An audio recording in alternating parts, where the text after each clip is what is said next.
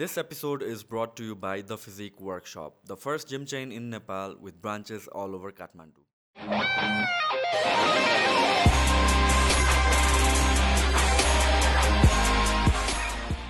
So तपाईँले कति टाइमसम्म वर्क गर्नु नेपाल आर्मीमा मैले almost twenty six and half years जति मैले सर्भ गरेँ होला मेरो विचारमा होइन तर त्यो पिरियडमा म बाहिर निस्किनु पऱ्यो मेरो जुन निस्किनु पर्ने कारण चाहिँ कसरी आयो भने त्यति बेला फास्ट ट्र्याक भन्ने एउटा लागु गरेको थियो आर्मीले होइन? एउटा राम्रै उद्देश्यले लिएर फास्ट ट्र्याकको थालिने गरेको थियो। त्यसले मलाई अगाडि पनि ल्याउने सम्- सम्- सम्भावना थियो। सँगसँगै म चाहिँ त्यसमा नपर्ने पनि सम्भावना थियो। फिफ्टी फिफ्टी फास्ट ट्र्याक भने कस्तो? फास्ट ट्र्याक भनेको के भने हामी चाहिँ सुरुमा इनिसियली हामी ट्वेन्टी फाइभ फाइभ थाउजन्डको हाराहारीमा हाम्रो स्ट्रेन्थ थियो आर्मीमा होइन? इन्सर्जेन्सी पछि हाम्रो आर्मी झन्झनै एक लाखको हाराहारीमा पुग्यो है? अनि त्यसपछि के भयो भने माथि गएर जुन प्रमोसन हुने चाहिँ हो त्यसमा चाहिँ हामी चाहिँ अलिकति त्यो त्यो भनौँ न लेफ्टेनेन्ट कर्नेल अबको पोस्टमा चाहिँ त्यहाँ चिकन नेक जस्तो अवस्थाहरू देखेँ कि। त्यस त्यसपछि चाहिँ त्यहाँ त्यो त्यहाँबाट निस्किनै अलि अप्ठ्यारो परिस्थितिहरू आयो कि। त्यसमा फास्ट ट्र्याक भनेर मान्छेले चाहिँ राम्रै ल्याउनै पर्ने मान्छेलाई ल्याउँ भन्ने हिसाबले आर्मीले फास्ट ट्र्याक लागु गरेको थियो। त्यसले मलाई फाइदा पनि भयो तर अब बाहिर निस्किनु पऱ्यो भने बेफाइदै हो भन्नु पऱ्यो सो इन जेनरल पहिला त पच्चिस हजार करोडमा मात्र मेन्टेन हुन्थ्यो नेपाली आर्मीको total population twenty five thousand twenty eight थाउजन्डको हाराहारीमा थियो होइन? जुन बढाइयो that was like solely because of Maoist इन्सर्जेन्सीले नै. गरेर अनि सो अहिलेसम्म पनि मेन्टेन नै छ त्यो कि कस्तो छ? अब अहिले चाहिँ नियर अबाउट नाइन्टी थाउजन्ड प्लसको हिसाबमा छ भन्ने मैले सुनेको छु होइन? अब एक्ज्याक्ट कति फिगर चाहिँ थाहा छैन तर त्यही हाराहारीमा एक लाखभन्दा मुनि। So before getting into like specially insurgency भन्दा पनि हामीहरूमा आर्मीको मेकानिक्स अलिकति बुझ्न खोजिरहेको छु कि। सो जस्तो कि हामीहरूमा अब अहिले नाइन्टी थाउजन्ड प्लस आर्मी छ भनौँ न. सो इन जेनरल अब अहिले त्यस्तो कन्फ्लिक्ट केही पनि छैन एज सो त्यो मेन्टेन गरिराख्नु पर्ने हो कि त्यो घटाउने बढाउने गरिन्छ कि युजली अरू कन्ट्रिजहरूमा कस्तो देखिन्छ होइन अब त्यो अरू त खास त के भने थ्रेडसँग उनीहरूले आफ्नो स्ट्रेन्थलाई चाहिँ स्ट्रेन्थन गर्ने र घटाउने यताउति उनीहरूको भइरहेको हुन्छ होइन तर हाम्रोमा चाहिँ थ्रेडभन्दा पनि बढी चाहिँ केमा छ भने आर्थिकको कुराहरूले। गर्दाखेरि यति आर्मीसँग हामीले चाहिँ राख्न सक्छौँ भन्ने हिसाबले गरे हुन्छ है। ट्वेन्टी फाइभ थाउजन्डबाट वान लाखको हाराहारीमा जम्प गरेको कारण चाहिँ नितान्त इन्सिडेन्सीकै कारणले हो होइन? काउन्टर इन्जेन्सी अपरेसनलाई रिक्वायरमेन्ट भएको हुनाले त्यति बेला त्यहाँ पुगेको हो। त्यसपछि के गर्ने भनेर विभिन्न राजनीतिक दृष्टिकोणहरू बाहिर आएको थियो होइन? तर त्यसपछि एक्ज्याक्टली यो गर्ने भनेर त्यो भइसकेको छैन। त्यो डिबेटको कुरा हो होइन? यो धेरै डिबेट पनि भएको छ यसमा। तर मेरो विचारमा चाहिँ अहिलेलाई चाहिँ नेपाल सरकारले अनुमति दिएको स्ट्रेन्थ भनेको त्यही नाइन्टी थाउजन्ड प्लस माइनसको उसमा चाहिँ। छ। सो आर्मीमा how does it work I mean like ऱ्याङ्क्सहरू different ऱ्याङ्क्सहरूबाट अफकोर्स हुन्छ नि त। सो एउटा मान्छे आर्मीमा छिर्दाखेरि चाहिँ युजली कसरी छिरिन्छ? तपाईँको जर्नी कस्तो थियो? मेरो जर्नी चाहिँ अब मेरो चाहिँ लगभग मसम्म आउँदाखेरि हामी फोर्थ जेनेरेसन थियो आर्मीमा है। मभन्दा अगाडि मेरो बुवाले चाहिँ नेपाल आर्मीमै सर्भ गरिबसेको थियो है। तर मेरो ग्रेट ग्रान्ड फादर उहाँ चाहिँ यो ब्रिटिस इन्डिया कम्पनी भन्ने अब त्यति बेलाको ब्रिटिस रुल गर्दाखेरि इन्डिया। त्यो त्यसमा चाहिँ त्यहाँ फर्स्ट ब्रिगेड फर्स्ट वर्ल्ड वारको हाराहारीमा अगाडि सायद है त्यहाँ एउटा फर्स्ट ब्रिगेड गोर्खा भन्ने एउटा चाहिँ त्यहाँ रेजिमेन्ट तिनीहरूले इस्टाब्लिस गर्दाखेरि नै त्यहाँ गएर भर्ना भएको मेरो ग्रेट ग्रान्ड फादर है। त्यसैले मसम्म आउँदा त्यो फोर्थ पुस्ता मलाई अलिकति आर्मीमा आउने सौकै थियो। पहिलेदेखि बच्चादेखि मेरो अब एउटा अप्सन चाहिँ आर्मी नै थियो एकदम ठुलो होइन। अनि मैले प्लस टू गरिसकेपछि अल अफ सडन एक दिन एक दिन एउटा साथी आएर मेरो स्कुलमा सँगै पढ्ने साथी आएर आर्मीमा खुल्या छ भन्न आयो कि। त्यति बेला चाहिँ मैले प्लस टू गरिसकेपछि त्यो त्यो- दिमागमा थिएन कि आर्मी। बच्चामा चाहिँ थियो होइन। प्लस टूसम्म इन्डियामा लखनऊबाट प्लस टू गरेको थिएँ त्यति बेला भर्खर त्यहाँबाट आएको थिएँ। अनि त्यो साथी ठ्याक घरमै आइपुग्यो भने ए हो र भनेर दुईजना गएको। अन द स्पट नै जस्तो भयो है गएको। जाँदाखेरि चाहिँ नाइट त ल्याउनु पर्ने रहेछ होइन? अनि स्कुलको कलेजको सर्टिफिकेट्सहरू त्यो प्लस टूको ल्याउनु पर्ने म चाहिँ केही पनि थिएन। अनि त्यसपछि म दौडेर चाहिँ लखनऊ गएँ। अनि त्यहाँबाट सबै चिज कलेक्ट गरेर आउँदाखेरि नाइट त बनाएर आउँदाखेरि अनि म सबभन्दा अन्तिम मेरो दर्ता नम्बर नै हामी कल करिब करिब पाँच सय पन्चानब्बेजनाले पाँच सय छयानब्बेजनाले जाँच दिएको मेरो दर्ता नम्बर नै पाँच सय पन्चानब्बे थियो कि। झन्डै लास्टमा नै भइसकेको थियो म त्यो दर्ता गर्ने दिनमा है लास्ट डेमा मैले दर्ता गरेको याद छ। तर के भयो भने त्यसपछि त म त बच्चैदेखि आर्मीको बारेमै हुर्केको हो। यो भैरवनाथ गढ भन्ने ठाउँमा होइन। मेरो बुवा त्यहीँको अफिसर थियो होइन। अनि उसको बारेमा कुरा गर्दाखेरि चाहिँ ऊ चाहिँ फर्स्ट प्यारासुट जम्पर हो नेपालको हिस्ट्रीको होइन। नेपालमा आएर जम्प गर्ने चाहिँ अरू थियो अफसर। जम्मा चारजना अफसर गएको थियो इजरायलमा ट्रेनिङ गर्न प्यारासुट जम्पको लागि होइन। त्यो मध्ये चाहिँ इजरायलमा पहिलोचोटि जम्प गर्ने चाहिँ मेरो बुवा थियो। त नेपालमा आएपछि त्यो जुन आर्मीमा आर्मीको हिसाबले यहाँ भनौँ न यो जम्प गर्दाखेरि चाहिँ अरू पहिलो जम्परमा प्लेनबाट बाहिर जम्प गर्ने भनौँ न एक्जिट गर्ने। अनि र भैरवनाथ गढलाई एयरबोन युनिटको हिसाबले इस्टाब्लिस गर्ने उनीहरू चाहिँ फाउन्डर मेम्बर मध्येको एउटा अफसर हो। त्यसैले म त त्यहाँ बच्चैदेखि त्यहाँ गइरहेको त्यहाँको अब्स्टिकल सिस्टमहरू सबै चाहिँ म काम गर्न सक्ने होइन? बच्चैदेखि झुन्डिनी झुन्डी बाँदर जस्तै भइसकेको थियो हामी त होइन? त्यहाँ त्यो हामी त्यो त्यो तयारीको लागि भनेर मेरो साथीहरू म चाहिँ त्यहाँ जान्थेँ। अनि मेरो साथी चाहिँ स्कुलको बच्चैदेखिको साथी अलि ठुलो जिउको थियो। अनि उ र म गएको पहिलो दिनमै त्यो अफसर कोर्समा चाहिँ चाहिँ झुन्डेपछि म त सुइसै झुन्डेर गइहालेँ होइन? अनि मेरो साथी चाहिँ झुन्डिनै गाह्रो भयो उसलाई। भोलिपल्टदेखि त्यो साथी नै आएन। अनि एकैचोटि पाँच छ वर्षपछि भेट्यो। ऊ चाहिँ इन्जिनियर भएर मसँग भेट्न आइपुग्यो। म चाहिँ लकडाउन क्याप्टन भइसकेको थिएँ। त्यसरी सुरु गरेँ भनौँ जो साथीले मलाई चाहिँ आर्मी आउनलाई जुन दिन मलाई बोलाउन आयो घरमै नक गर्न आयो होइन। त्यो साथी चाहिँ आफू चाहिँ खुसिएर इन्जिनियर बनेर आयो। म चाहिँ सुरु गरेँ जस्तो कि यो तपाईँले भन्नु भैरव भैरवनाथ कण भन्नुभयो। सो यो भनेको स्पेसल युनिटहरू काइन्ड अफ हो? हो है। अब यो खास चाहिँ सिधा हिसाबले यसलाई भन्दाखेरि चाहिँ स्पेसल फोर्सेस भन्दा पनि। स्पेसल अपरेसन फोर्सेसको रूपमा चाहिँ लिन सकिन्छ होइन अनि स्पेसल फोर्सेस पनि स्पेसल अपरेसन फोर्सेसमाकै एउटा चाहिँ युनिट हुनसक्छ होइन तर भैरवनाथ गर्दा एउटा हार्ड हिटिङ ट्रुप्सको रूपमा अथवा कमान्डो भन्छ नि चलन मह्म। कमान्डो टाइपको अपरेसन गर्ने चाहिँ युनिटको रूपमा तत्कालीन महाराज महाराजधिराज महेन्द्र महेन्द्र शाहबाट चाहिँ त्यो उद्देश्यले चाहिँ यो युनिट चाहिँ इस्टाब्लिस भएको थियो। त्यस्तो युनिटहरू अरू पनि थियो कि लाइक भैरनाथ मात्रै थियो त्यति। भैरवनाथ मात्र थियो। है? अनि लगभग पछि चाहिँ यो नि यो के अरे ब्रिटिस स्यासले चाहिँ एउटा हाम्रो चाहिँ यहाँ आएर घगुरमा भन्ने एउटा इस्टाब्लिस गर्यो। र इजरायली आइडिएफले चाहिँ हामीलाई चाहिँ एउटा काउन्टर टेरिस्ट युनिट भनेर दुइटा घर गगुल्म हुने खडा गर्यो होइन? अनि त्यो गगुल्मको चाहिँ म म चाहिँ त्यो त्यसको चाहिँ के अरे मेम्बर हुँ होइन? त्यो तालिम गरेको। अनि घर ग पछिल्लो अवस्थामा जोडिएर मर्ज भएर अहिले युद्ध भएर भन्ने गण छ त्यसलाई चाहिँ हामी चाहिँ आर्मीको स्पेसल फोर्सेस मान्छौँ। ओके। है भैरवनाथ स्पेसल अपरेसन फोर्सेस त्यसरी नै रेन्जर भन्ने छ नि हाम्रो तपाईँको नाम सुनिरह रेन्जर पनि स्पेसल अपरेसन फोर्सेस अन्तर्गत पर्छ। अनि स्पेसल अपरेसन फोर्सेस अन्तर्गतमा रेन्जर भैरवनाथ अनि युद्ध भैरव आदि इत्यादि पर्छ।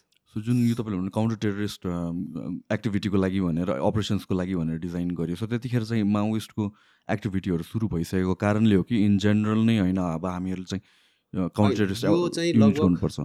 सिटी अपरेसनको जुन ट्रेनिङहरू चाहिँ लगभग दुई हजार छयालिस सालतिर सुरु गरे होला है। छयालिस सालतिर सुरु गरेको हो। अनि माओइस्टको त एकाउन्नदेखि के अरे एकाउन्नदेखि सुरु भयो होइन। तर उनीहरूको तयारी भन्दाखेरि अब त्यो हिसाबले भन्दा पनि मेरो विचारमा के लाग्छ भने तत्कालीन उसमा चाहिँ यो काठमाडौँमा दुई तिनवटा बम ब्लास्ट भएको थियो इन्सिडेन्ट। तपाईँलाई याद छ कि छैन है? त्यो दरबारको दक्षिण गेटमा अन्न। अन्नपूर्णको रिसेप्सनमा र अनि अरू उसमा राष्ट्रिय पञ्चायतको भवनको बाहिरी उसमा त्यो भर्याङको भित्र बाटोमा होइन? त्यसपछि सायद हाम्रो त्यति बेलाको राष्ट्रिय अनुसन्धान विभाग अथवा त्यसलाई के भन्थ्यो नेगुबी अथवा नेपालको उच्च विभाग अथवा के भन्थ्यो होइन त्यो- त्यो विभागले सायद धेरै मिहिनेत गरेर एउटा धेरै ठुलो चाहिँ इन्टेलिजेन्स ग्यादर गर्न चाहिँ सक्सेस भएको थियो कि तिनीहरू। त्यति बेला अब पछि हामीलाई त्यो तालिमको दौरानमा उनीहरूको एउटा त्यहाँको सिनियर अफ अफसर आएर हामीलाई त्यो ब्रिफिङहरू गर्नुभएको थियो होइन। के- छ त टेरोरिजमको अवस्था नेपालमा भन्दाखेरि? उहाँहरू चाहिँ के थियो भने त्यति बेलामा इन्डियाको केही ठाउँहरूमा होइन केही ठाउँहरूमा चाहिँ नेपाली भनौँ न अब यो डिससेटिस्फाइड ग्रुपहरू जो जो छन् पोलिटिकलको होइन तिनीहरू चाहिँ त्यहाँ लगेर गएर तिनीहरूलाई चाहिँ यो ग्रेनेडको हतियारको एक्सप्लोसिभको ट्रेनिङहरू ठाउँ ठाउँमा दिएको छ भन्ने उनीहरूले ठाउँसहित मान्छेहरूको नामसहित स्ट्रेन्थ कति स्ट्रेन्थमा त्यो सबै उनीहरूले सँग त्यो कलेक्सन गर्न उनीहरूले सक्सेस भएर रहेछ कि त्यो। त्यो हामीलाई पछि भनेको हुनाले मलाई अहिले त्यो त्यो त्यो त्यो बारेमा भन्न के सजिलो भइरहेको कारण के भने सायद त्यही कारण त्यति बेला तत्कालीन दरबारमा ब्रिफिङ भएको थियो होला होइन? अनि भोलि आउन सक्ने यो टेरिस्ट एक्टिभिटिजहरूलाई चाहिँ अब निस्तेज गर्नलाई एउटा counter terrorist operation counter terrorist operation भन्ने बित्तिकै हामी त्यति बेला विशेष विशेष गरेर चाहिँ यो होस्टेजेस रेस्क्यु होइन? र यो हाइज्याकिङ एन्टी हाइज्याकिङ होइन हाइज्याकिङ केसहरूमा काम गर्ने अपरेटरहरू चाहिँ तयार गर्ने हिसाबले चाहिँ खास त्यो तालिम सुरु गरे हो कि। सो यो जुन इन्डियामा एक्टिभिटीहरू ट्रेनिङ एक्टिभिटीहरूको कुरा थियो। सायद। सायद किनभने हामी त्यसको त्यो त्यो त्यो बम्बिङ भएको काठमाडौँ भएको पाँच सय वर्षपछि मैले यो ट्रेनिङ गरेँ होला सायद होइन? यो सिडी ट्रेनिङ। त्यसमा त्यही दौरानमा जुन राष्ट्रिय अनुसन्धानको त्यहाँको सिनियर अफिसर ल्याएर हामीलाई जुन ब्रिफिङ गर्नुभयो सबै चिजहरूको जानकारी गराएर अनि मलाई त्यही लाग्यो कि सायद पक्कै नै हामी यो मौका पाएको कारण यही कारणले रहेछ भनेर जस्तो। जुन इन्डियामा एक्टिभिटी भइरहेको थियो ट्रेनिङ एक्टिभिटी त्यो माओइस्टको इन्सेप्सन थियो होला? नो नो नो अर्कै- अर्कै अर्कै ओके। है त्यसमा इन्भल्भ भएको त्यो त्यो चाहिँ अर्कै थियो जुन चाहिँ त्यस त्यो त्यति बेला इन्भल्भ भएको दुईवटा फिगरहरूको नामहरू मलाई याद आउँछ त्यो जुन चाहिँ पोलिटिकल फिगरहरू भनौँ न। रामराजा प्रसाद सिंह र खेमराज मायालु भट्ट भन्ने भन् भन्नुहुन्थ्यो कि उहाँहरू सायद कुनै अब यो कङ्ग्रेस अथवा कम्युनिस्ट कुनै अहिलेको भनौँ त्यसको त्यो माओवादी चाहिँ होइन तिनीहरू त्यति बेला। सो उनीहरूको एक्टिभिटी नेपालमा चाहिँ खासै देखिएन? त्यो एउटा बमिङपछि अँ। तिनीहरू चाहिँ मेरो विचारमा ऊ भए अन्डरग्राउन्ड भए अनि उहाँहरू चाहिँ पछि भनौँ न बहुदलीय व्यवस्था भने सडचालिस सालमा पछि मात्रै उनीहरू चाहिँ नेपाल फर्के जस्तो लाग्छ। सो यो जुन मोस्ट अफ द आर्मीहरूसँग मैले कुरा गर्दाखेरि जेनरली या भने यहाँको बुझ्दाखेरि चाहिँ इन्क्लुडिङ वेपन्सहरूको कुरा या ट्रेनिङको कुरा गर्दाखेरि इजरायलसँग नै रिलेटेड हुन्छ। त्यो हाम्रो लागि मात्र हो कि ग्लोबली नै इजरायल इज लाइक एउटा कमन ग्राउन्ड फर ट्रेनिङ होइन हतियारको लागि इजरायलसँग भन्दा पनि हतियारसँग त मेरो विचारमा युरोपको जस्तो जर्मन अथवा अमेरिकासँग अलिकति ऊ हुन्छ होइन। इजरायली वेपन भने मतलब हामीले चाहिँ हाम्रो चाहिँ कुरा कसरी आयो भने हामीले जब भैरवनाथ गढ भन्ने इस्ट्याब्लिस गरेको थियौँ नि सुरुमा प्यारा कमान्डो प्यारा गुल्म भन्दै हामी भैरवनाथ गढमा आइपुग्यो हामीले चाहिँ सुरुमा चाहिँ इजरायली वेपन हामीले युज गर्न सुरु गऱ्यौँ क्या त्यहाँ। त्यहाँ चाहिँ गलिल भन्ने राइफल युज गऱ्यौँ होइन? भने त असर राइफलको रूपमा होइन? स्पेसिफिकली इजरायली वेपन नै युज गर्नुको केही कारण थियो स्पेसिफिक होइन त्यो इजरायलमा गएर ट्रेनिङ ट्रेनिङ गर्यो ओके होइन एउटा पहिलो लटले अनि दोस्रो लटलाई पनि इजरायलै पठायो होइन? पहिला चाहिँ बिसजना जतिको टोली बिस चौबिसजना टोली गयो चारजना अफसरसहितको अनि उनीहरूलाई पछि असीजना जति पठायो। अनि त्यो चौबिसजनाले जुन पहिला गएको लटले त्यो आफ्नो पछि आएको असीजनालाई उनीहरूले तालिम गरायो। कसको सुपरभिजन भने इजरायलीहरूको सुपरभिजनमा होइन? अनि इजरायलको एउटा कमान्डर त्यहाँको रे- त्यति बेला कर्णेल लेप्को भन्ने हो मेरो विचारमा होइन कर्णेल नट लेप्को अर्कै नाम हो उहाँको नाम है? एउटा कर्णेल आउनुभयो यहाँ नेपालमा होइन? मार्सल सरी मार्सल भन्ने मान्छे आउनुभयो।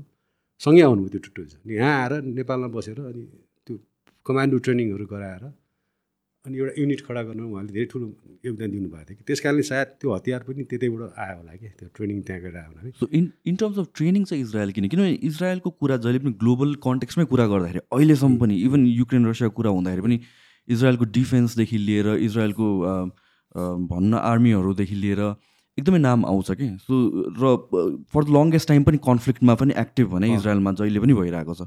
सो त्यो आर दे लाइक वर्ल्डकै अहिले पनि सुपिरियर मैले? सुरुमा भने नि तपाईँलाई स्पेसल अपरेसनको लागि त इजरायली त इजरायल आर्मी त अब संसारकै रिनाउन्डै हो है। उनीहरूको चाहिँ त्यस कारणले पनि त्यो ट्रेनिङको जुन चाहिँ विशेष गरेर चाहिँ काउन्टर टेरिस्ट अपरेसन्सहरू होइन र यो यो तपाईँको हार्ड हिटिङ ट्रुप्सहरूलाई दिने तालिमहरू हुन्छ नि कमान्डोजहरू अथवा यिनीहरूमा चाहिँ संसारले नै इजरायलकै लाई फलो गर्छ कि त्यो उनीहरूको चाहिँ डक्ट्रिनहरूलाई उनीहरूको तालिमहरूलाई।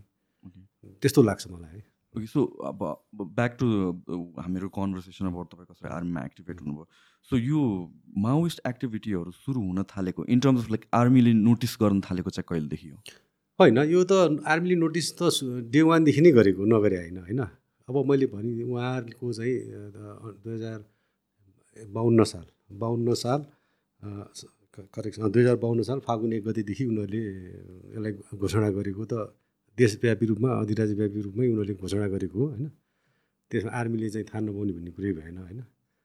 तर त्यसपछि उनीहरूले जुन तरिकाले यो छ सातवटा सुरुमा त्यो तिन छ सातवटा जति जिल्लालाई चाहिँ उनीहरूले चाहिँ फोकस गरेको उनीहरूको उनीहरूको एक्टिभिटीलाई त्यहाँ चाहिँ सेन्ट्रलाइज गरेको थियो कि उनीहरूको एक्टिभ सो एक्टिभिटी भनेको के थियो? अब उनीहरूको भने लुट्ने होइन? अब जनकारवाही भनेर चाहिँ त्यहाँको चाहिँ यो उनीहरूको के अरे यो पोलिटिकल एक्टिभिस्टहरूलाई चाहिँ कारवाहीहरू गर्ने भने उनीहरूको विरुद्धको भनौँ न तिनीहरूलाई कारवाही गर्ने अनि सामाजिक विकृतिहरूको लागि पनि.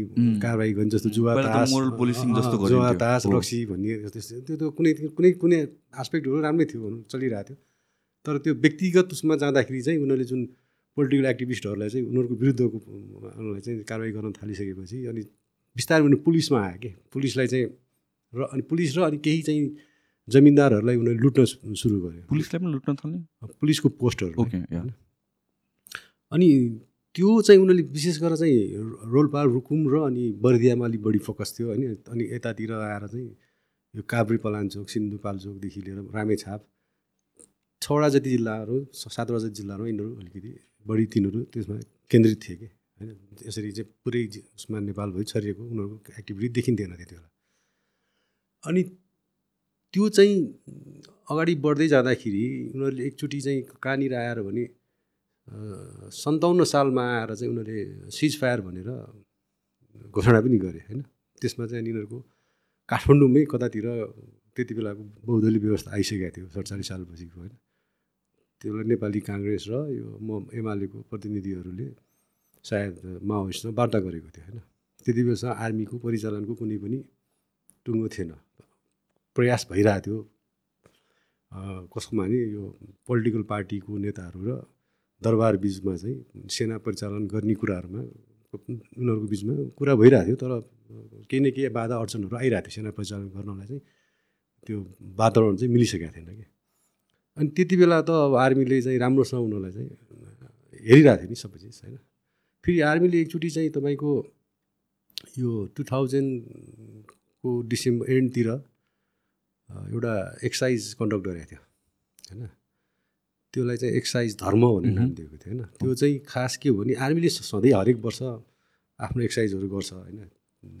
उसको तर त्यसलाई चाहिँ केमा फोकस गरेको थियो भने बाहिर जाने मिलिट्री सिभिक एक्सन्सहरू चाहिँ कन्डक्ट गर्ने होइन? अब त्यसमा मेनली चाहिँ औषधि उपचारहरू थियो कि। अनि त्यो कन्डक्ट गर्ने अनि त्यही टाइममा चाहिँ केही व्यक्तिहरूले चाहिँ त्यो सराउन्डिङ्समा भएको माओइस्ट एक्टिभिटीहरूको बारेमा चाहिँ खबरहरू र माओइस्टको के कति गतिविधिहरू कहाँ पुगेको छ होइन? त्यसको इन्टेन्सिटीहरू के छ कस्तो छ? त्यो सबै चिज चाहिँ पत्ता लगाएर लिएर आउने भने एउटा चाहिँ खबर यो चाहिँ अलरेडी नै इन्टेन्सन त्यो पनि थियो के. छ त परिस्थिति गाउँघरमा वास्तविक. परिस्थिति होइन? भन्ने चाहिँ एउटा चाहिँ त्यो उद्देश्यले त्यो एक्सर्साइज कन्डक्ट गरेको थियो। त्यसमा म पनि इन्भल्भ थिएँ। म चाहिँ एउटा पार्टमा चाहिँ त्यही इन्फर्मेसन कलेक्सनको लागि भनेर गएको थिएँ। अनि त्यसपछि तपाईँको त्यस बेला नै हामीले एउटा के अनुभूति गरिसकेका थियौँ भने अ, माओइस्टले अब एकदम चाँडै नै मिलिट्री उसलाई चाहिँ अटेम्प गर्छ कुनै न कुनै ठाउँमा चाहिँ ट्राई गर्छ उनीहरूले अट्याक गर्छ। र उनीहरू त्यसको लागि धेरै हदसम्म तयारी भइसक्यो है भन्ने किसिमको हाम्रो धेरै जसोको हामी त्यो बाहिर निस्किएको अ, जुन हामी थियौँ हामी विशेष काजमा पठाइएको थियो त्यो ठाउँहरूमा। तिनीहरूले त्यो रिपोर्टहरू लिएर आएको थियो जस्तो लाग्छ मलाई। अनि नभन्दै त्यसको कति एक वर्षपछि लगभग एक वर्ष त्यसको छ सात महिनापछि तिनीहरूले सिज फायर गर्यो होइन?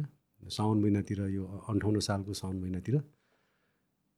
अनि मङ्सिरमा त दाङको ब्यारेकमा उनीहरूले असल्टै गरिहाल्यो अट्याकै गरिहाल्यो होइन? सो तपाईँहरूको जुन प्रडिक्सन थियो रिपोर्टमा कि अब अट्याक गर्नेवाला छ like maybe six months to one इयरमा. त्यसको मार्कर्स के थियो खासमा? होइन अब जस्तो हामीले त्यहाँ हामी त्यति बेला के भयो भने हामी जहाँ जहाँ मिलिट्री एक्सर्साइज लिएर गयौँ त्यहाँ चाहिँ प्रहरीहरूलाई त्यति नजिक आउन दिएको थिएनौँ कि हामीले ताकि उनीहरू खुलेर हामीसँग आओस् इभन त्यहाँका ओके माओवादी विचारधाराको उनीहरूको क्याड्रेहरू हो सायद जसो तिनीहरू हामीसँग आओस् हामीसँग कुरा गरोस् होइन। कुरा गर्दाखेरि बुझिसकिन्थ्यो कि कुरा गर्दा गर्दै यो चाहिँ माओवादी हो ऊ चाहिँ हामी खबर लिन आएछ हामी उसको खबर लिन आयो भने जस्तो कुरा भयो कि त्यहाँ होइन? अनि धेरै त्यहाँको जुन भनौँ न एक अर्को जे जे त्यहाँ त्यहाँको बुद्धिजीवी त्यहाँको नेता लोकल पोलिटिसियन्सहरू फलान सबैसँग गफ गर्दाखेरि चाहिँ हामीले के बुझ्दा एउटा के आयो एउटा के पिक्चर आयो भने माओवादीले चाहिँ अब पुलिसलाई त त्यति बेलासम्म तपाईँको भयङ्कर ठुल्ठुलो उ गरिसकेको थियो अट्याक गरिसकेको थियो होइन त्यो दो दोलखा रुकुम जाजरकोट रोल्पा होइन त्यहाँ भयङ्कर ठुलो क्षति पुऱ्याइसकेको थियो पुलिसलाई। अब पक्कै पनि आर्मी र पुलिस पोस्टमा प्रयोग भएको हतियारहरूको जुन कुराहरू आइरहेको थियो त्यो भने मतलब उनीहरू चाहिँ अब यिनीहरू सेकेन्ड फेजमा आउँछ। सेकेन्ड फेजको पनि तिनीहरू चाहिँ उसमा मतलब माओइस्टले फलो गरेको सायद मेरो विचारमा तिनवटा स्टेज थियो कि। माओकै डक्ट्रिनमा त्यो उसमा थ्योरीले भन्छ होइन। त्यो स्ट्राटेजिक डिफेन्स अनि स्ट्राटेजिक स्टेलमेटमा तिनीहरूको अन्तिम चरणमा पुगिसकेको थियो कि अब तिनीहरूले आर्मी नै हो अब। त्यसमा उनीहरूले कुनै पनि पोलिटिकल अचिभमेन्ट उनीहरूले पाएन भने उनीहरूले गर्ने अट्याक चाहिँ आर्मीलाई नै हो भनेर चाहिँ हामीले त्यो गरेका थियौँ कि होइन। अनि त्यही अनुसारको रिपोर्ट चाहिँ हामीले चाहिँ त्यहाँ पठाएको थियौँ। तर आर्मीको त्यति बेलाको प्रधान सेनापति ज्यूले चाहिँ त्यो त्यो एक्सर्साइजको डिब्रिफिङमा है लास्ट डे भनौँ न. आर्मी हेड क्वार्टरमै भएको थियो। उहाँले त्यो आइडिया चाहिँ बाई गर्नुभयो हाम्रो। हाम्रो त होइन हाम्रो त फिल्डमा बसेको अफसरहरूले दिएको त्यो इन्फर्मेसन त त्यो भयो तर त्यहाँ दुई तिनजना जेनरलहरू हुनुहुन्थ्यो उहाँहरूले चाहिँ यो हामीले भनिरहेको कुराहरूलाई चाहिँ त्यहाँ राख्नु भइरहेको थियो कि स्ट्रङली तर त्यो उहाँले त्यति इन्टरटेन गर्नु भएन र उहाँले के भन्नुभयो भने माओवादी हाम्रो हामी आर्मीसँग जुन्ने भिड्ने लड्ने क्षमता हासिल गरिसकेका छैन। हामी चाहिँ जे जस्तो अवस्थामा छौँ त्यही अवस्थामा बसेर के फरक पर्दैन भने जस्तो किसिमको। हामीलाई चाहे त्यो फायर पावरमा पनि हामीले केही सोच्नु पर्दैन। हामीसँगको इक्विपमेन्टलाई पनि कुनै किसिमको अब मोडर्नाइजेसनतिर जानु पर्दैन। यतिले हामी समस्या समस्या समाधान समाधानतर्फ जान्छ भने जस्तो उहाँले कुरा गर्नुभएको थियो। सो त्यो हुनुको कारण बिकज अन्डर एस्टिमेट गरेर नै हो त। अभियसली अन्डर इस्टिमेट नै जस्तो कि अब पुलिसलाई त अब सिभियरली अट्याक गर्न थालिसकेको थियो भनेपछि त्यो पोइन्टमै रोक्न सकिन्थ्यो कि सकिन्थेन स्टेजमा लाइक पुलिसकै। साइडबाट केही गर्न सकिन्थ्यो कि सकिन्थेन? पुलिसको साइडबाट गर्न सकिन्थ्यो नसकिने होइन होइन? पुलिसको त्यति बेला मेरो विचारमा सबभन्दा ठुलो उनीहरूले राखिरहेको कुरा के थियो भने उनीहरूसँग भएको फायर पावर र माओइस्टहरूले युज गरेको फायर पावरमा धेरै फरक छ र यो हाम्रोभन्दा धेरै छ भन्ने किसिमको. उनीहरूले त्यो त्यस्तो किसिमको उनीहरूले सोचिरहेको थियो। होइन? त्यही त्यही आधार लिएर हामीले चाहिँ गएको थियौँ नि त। है. त्यो के त सही थियो कि बेठिक थियो भनेर अब त्यो हामीले बुझ्दाखेरि केही हदसम्म त्यो त्यसमा सत्यता थियो। उनीहरूले केही हतियारहरू ल्याइसकेका थिए बाहिरबाट। त्यसमा मेरो विचार एके फोर्टी सेभेन र केही अस्त्र राइफलहरू उनीहरूले पहिलेदेखि नै कतैबाट ल्याएर प्रयोग गर्न सुरु गरिसकेको थियो है त्यसै कारण पुलिसहरू चाहिँ धेरै ठाउँमा पुलिसको पोस्टहरू ओभररन भइसकेको थियो कि त्यसैले पनि आर्मीसँग पनि अब उनीहरूको तयारी लगभग पुरा हुने अवस्थामा आइसकेको छ। अब उनीहरूको त्यो तेस्रो चरणमा जानलाई चाहिँ काउन्टर यो के भन्छ स्ट्राटेजिक यो काउन्टर अट्याक भन्छ तिनीहरूले होइन। त्यो अब त्यो प्रत्याक्रमण भन्छ क्या प्रत्याक्रमण। अनि त्यो त्यो फेजमा चाहिँ तिनीहरू जा जान्छ होला पक्कै पनि अब निकट भविष्यमै। सेकेन्ड फेजको चाहिँ अन्तिम अवस्थामा आइसकेको छ र आर्मीलाई नहानिकन त त्यो थर्ड फेजमा जाने कुरै भएन भनेर चाहिँ हामीले चाहिँ सोचेको थियौँ नभन्दै अब छ सात महिनापछि त्यो एक्सर्साइज एक वर्ष होइन? अनि उनीहरूले त्यो श्रावणमा त्यो उ गराएको थियो श्रावण भदौतिर त्यो सिज फायर आह्वान गराएको थियो त्यसपछि कति चार तिन चार महिना भदौ असोज कार्तिकमा तिन चार महिनापछि मङ्सिरमा त सात आठ आठ गते त दाङमा अट्याक गरिहाल्यो। उनीहरूले जस्तो कि अब भनौँ न यो अब युजली कन्फ्लिक्ट नै हुँदाखेरि पनि। दुइटा वेबाट हुनसक्छ नि त एउटा भनेको चाहिँ मेरो गोल एदेखि बी जाने हो। अनि आर्मी चाहिँ बिचमा चाहिँ हामीलाई भनौँ न एउटा बाधा जस्तो भयो। त्यो हुनसक्छ सेकेन्ड वान भनेको त आर्मीलाई नै अट्याक गर्छु so that we send a message भनेर इन्टेन्ट के थियो होइन अब इन्सर्जेन्सीमा जुन सेक्युरिटी फोर्सेसलाई गर्ने हमला भनेको त्यो दिन चाहिँ मेसेजै दिनु खोज्यो ओके सो डिरेक्ट त्यही नै थियो मेसेजै दिनु खोज्यो। होइन मह्म। खास त उनीहरूले पोलिटिकल एम छ नि त उनीहरूको त होइन? पोलिटिकल एम छ। कुनै पोलिटिकल एम पुरा गर्न उनीहरूले त्यो गरेको हो। विशेष गरेर मेरो विचारमा होल माओवादी चाहिँ इन्सर्जेन्सीको मा चाहिँ केही नेताहरू जसले चाहिँ बहुदलीय व्यवस्थामा चाहिँ मौका पाएको थिएनन् नेता बन्ने तिनीहरूकोले चाहिँ हाम्रो चाहिँ जनताहरूलाई हाम्रो दाजुभाइ तथा दिदीबहिनीहरूलाई चाहिँ अलिकति ब्रेन वास गरेर त्यतातिर मोडिदिए होइन? किनभने उनीहरूले बाहन्न सालको त्यो फागुन एक गतिभन्दा अगाडि जुन चालिस बुधे माग भनेर दिएको थियो नि त्यसमा त तपाईँको पहिलो आठ दसवटा कुरा त अहिले खोइ उनीहरूले उच्चार नै गर्दैनन्। होइन जुन चाहिँ महाकालीको कुरा छ सन्धिहरूको कुरा छ। जुन चाहिँ के अरे यो इभन उनीहरूकोमा त एउटा के थियो भने हाम्रो कल्चरमा उ गर्छ भनेर हिन्दी सिनेमा हिन्दी पत्र पत्रिका हिन्दी म्यागजिनहरू पनि नेपाल आउनु पाउनु भन्दै खै त्यो कुरा अहिले उठाउने उठाउँदैनन्। सत्तामै छन् त होइन कस्तो कस्तो कुरा थियो जुन माग थियो नि त्यो मागहरू त अचम्मचम्म माग थियो कि। तर त्यो त्यो कुरो अहिले नगरेको देखेर नगरेको देखेर त त्यही व्यक्तिहरूको मात्रै एउटा ऊ रहेछ त्यो भन्ने जस्तो देखिन्छ कि। तर त्यसमा हाम्रो केही केही अब हुनु अब दूर दराजको रिमोटको दाजुभाइहरू जसले अपर्च्युनिटीबाट धेरै टाढा थिए होइन। तिनीहरू त्यसमा लाग्नुभयो अब कतिले ज्यान गुमायो होइन। त्यो राम्रो कुरा थिएन त्यसले गर्दाखेरि अब अब इन्सर्जेन्सीको अथवा टेरोरिजमको रुल भनेको गोल्डन रुल भनेको के हो भने एकजनालाई मारेर हजारजनालाई तर्साउने त हो नि। मेसेजै दिने। उम्, त्यस कारण उनीहरूले त्यही फलो गरे हो। अब उनीहरूले जब इन्सर्जेन्सी सुरु गर्यो जब पिपुल्स वार भनेर उनीहरूले यो सशस्त्र विद्रोह सुरु गरेपछि उनीहरूले सुरुमा पहिलोचोटि काठमाडौँमा दुई ठाउँमा बम्बिङ गर्यो। त्यो भनेको इलेक्सन कमिसन अफिस र तपाईँको गोर्खापत्र संस्थामा। त्यो त टेररिस्ट एक्ट हो नि। सार्वजनिक सम्पत्तिमा उनीहरूले चाहिँ सरकारी कार्यालयहरूमा त्यसरी बम्बिङ गरेको छ। तिनीहरूले अलिकति समयपछि तिनीहरूले पछि गल्ती महसुस गरेको छ। टुरिस्ट बसमा अट्याक गरेको छ। है पुलिस सिटिजन्सहरू बसेको गाडीमा उनीहरूले अट्याक गरेको छ। त्यसपछि उनीहरूले एकपछि अर्को त्यति बेलाको नेताहरूको घरमा बम्बिङ गरेको छ। त्यो गिरिजा प्रसाद कोइरालादेखि लिएर तपाईँको त्यति बेलाको हाउसको स्पिकरदेखि लिएर होइन धेरैको घरमा आठ दसजनाको घरमा चाहिँ तपाईँको बमिङ गरेको छ।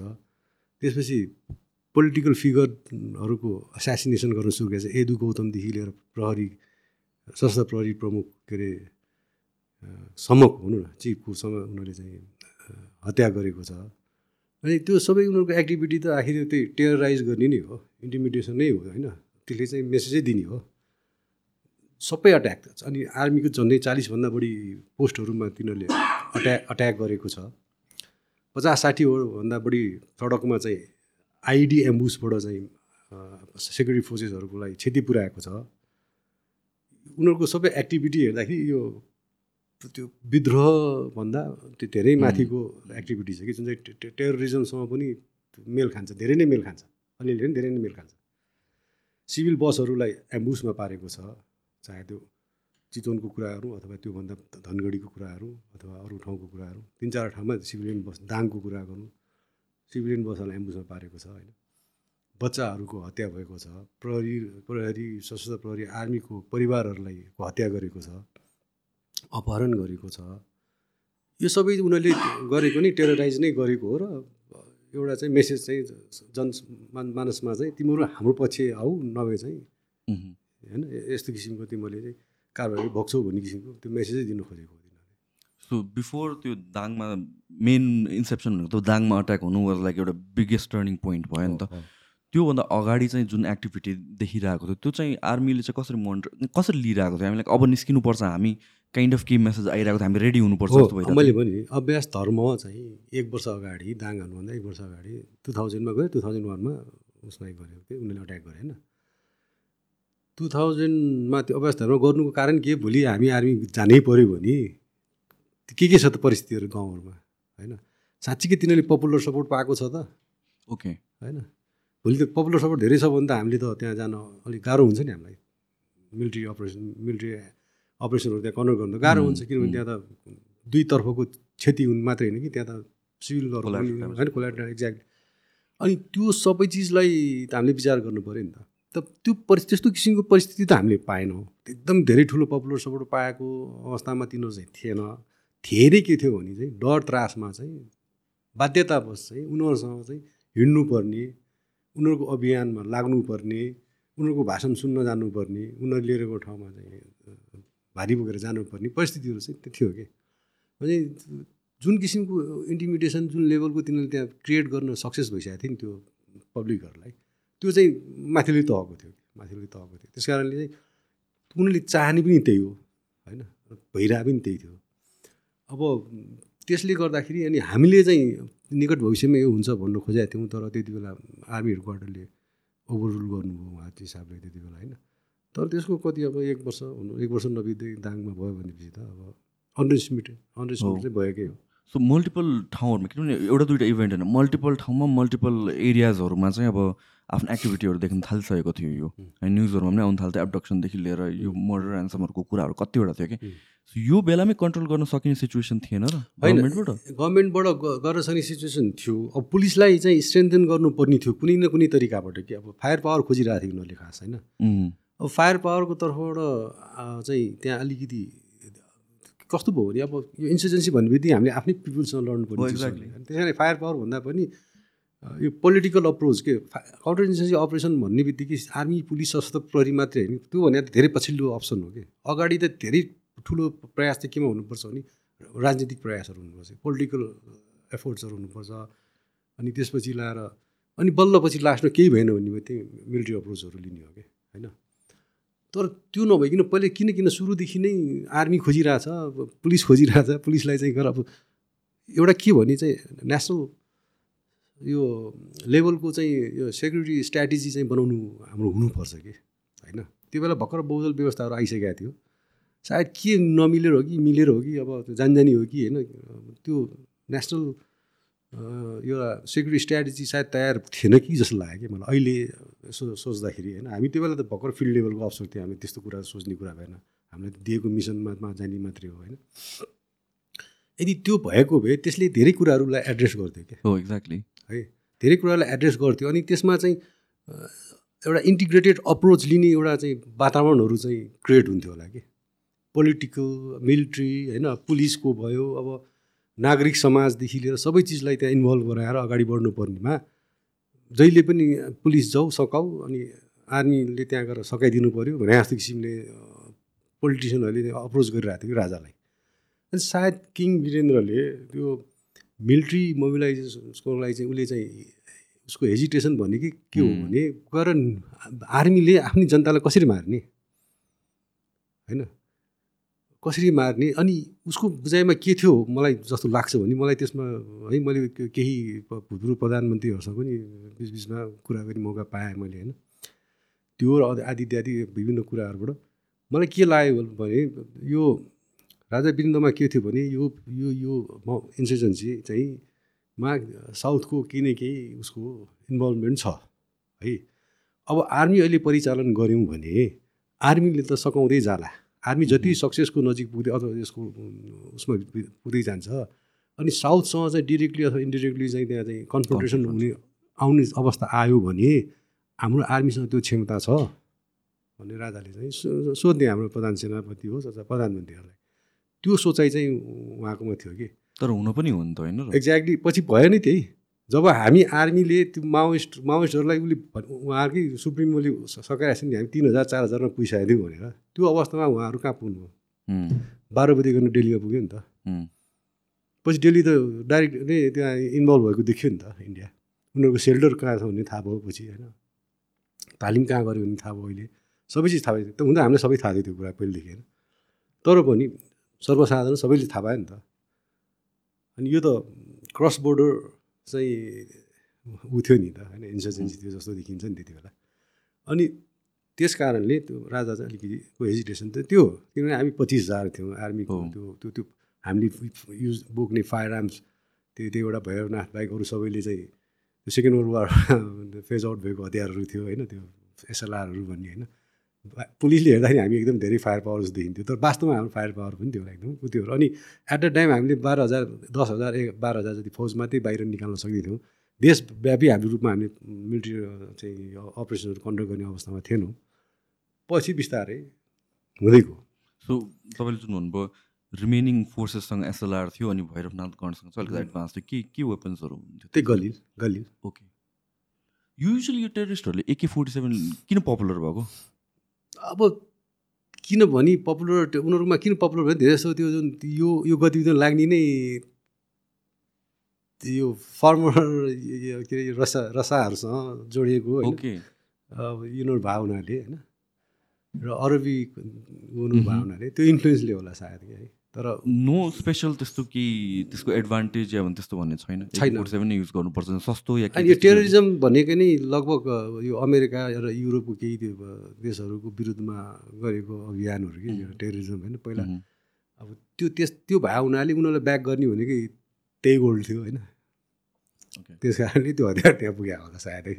सो तिनीहरूले त्यही नै बोक्न चाहन्छ जस्तो चाहिँ मलाई लाग्दैन। उनीहरूले पनि एडभान्स तर तर एउटा कुरा है एके फोर्टी सेभेनमा कमी कमजोरी चाहिँ नभएको हतियार चाहिँ होइन। कमी कमजोरी छैन छैन एकदम एकदम. सलिड नै हो। अहिलेसम्म। अहिलेको प्रेजेन्ट अहिलेसम्मको बेस्ट अहिले त तपाईँको एकदम त्यो अल वेदर अल टरेन त्यो त्यो हरेक ठाउँमा त्यो स्टपेजै नहुने त्यो एकदम बलियो हतियार हो त्यो। वरआउट एम सिक्सटिनहरू किन पपुलर अनि एम सिक्सटिन चाहिँ रेन्जले गर्दाखेरि होइन? किनभने हतियारको विकास नै केसँग जोडेको छ भने रेन्जसँग जोडेको छ कि? दुईवटा वारिङ फ्याक्टरहरूलाई टाढा लगिरहेको छ कि अहिलेको हतियारको रेसमा। किनभने मान्छे इन पर्छ कि इन्भल्भ नहोस् भनेर कि अनि अहिले भएको चाहिँ असल्ट वेपनहरूमा सबभन्दा बढी रेन्ज भएको भने एम सिक्सटिनको भर्जन हो होइन। अहिले एम सिक्सटिनको ए फोर जति आइसक्यो होला फोर फाइभ कति आयो थाहा छैन। म चाहिँ हुँदाखेरि ए फोरसम्म आएको थियो होइन। अब यो चाहिँ के हो भने अरू यो चाहिँ एट हन्ड्रेड यार्डसम्म यसले चाहिँ इफेक्टिभ एरिया हो यसको होइन। वरेज अरू भनौँ एके फोर्टी सेभेन उसको कम्पिटिसन गर्ने त्यसैले हो। त्यो भने थ्री हन्ड्रेड यार्डसम्मको कि? ओके सो रेन्जको कुरा आयो मेन चाहिँ सो अब अर्को कुरो without getting to political I don't know त्यहाँ जाने कि नजाने बट लाइक इन्डियाको यत्रो इन्ट्रेस्ट चाहिँ किन थियो त्यो त्यतिखेर नेपालमा चाहिँ लाइक एउटा विद्रोही एउटा फोर्सेस नै जन्माउने भनेर चाहिँ? होइन इन मेरो विचारमा त के लाग्छ इन्डियाले त्यो माओइस्ट इन्सर्जेन्सी चाहिँ त्यो लेभलसम्म पुग्छ भने त उनीहरूले पनि पहिला सुरुमा गरे जस्तो लागेन। भने तिनवटा फेज थियो। दोस्रो फेजमै सायद के न के एउटा डिस्कनेक्ट हुन थाल्यो अँ, त्यो हुन्छ होला। के अरे एउटा ठाउँमा पुग्छ होला र उनीहरूले इन्डियाले हामीसँग गरिरहेको बार्गेनिङ मा चाहिँ हाम्रो पक्षबाट त्यहाँ सरेन्डर गर्छ इन्डियालाई लो हजुरले सब्सिडी गरिदिनु पऱ्यो भन्ने अवस्थाहरू क्रिएट हुन्छ भन्ने जस्तो थियो होला। तर त्यो त्यो हुन दिएनौँ हामीले होइन? र उनीहरूलाई थर्ड फेजमा आउन बाध्य बनायो। थर्ड फेजमा उनीहरू पनि आयो। उनीहरूले एकदम ठुलो गल्ती पनि गरेका थियो।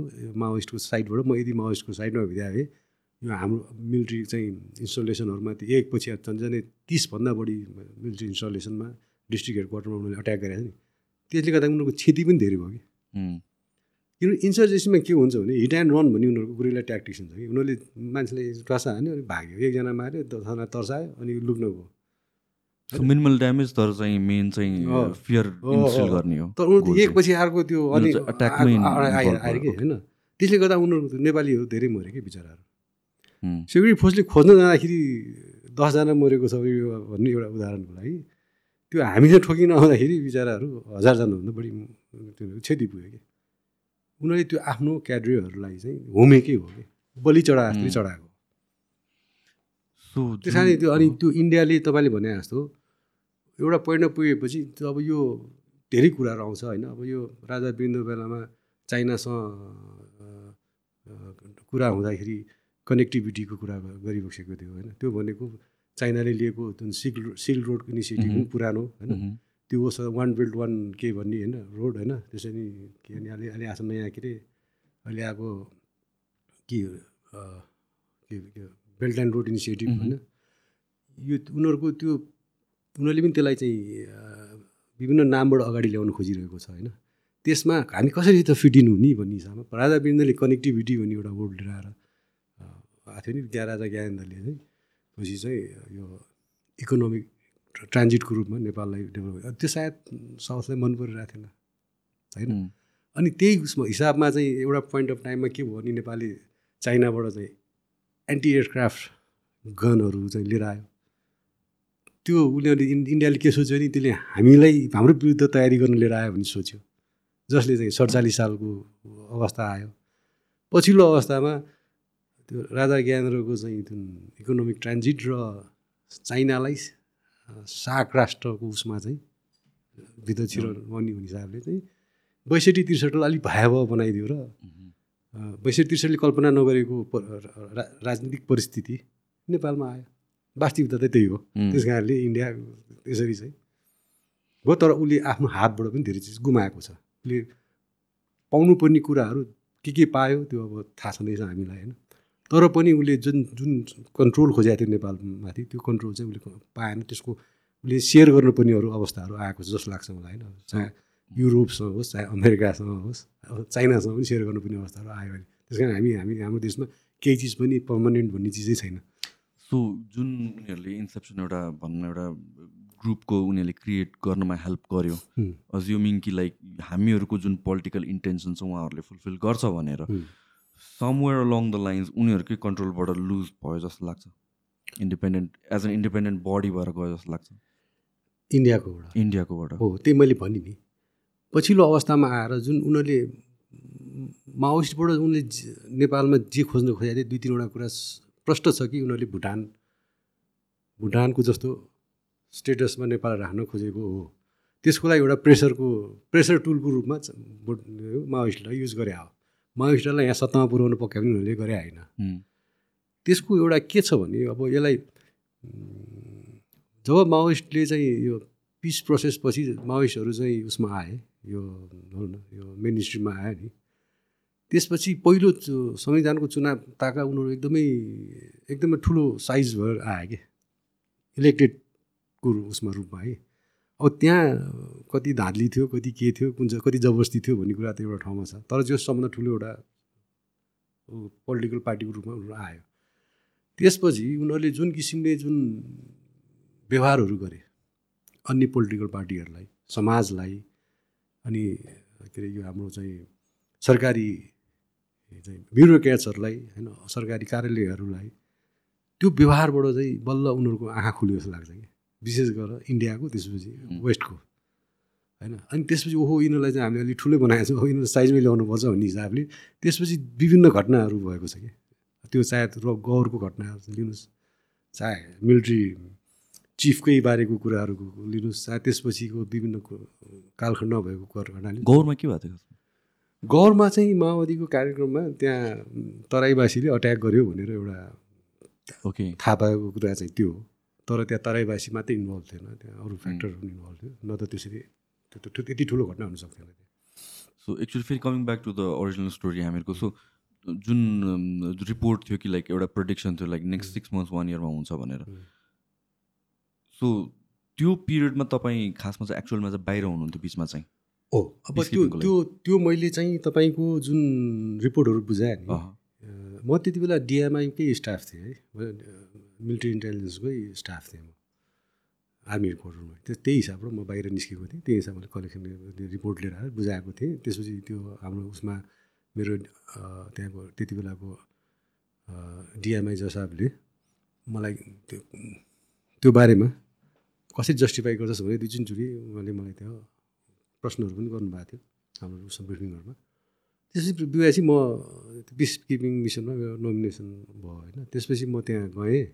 त्यो ट्रेनिङमा गएँ। पाँच खालमा पाँच छ महिना बिताएँ त्यसपछि म सेरालियोन गएँ। सेरालियोन गएको कति एक महिना पनि बिताएको थिएन यहाँ घट्न भइहाल्यो। यहाँ हुने बित्तिकै फेरि बोलाएको हो कि त्यो इमिडिएटली नि कि? होइन यहाँ भयो होइन। यहाँ भयो घोडाइको घटना भयो। अब घोडाइपछि इमिडिएटली घोडाइको दिन चाहिँ के भएको छ भने घोडाइमा मात्रै होइन त्यो बेला सुर्खेतको एयरपोर्टमा पनि यिनीहरूले उ गरेको छ अट्याक गरेको छ। होइन? त्यहाँ भएको हेलिकप्टर एउटा हेलिकप्टरलाई कम्प्लिटली डिस्ट्रोय गरेको छ सिभिलियन हेलिकप्टरलाई। अनि दुइटा अर्को हेलिकप्टरलाई चाहिँ ड्यामेज गरे बनाएको थिएँ।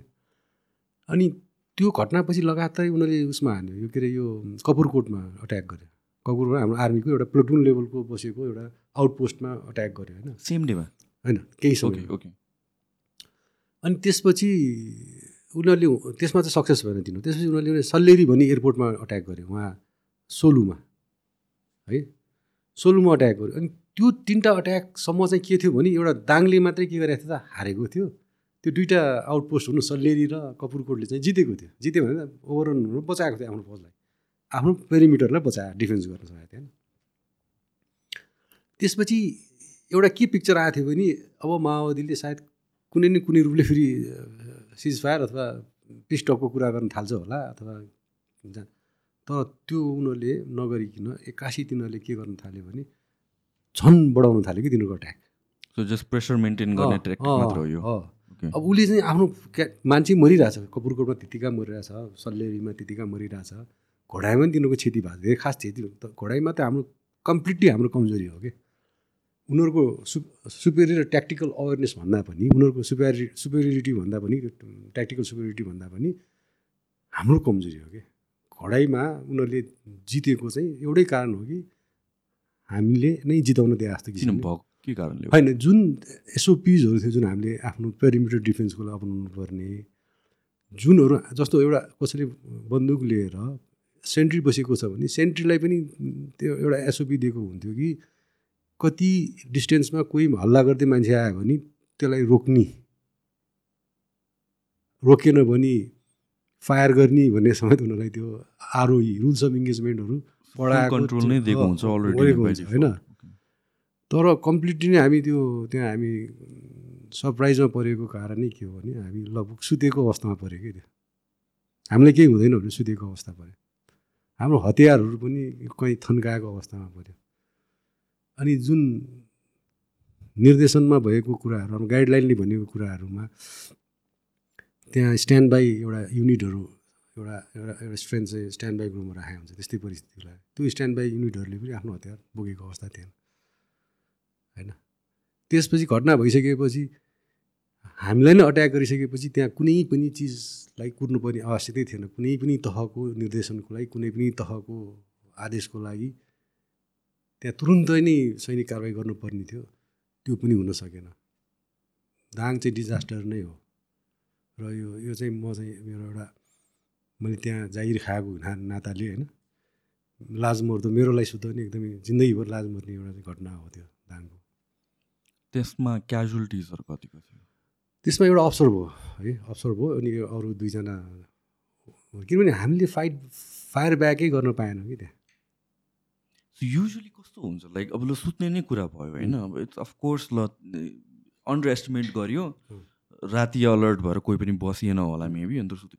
वेपन्स चाहिँ कसरी राख्छ? वेपन्स आफूसँगै राखेर सुत्ने प्रोटोकल हुन्छ कि त्यो पछि पछि हुन थाल्यो होइन? त्यो दिनसम्म. त्यो दिनसम्म चाहिँ के थियो भने लगभग त्यो माओइस्टको एक्टिभिटीहरू जुन चाहिँ पुलिसहरूलाई पुलिसहरूसँग फोकस भएर उसले जुन जताततै पुलिसहरूलाई हानिरहेको थियो नि त्यति बेला नि एउटा एउटा के अन्डरस्ट्यान्डिङ हामीमा भइसकेको थियो भने हामीले केही हतियार चाहिँ लिएर बस्नुपर्छ है। सुत्दाखेरि हतियार थन्काउनै पर्छ भन्ने थिएन कि? त्यो उनले त्यहाँको कम त्यो त्यो तजबिज त्यहाँको लोकल कमान्डरले गर्न सक्थ्यो त्यो। त्यो हतियार लिएर बाहिर जान पनि नहुने थियो त। हतियार लिएर आफ्नो पेरिमिटरभित्र त जसरी बसे पनि हुन्छ नि। त्यो लिएर सुते पनि हुन्छ त्यसलाई काँधमा राखेर हिँडे पनि हुन्छ जे गरे पनि हुन्छ। त त्यो तजबिज उसले उसको दिमागमा आउनै सकेन कि? त्यो सेक्युरिटी अवेरनेस उसकोमा आउनै सकेन। त्यो कमान्डर बिचरा उहाँ पनि वीरगति प्राप्त गर्नुभयो होइन गुल्मपतिले पनि होइन। तर उहाँले त्यो जुन निर्णय लिनुभयो त्यहाँ एउटा पोइन्ट अफ टाइममा उहाँलाई थाहा थियो कि मान्छेहरूको कन्सन्ट्रेसनहरू टाढा टाढा भइरहेछ भन्ने उहाँलाई सिडिओले अथवा पुलिसले कसले भनेको थियो उहाँ। अनि उहाँले त्यो तयारी आफ्नो तयारीहरू पनि हेर्नु भयो नहेर्नु भएन। तर एक किसिममा ऊ रिल्याक्सेसनमा जानुभयो कि ए के हामीलाई केही हुँदैन भने जस्तरी उहाँले चाहिँ।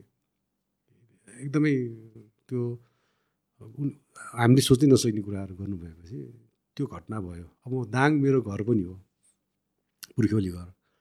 त्यहाँ इन्भल्भ भएको माओइस्टहरू पनि कोही मेरा चिन्जानका मान्छेहरू साथीहरू पनि थिए। उनीहरूसँग पछि मेरो भयो नि कसरी गरिस् के गरिस् भनेर। यो त्यो हेर्दाखेरि त मलाई त के लाग्छ भने त्यो आऊ आज तिमी लिएर जाऊ म तिम्रो लागि मरिदिन्छु भनेर बसेको जस्तो परिस्थितिहरू थियो त्यो सो त्यो राउन्डमा जुन एकजना बस्नुपर्ने हुन्छ usually I guess couple of people बस्नुपर्छ होला पोस्टमा। त्यो त्यो पनि थिएन? त्यो थियो। त्यो थियो तर उहाँहरूले चाहिँ इमिडिएट एक्सन लिनु उनीहरूले त्यो त्यो उनीहरूको कस्तो हुन्छ भने सेन्ट्री भनेपछि दुई तिन दुई तिन किसिम हाम्रो त्यो प्रोटोकल के हुन्छ नि कस च्याम्बरमा गोली हालेर बस्ने कि म्यागजिनमा मात्रै गोली राख्ने। अनि म्या म्यागजिन लोडेड म्यागजिनलाई खल्तीमा राख्ने कि ओके। हतियारमा राख्ने। त्यो परिस्थिति अनुसार हामीले त्यो गर्छौँ कि त्यो त्यो त्यो तपाईँको सेक्युरिटी अलर्टले के भन्छ त्यही अनुसार त्यो स्टेजहरू हुन्छ त्यही स्टेज अनुसार गरे हुन्छ कि। उहाँहरूले सबभन्दा कम सेक्युरिटी अलर्ट भएको स्टेटसमा उहाँहरू बस्नुभयो। बुझ्नु भएन रियाक्ट गर्न सकेन नि अनि। रियाक्ट गर्न सक्ने अवस्था भएन त्यहाँतिर कतिजना मान्छे थियो खासमा एक्सनमा चाहिँ हामीहरू? एक्चुअलमा चाहिँ एउटा त्यो खास इन्डिपेन्डेन्ट कम्पनीको लोकेसन थियो है। इन्डिपेन्डेन्ट। कम्पनी भनेको चाहिँ लगभग दुई सयको हाराहारीमा हुने एउटा चाहिँ मेजर ऱ्याङ्कले चाहिँ कमान्ड गर्ने एउटा हो।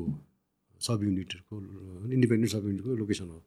तर त्यहाँ के भइरहेको थियो भने त्यति बेलासम्म आर्मीले चाहिँ नेपाल सरकारले चाहिँ एउटा नेपाल सरकारले चाहिँ अब के गर्न सकिन्छ त भनेर आर्मीसँग धेरै राखेपछि आर्मीले चाहिँ होइन हामी एउटा आइड्याडको कन्सेप्ट लिएर जान्छौँ त्यसको लागि हामी तयारी गर्छौँ भनेर आर्मीहरू क्वार्टरमा internal defence and development pro internal development and defence भनेर एउटा चाहिँ कन्सेप्टहरू त्यहाँ उनीहरूले होमवर्क गरिरहेको थियो कि विकास र सुरक्षासँगै लिएर जाने भनेको जस्तो होइन। त्यो आइड्याड भनेको चाहिँ लगभग अमेरिकन कन्सेप्ट हो होइन। त्यो अमेरिकन कन्सेप्ट अब हाम्रोमा ढालेर उयो कवि होइन त्यो ट्रान्सलेट गरेर गए जस्तो किसिमले हामी तयार भइरहेको थियौँ त्यो। अनि त्यही अनुरूप चाहिँ दाङमा चाहिँ गएर पहिलो चरणमा त्यहाँ आइड्याटको चाहिँ हात हतियार त्यसमा सम्मल संलग्न हुने फौज त्यसको हात हतियारहरू त्यहाँ चाहिँ डम्प गर्न सुरु गरेको थियो कि। अनि त्यो आइड्याटमा जाने पल्टन चाहिँ गोरखबहादुर गौड भनेर छानिएको थियो होइन रोल्पाको लागि होइन। अनि रोल्पामा त्यति बेला एउटा गुल्मोमा त्यति त्यही इन्डिपेन्डेन्ट कम्पनी नै थियो एउटा। अनि त्यसलाई रिप्लेस कसले गर्ने त? त्यो आइडियाटमा जाने बटालियन लेभलको स्टुडेन्टले चाहिँ त्यहाँ रिप्लेस गर्ने भन्ने प्लान थियो। अनि त्यस कारण पहिलो फेजको हतियार र पहिलो फेजको ट्रुप्स पनि त्यहाँ जुन से लप्टन साहब एउटा वीरगति प्राप्त गर्नुभयो उहाँ चाहिँ गोर्खबहादुरको चाहिँ लप्टन साहब हो। त्यो त्यो युनिट विशेषको सब युनिट विशेषको होइन कि गोर्खबहादुरबाट त्यहाँ जम्मा हुनुभएको। त्यो समय पनि थियो तर नफ्री धेरै चाहिँ त्यहाँ गइसकेका थिएन। त्यो लप्टन साहब र केही व्यक्तिहरू थियो तर उहाँहरूको उहाँहरूकोले लाई उहाँहरू गोर्खा के यसरी रोल्पामा लिएर जाने भनेर लिएर गएको हात हतियारहरू र गोलीकट्टाहरू त्यहाँ डम्प गरिएको थियो। भन्नाले चाहिँ हामीलाई त्यो मान्छेको म्यान पावरको हिसाबले भन्दा पनि हाम्रो त्यहाँ ठुलो क्षति के हो भने त्यो सब युनिटको हात हतियार त नै थियो। अझ त्यो थप्यो कि? मान्छे चाहिँ मान्छे चाहिँ त्यो दिन घटनाको दिनमा चाहिँ हन्ड्रेड प्लस माइनस थियो भन्ने मैले सुने है अब एक्ज्याक्टली मैले त हन्ड्रेड प्लस माइनस थियो। सो डेथ भएको तिनजना? गुल्लुमपति अनि त्यो प्लटुन कमान्डर अनि एकजना तिनजना। बाँकीहरू चाहिँ नि? बाँकीहरू सब सरेन्डर त्यो त एक किसिममा सरेन्डर गर्नै पऱ्यो त्यो रेडी नभएपछि त सो सो त्यो त अब first major attack towards army र which is like the biggest force. त्यसले त ह्युज कन्फिडेन्स दिन्छ होला अपोजिट साइडलाई त। Hundred percent.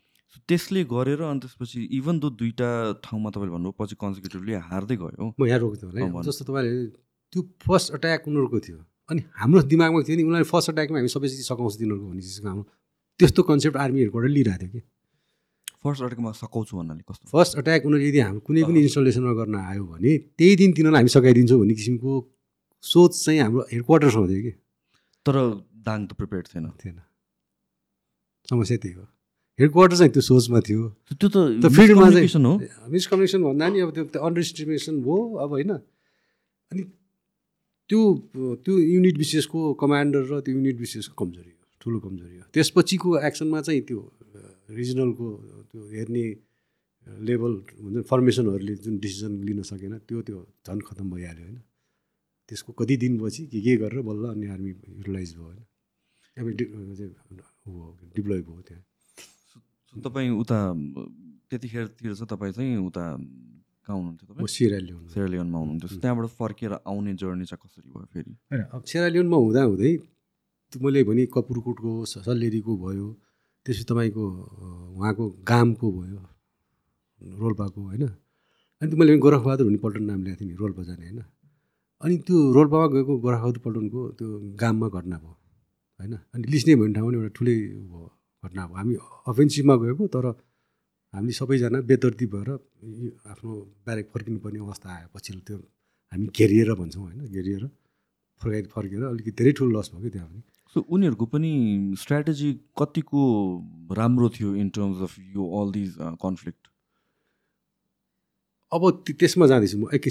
अनि त्यसपछि ला तपाईँको यो त्यो दुई दुईवटा घटना भइसकेपछि त्यहाँ रोल्पामा अलिकति हाम्रो फौजमा चाहिँ अलिकति ऊ आयो कि? घामको त्यो मेजर ऊ भयो ओभररन त्यसपछि त्यसपछि लिस्नेको त्यसपछि त्यो एक दुईवटा ठाउँमा त्यस्तै त्यस्तै किसिमको घटना भएपछि अनि आर्मीले के भन्यो गोरखबहादुरको प्यारेन्ट युनिट भएको अफसरहरूलाई त्यहाँ पठाऊ भनेर भनेछ कि? डिसिजन गर्यो भनौँ न। किनभने त्यहाँ त कमान्ड क्राइसिस होला जस्तो देखियो नि।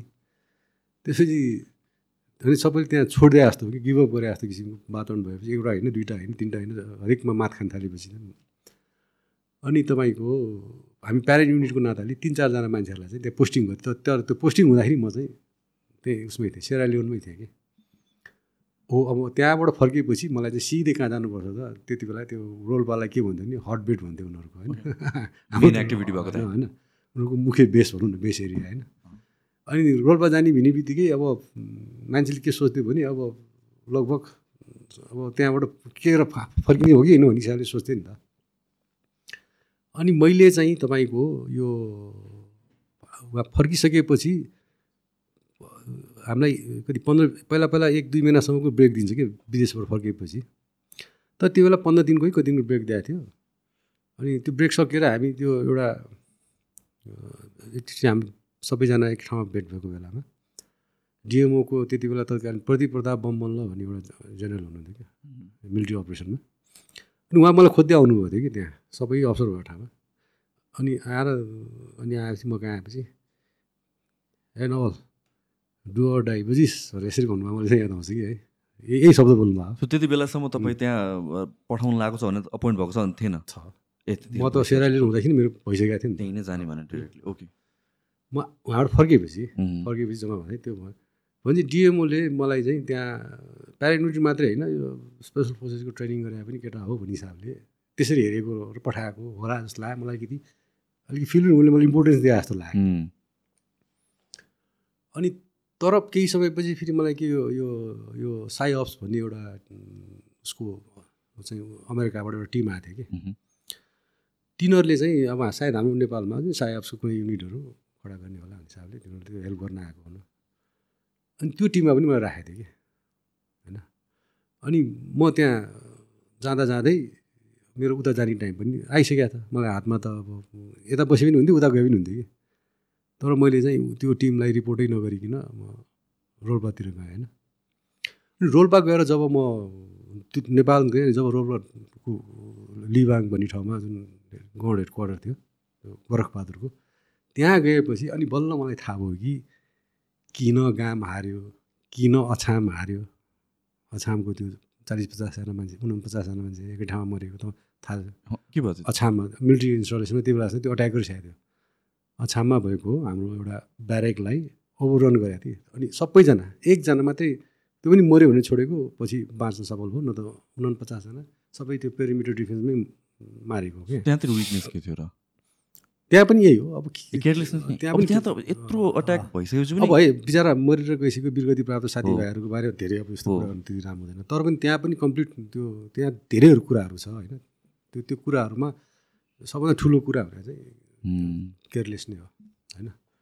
अनि त्यति बेला तिनीहरूले त्यहाँ राष्ट्रिय अनुसन्धानको डिएसपीको श्रीमान श्रीमतीलाई पनि मारेको छ उनीहरूले। एउटै ठाउँमा एकै ठाउँमा मारेको छ होइन? एकदम ब्रुटल तरिकाले ऊ भइरहेको थियो कि त्यहाँ अब त्यो घटनाहरू भइरहेको थियो अनि मैले त्यहाँ पुगेपछि जब मेरो सिपाहीहरूलाई देखेँ मैले म मेजर थिएँ सिनियर मेजर भइसकेको थिएँ म होइन। मैले देखेँ अनि मेरो कलिग्सहरूलाई देखेँ मेरो प्लटुन कमान्डरहरूलाई देखेँ मेरो बटालियन कमान्डरहरूलाई देखेँ उनीहरूको बोलेको सुने।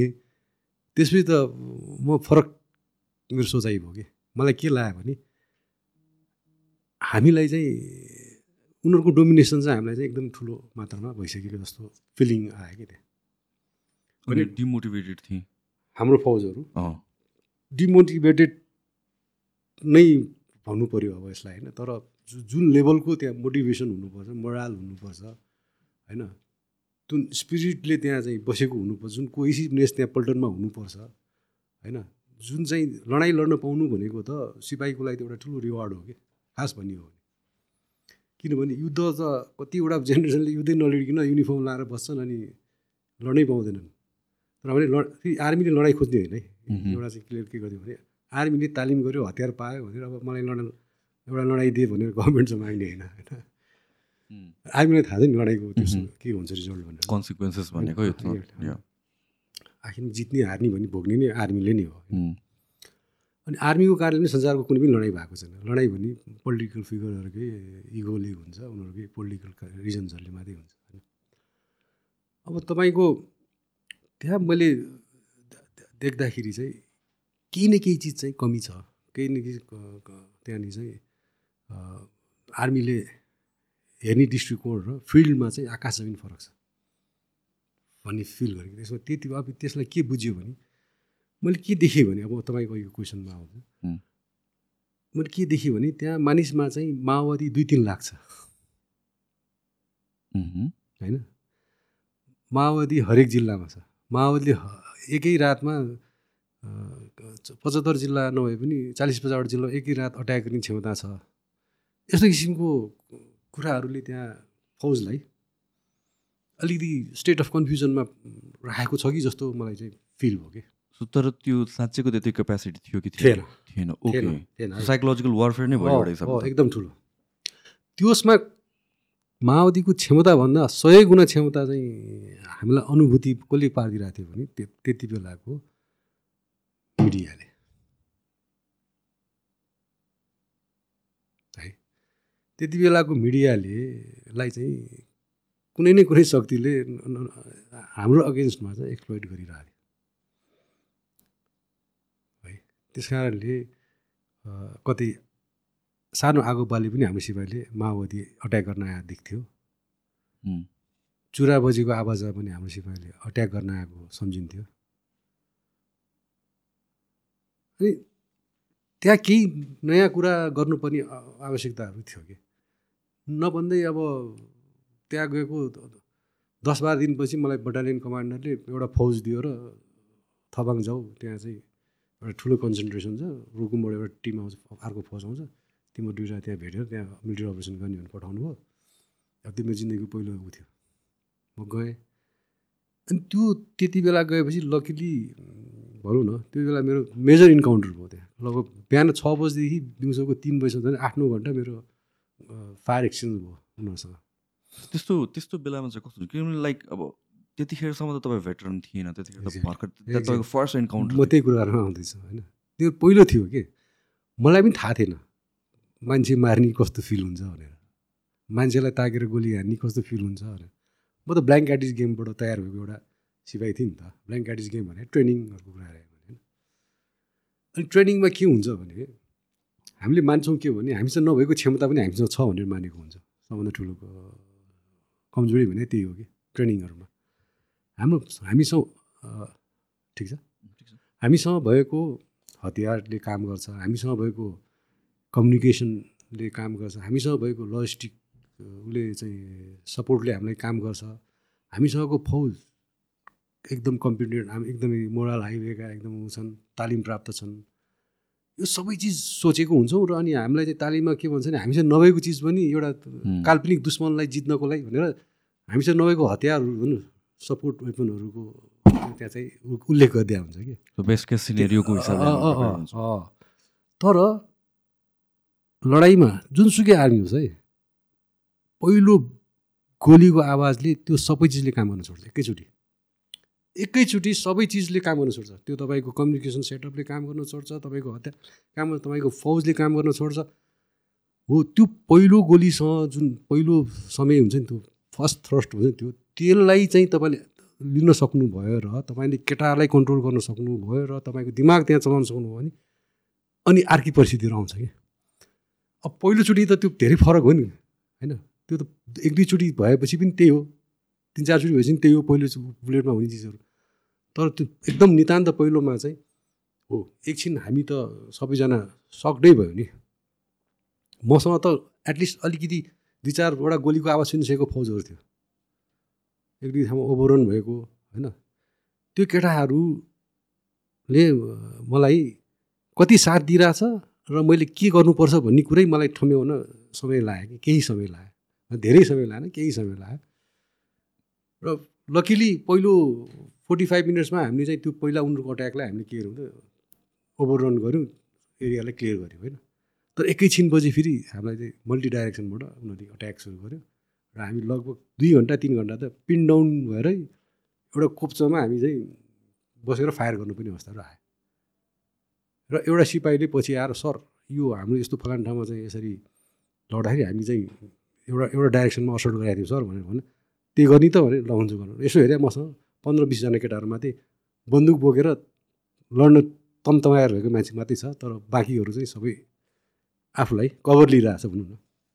र एकदम एकदम भनौँ न निष्क्रिय जस्तो भएर कभर लिएर बसिरहेको माथि त्यही पन्ध्र सोह्र बिसजना जतिजना चाहिँ अफसरहरू थियो दुई तिनजना तिनीहरूलाई लिएर मैले चाहिँ त्यो असर गर्न गएपछि अनि फेरि कथा फरक भयो। भनेपछि मैले त्यो दिन के बुझेँ भने अब गएर तालिम। अब गएर मैले जुन चाहिँ स्पेसल फोर्सेसको ट्रेनिङ गर्दाखेरि इन्डिया नेपालमा अमेरिकामा जाँदा जे जे तैँले सिकाएको छस् स्मल युनिट ट्याक्टिक्सको बारेमा हतियारको बारेमा जे जे जे जे छ सबै यिनीहरूसँग गर्नुपर्छ। किनभने उनीहरूले चलिन चलन चल्तीको तालिम मात्रै गरेको थियो नि त पहिला। अलिक विशेष तरिकाको तालिम चाहिँ यिनीहरूलाई गराउनै पर्छ भनेपछि मैले त्यो समय नै मैले चाहिँ केमा खेर गरेँ भने त्यहाँ रोलमा बस्दाखेरि छ सात महिना अरू तालिम तालिम गराउने बाहिर तालिम गर्ने बाहिर अनि त्यो सायद त्यसको नतिजा आयो मलाई किनभने मैले जहिले बाहिर निस्केँ पनि केही न केही मैले बोकेर ल्याउँथेँ बोकेर ल्याउँछु भनेर एउटा केही न केही अचिभमेन्ट चाहिँ हुन्थ्यो हाम्रो। कहिले पनि हाम्रो मैले मैले लिएर गएको बेला क्षति त्यसपछि क्षति कहिले पनि भएन। त हुन्छ त्यो रोल्पाको नि हाम्रो कुनै हत्या हातहतियार गुमेन हामीले नि उल्टो लिएर आयौँ त्यो थबाङमा। त्यसपछि पनि कहिले पनि गुमेन त्यहाँ बसुन्जेलसम्म होइन त्यसपछि त म फेरि स्पेसल फोर्सेस यता स्पेसल अपरेसन फोर्सेसहरूमा आइहालेँ। त्यसपछि मेरो लगभग पुरै काल चाहिँ तिन वर्षै बित्यो होइन? भैरवनाथ अजय दल भन्नेसँग। त्यसपछि समस्या भएन। तर त्यो भनौँ न एउटा रेगुलर फोर्ससँग चाहिँ काम गर्दाखेरिको पहिलो अनुभव त्यति बेला मलाई के लाग्यो भने उसँग भएको तालिम उसँग भएको हतियार उसँग भएको उसले कमान्डरहरूलाई उसले कमान्डरहरूप्रति सोचेको कुराहरू त्यो सबै मेल खाइरहेछन् त्यहाँ जस्तो लागेर। अलिक छुट्टै वातावरण बनाउने प्रयासहरू गरेँ मैले। होइन अनि त्यसपछि त्यसको रिजल्टहरू पनि आयो। त्यसपछि फेरि सिज पाएर फेरि म चाहिँ भैरवनाथमा पोस्टिङ हो अनि भैरवनाथतिर फर्केँ म। सो त्यो फर्स्ट कन्फ्लिक्ट तपाईँलाई याद छ अहिले पनि? छ कस्तो हुने रहेछ लाइक फर्स्ट टाइम किनभने नाउ प्र्याक्टिस त गरियो। होइन गन चलायो त तर एउटा कस्तो हुन्छ भनेपछि यो यो एउटा ह्युमन एलिमेन्ट हो नि त इमोसन्सको कुरा हो। किनभने त नाउ कसैको लाइफ तपाईँको हातमा छ। नट जस्ट अपोनेन्टको तर तपाईँको टिमको बटालियनको पनि। त्यो एक्सपिरियन्स फर्स्ट टाइम एन्ड त्यो पनि आठ नौ घन्टा लामो ब्याटल भयो। त्यो एक्सपिरियन्स चाहिँ कस्तो? अब त्यो मैले कल्पना गरेँ भन्दा त्यो भयो नि एकदम कम्प्लिटली बाहिरको कुरा थियो होइन। अब त्यो सुरुमै तर के थियो भने म एक रात अगाडि दस बजे नै मलाई के थाहा थियो भने भोलि बिहान मेरो त्यहाँ चाहिँ मेजर इन्काउन्टर हुन्छ भनेर मलाई थाहा थियो होइन। कारणले इन्फर्मेसन ओके होइन। हामीसँग चाहिँ त्यो आइडिबिजहरू पनि गएको थियो कि। आइडिबिज भने इन्टरनली डिस्प्लेस पिपल भन्छ नि होइन? त्यो विस्थापितहरू। विस्थापितहरू हामीसँग गएको थियो एज अ गाइडको रूपमा कि। उनीहरूले के भनेको थियो भने मलाई ब्यारेकबाट निस्किने बेलामा सर यो बाटो नजाउँ यो बाटो गयो भने त हामी कोही पनि फिर्ता आउँदैनौँ भने कि। निस्किने लाग्यो करिब करिब साँझको पाँच बजीतिर म ब्यारेकबाट निस्किनु लागेको थिएँ त्यो अपरेसनको लागि होइन? अनि किन भनेर भनेको सर यो त बाटोमा त पुरै छ तिनीहरूको मान्छे। तपाईँ तपाईँहरू कोही पनि भनेर अनि जुन बाटो हामी जान लागेको थियो यो रोल्पाको मिरुल कुरेलीको बाटो थियो कि। अनि मैले म्याप यसो हेरेँ अनि किन त्यहाँ त्यहाँ किन तपाईँ हामी एकदम तलबाट जानुपर्छ खोलाको किनारबाट? उनीहरू डाँडा डाँडामा छन् तपाईँहरूलाई सघाउँछ यो कोही पनि तपाईँ फिर्ता आउनु न भनेर यसरी उसले भन्यो। यसो हेरेँ त्यो मिरुल कुरेलीको छेउमै एउटा जलजला भन्ने लेक छ कि रोल्पाको सबभन्दा हाइएस्ट भनौँ अनि यो बाटो जाँदाखेरि के हुन्छ भन्दा हुन्छ भनेर। होइन अनि हामीलाई आएको इन्फर्मेसन चाहिँ त्यही जलजलाको ठ्याक्कै मुनिपट्टि चाहिँ ठुलो यिनीहरूको चाहिँ कन्सन्ट्रेसन हुँदैछ भन्ने थिएन? त्यसो भने के हुन्थ्यो भने हामी सिधै डाइरेक्ट तिनीहरूलाई हिट गर्ने हिसाबले चाहिँ पुग्थ्यौँ कि? अनि मैले प्लान चेन्ज गरेको थिएँ। त्यो बाटो मैले गएको थिएँ। अनि त्यो बाटो दुई दिन दुई दिन हिँडेपछि अनि हामी तेस्रो दिन बिहान त्यहाँ पुग्यो हो। अनि दस बजी अन्तिम फा उसबाट चाहिँ त्यो हाम्रो जुन चाहिँ फाइनल आरबी भन्छु होइन फाइनल आरबीबाट चाहिँ हामीले निस्किने बेला दस बजीतिर राति निस्क्यो हामी भोलिपल्ट बिहान। त्यहाँ पुग्ने बेला हामीले अर्को टिमलाई खबर गरिसकेको थियो कि हाम्रो त्यहाँ द बिहान छ बजे हुन्छ तिम्रो त्यहाँ आइपुग है भनेको थियो। अनि अर्को टिमले होइन हामी पनि त्यहाँ साढे पाँच बजीसम्म पुग्छौँ भनेर भनेको थियो। ब्रिगेड हेडक्वार्टरलाई पनि मैले भनेको थिएँ कि हाम्रो त्यहाँ मेजर इन्काउन्टर हुन्छ भनेर मलाई जानकारी गराएको थिएँ। अब हाम्रो मेजर इन्काउन्टर भयो भने जस्तै गरेर न त्यो अर्को टिम हामीसँग लिङ्क हुन आयो न बाहिनीले हिजैदेखि हामीले जानकारी गराएर बाहिनीले कुनै किसिमको सपोर्ट दिन सक्यो त्यो त्यो हुनुको कारण? त्यो त्यही त भद्रगोलताहरू मैले त्यही भन्न थालेँ त्यो सुरु सुरुमा चाहिँ हाम्रो पुरै ऊ चाहिँ एकदम अलिकति मेल खाइरहेको थिएन कि त्यो कन्भेन्सनल आर्मीले होइन एउटा गर्ने खालको किसिमको व्यवहारहरू त्यहाँ मेल खाइरहेको थिएन त्यहाँ। अनि त्यसपछि चाहिँ फिल भयो कि के छुट्टै किसिमको एउटा वातावरण त्यसले क्रिएट गर्नुपर्छ भने आफैले। तपाईँ बिङ द टिम लिडर तपाईँले टिमलाई लग्ने त कुरा भयो बट रेस्ट अफ द टिमको चाहिँ इन्टेन्सन के हुन्छ? उनीहरूको कसरी कस्तो फिल गरेर आउँछ? किन उनीहरूको लागि पनि त इट्स अ न्यू अपरेसन तपाईँ त झन् स्पेसल फोर्सेस ट्रेनिङहरू मल्टिपल भन्ने एउटा लेभलमा एडभान्स लेभलमा हुनुहुन्छ। सो उहाँहरू त झन् अन्डर प्रिपेयर्ड हुन्छ झन् इनएक्सपिरियन्स हुन्छ। सो उहाँहरूलाई मोटिभेट कसरी गर्न सकिन्छ? एक्ज्याक्टली त्यही त्यही च्यालेन्ज मैले देखेँ कि अब लकिली के हो भने हामी दुई तिन दिन सँगै हिँड्न पाएँ नि त। बाटोमा दुई तिन दिन त सँगै हिँड्न पायो। त्यो सँगै हिँड्ने बेलामा सायद उनीहरूले मेरो व्यवहारहरू देख्यो होला। मेरो त्यो अवेरनेसहरू देख्यो होला। मैले रेस्ट नगरिकन अगाडि पछाडि आइरहेको देख्यो होला। कहिले अगाडि आइपुगेको छ कहिले पछाडि पुगेको छ कहिले बिचमा छ।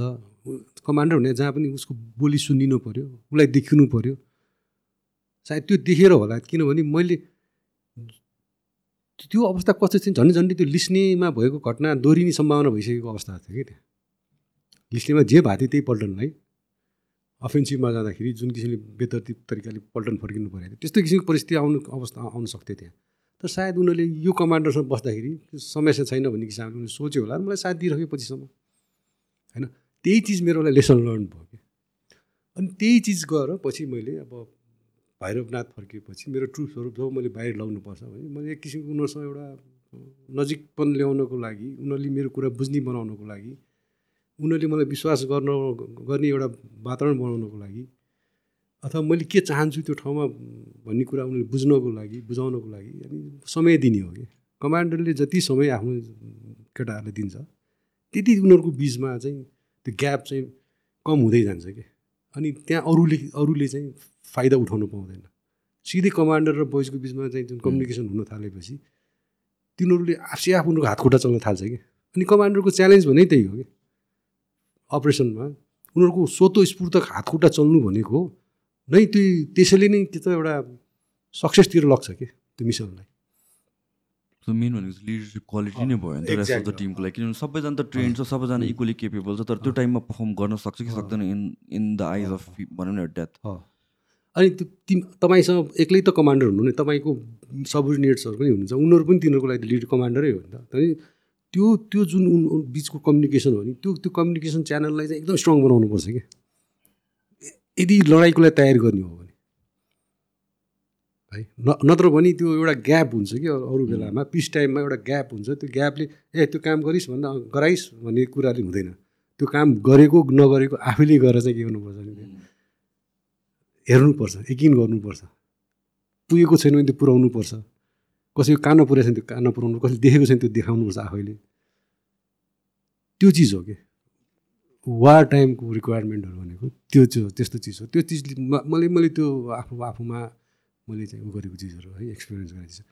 त्यही चिज पछि गएर एक होइन अर्को ठाउँ होइन अर्को ठाउँ हरेकचोटि गरी पाँच वर्ष त्यो एरियामा म बसेँ त्यो सुदूरपश्चिम र मध्यपश्चिमको इलाकाहरूमा। त्यसमा चाहिँ मलाई मेरो बोइजहरूबाट सधैँ नै सधैँ नै सधैँ नै सहयोग मैले त्यो कुनै कुनै ठाउँमा पनि मैले एकजनालाई मैले तैँले गर्दा यस्तो भनेर भन्ने मौकै उनीहरूले दिएन मलाई। त्यही त्यही चिज मलाई त्यो मैले पाएको लेसन लर्नरले नै मलाई सिकायो। तिनीहरूसँग मैले त्यस्तो किसिमको व्यवहारहरू गरेँ। त्यही नै मेरो लागि अब मैले पाएको तकमा भन्नु नेपाल धाराको श्रेय भने कि त्यही केटाहरूले दिएकै सहयोग हो। त्यही केटाहरूले दिएको चाहिँ साथ हो। त्यही केटाहरूले दिएको चाहिँ गरेको बहादुरी हो। अनि मैले भनेको मानेको हो। त्यही हो। यो ट्रस्ट भन्ने कुरा पनि लाइक नम्बर वान थिङ त ट्रस्ट नै हो नि त होइन? र जुन पनि अब यस्तो यस्तो अपरेसन्समा भएको बेलामा कस्तो हुन्छ भने आफ्नै मान्छेलाई पनि ट्रस्ट गर्न गाह्रो हुन्छ होला I would assume so so जस्तो कि अब माओइस्टकै कुरामा गर्दाखेरि पनि मैले अब लिसन टु कति तपाईँको कतिवटा इन्टरभ्यूहरूमा चाहिँ एउटा वेमा ब्रेन वास गरेको थियो प्रिपेयर नभएको बेलामा पनि। त्यो त तपाईँको टिमले पनि तपाईँलाई शङ्का गर्न सक्थ्यो नि त। बिङ इरेस्पोन्सिबल छ कि भन्ने कुरा? अर भनौँ न आफ्नै टिममा भए पनि इन्फर्मेन्ट छ कि भन्ने कुरा? त्यो ट्रस्टलाई चाहिँ कसरी ह्यान्डल गर्नुहुन्छ? हो अब त्यो के छ भने विशेष गरेर अब विशेष गरेर कमान्डमा आफू छ भने है कमान्डमा आफू छ भने जस्तो म चाहिँ एउटा कुरा के भने मैले चाहिँ करिब करिब करिब करिब पुग नपुग हजारवटा जति अपरेसन गरेँ होला। त्यो त्यो पिरियडमा? त्यो पिरियडमा होइन? अरूमा म इन्भल्भ भयो होला होइन? सानो ठुलो सबै सानो ठुलो सबै गरेर।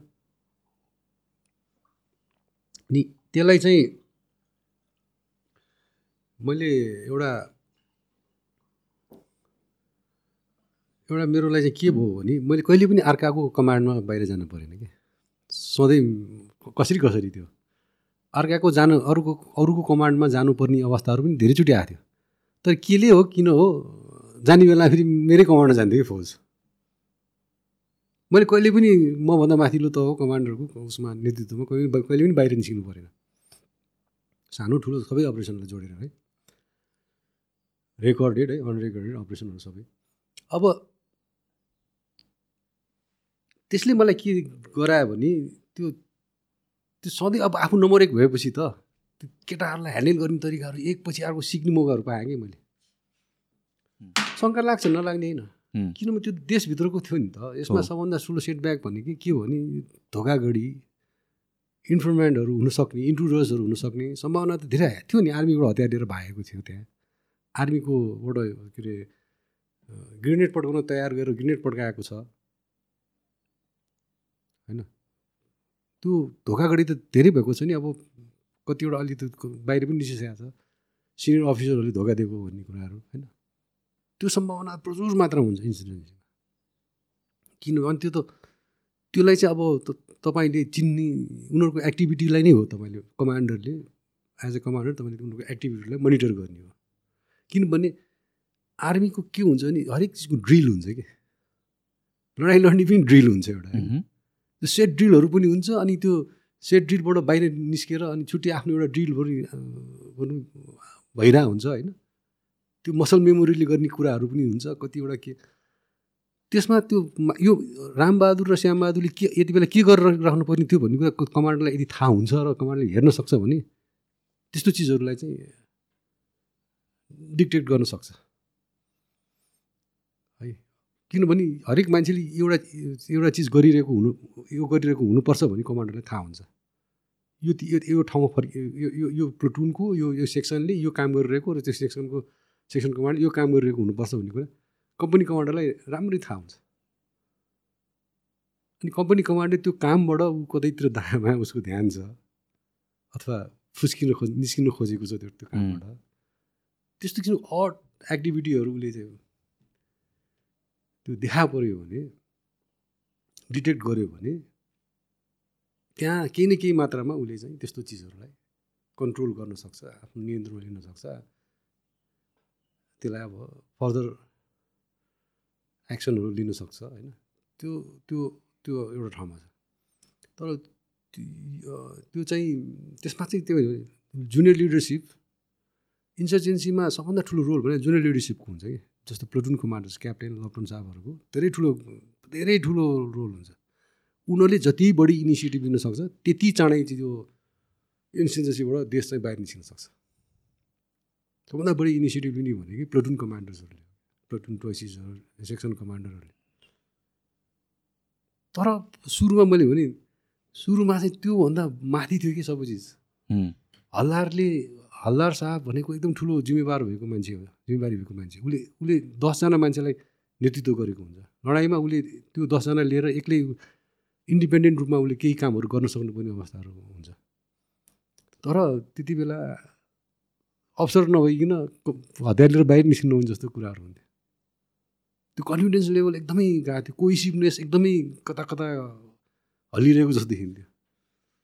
होइन? हो यही चिजहरूलाई चाहिँ मनन गरेर अनि पछि त्यसलाई स्ट्रङ बनाउनु पऱ्यो कि। हल्लार साहबले गर्नुपर्ने कामहरू छ निर्भीक रूपले गरोस्। इन्डिपेन्डेन्ट बनाइदिने हो। एक्ज्याक्टली हो। त्यो लेभल त एकदम इन्डिपेन्डेन्ट हुनैपर्छ। Insurgency अपरेसनहरूमा।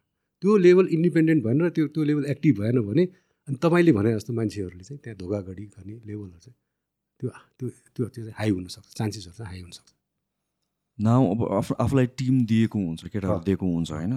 You being the commander त्यो त आफूले सेलेक्ट गर्न पाउँदैन नि होइन? त्यो त असाइन्ड हुन्छ। हो सो त्यो असाइन्डमा सबैजना राम्रै हुन्छ सबैजना त्यही केपेबिलिटीको हुन्छ या सबैजना त्यही प्योर इन्टेन्सनको हुन्छ भनेर त जरुरी छैन। र यो सिचुएसन कस्तो भन्नु भनेपछि कम्प्रोमाइज गर्नै नसकिने सिचुएसन हो लाइफ एन्ड डेथ सिचुएसन हो। हो। त्यो मान्छेको मात्र होइन कि? तपाईँको प्लस तपाईँ जतिजना मान्छेको लागि रेस्पोन्सिबल हुनुहुन्छ हुँ। सबैजनाको लाइफ एन्ड डेथ सिचुएसन एकजना मान्छेले बिगारिदिन सक्छ। हो। त्यस्तो बेलामा चाहिँ कसरी डिसाइड गर्नुहुन्छ? कसैलाई लिने नलिने कि जस्तोलाई पनि ग्रुम गरेर राम्रो बनाउन। सकिन्छ कि हटाउनु पनि भएको छ कुनै बेला? होइन। सबभन्दा पहिला मैले हटाएको छु। तर म म के भन्छु भने म त्योभन्दा थोरै के- केमा विश्वास राख्छु भने तपाईँको हातमा अब आर्मीले तपाईँलाई ल यो पचासजना तेरो टिमको भनेर दियो अरे होइन? तपाईँ प्लटुन कमान्डर तपाईँ उन्चालिसजना भन्छ प्लटुनमा होइन? नर्मल्ली उन्चालिसजनाको टिम हुन्छ। तपाईँसहित अडतिसजना भनौँ न। अडतिसजना तपाईँलाई दिएको हुन्छ भने त्यो अडतिसजनालाई चिन्ने अडतिसजनाले तालिम गरेको छ कि छैन भनेर बुझ्ने त्यो अडतिसजनाले युद्धमा जाँदैछ त्यो युद्धमा जानको लागि उसले आवश्यक पर्ने आर्म्स एन्ड एमुनेसन उसले उसले बोकेको छ छैन त्यो ठिक हालतमा छ कि छैन उसले बोक्ने इक्विपमेन्टहरू छ कि छैन ठिक छैन त्यो त्यो सबै हेर्ने जिम्मेवारी भनेर एउटा लटनलाई तोकेको हुन्छ नि होइन? भनेपछि तपाईँको उसले चाहिँ त्यसरी नै आफ्नो त्यो प्लटुनलाई व्यक्तिगत रूपमा चिनेको हुन्छ नो यो ट्रुप्स भन्छ हाम्रो एकदम होइन। अहिले आज नो यर क्लाइन्ट भने know your troops know your troops त्यो एकदम जति नो यर एनिमी हुनु पऱ्यो त्यो त्यही भयो त्यही लेभल हो नो यर ट्रुप्स हुनुपर्छ। त्यो नभएसम्म अनि मेरो फौज लडाइँको लागि तयारी छैन ऊ मानसिक र भनौँ मेन्टली र फिजिकली ऊ फिट छैन। अनि ऊ चाहिँ ट्रेन्ड छैन। भनेसम्म त उसले त्यो उसलाई त लग्नै हुँदैन नि। उसलाई त बाहिर निकाल्नै हुँदैन। त्यो निकाल्नु भनेको के हो भने त्यो मिसनलाई कम्प्रोमाइज गरेको जस्तो हुन्छ। होइन? भोलि चाहिँ ठुलो ठुलो दुर्घटना हुनसक्छ त्यो मान्छेको कारणले गर्दाखेरि। त्यस कारणले त्यहाँ फेरि प्लटुन कमान्डरकोसँग तिनवटा अरू चारवटा अरू कमान्डर हुन्छ। उसको ट्वाइसी हुन्छ एउटा जेसिएस लेभलको अनि तिनवटा हल्दार हुन्छ जो सेक्सन कमान्डर। ऊ मार्फत त्यो सबै मान्छेलाई उसले चिनेको जानेको तालिम गराएको अनि उनीहरूको बिचको बन्डिङ तिनीहरूको बिचको त्यो सबै चिज चाहिँ त्यहाँ एउटा एउटा कोहेसिभ एउटा सब युनिट ग्रुपमा उनीहरू चाहिँ डेभलप गरेको हुन्छ कि उनीहरूले? आफै उनीहरूले तालिम गराएको हुन्छ आफै उनीहरूले उनीहरूको कमी कमजोरीहरू बुझेको हुन्छ। अनि आर्मीमा चाहिँ एउटा के मान्यता हुन्छ भने एकदम राम्रो मान्छे यो हो एकदम नराम्रो मान्छे यो भने छुट्याएको हुँदैन। सबैले बराबर बनाएको बनाउनु पर्छ। त्यो छुट्टिने ठाउँ अर्कै ठाउँहरू होला त्यो जज गर्ने ठाउँहरू। तर त्यो लडाइँको लागि त्यो जज गर्ने होइन राम्रो मान्छे नराम्रो।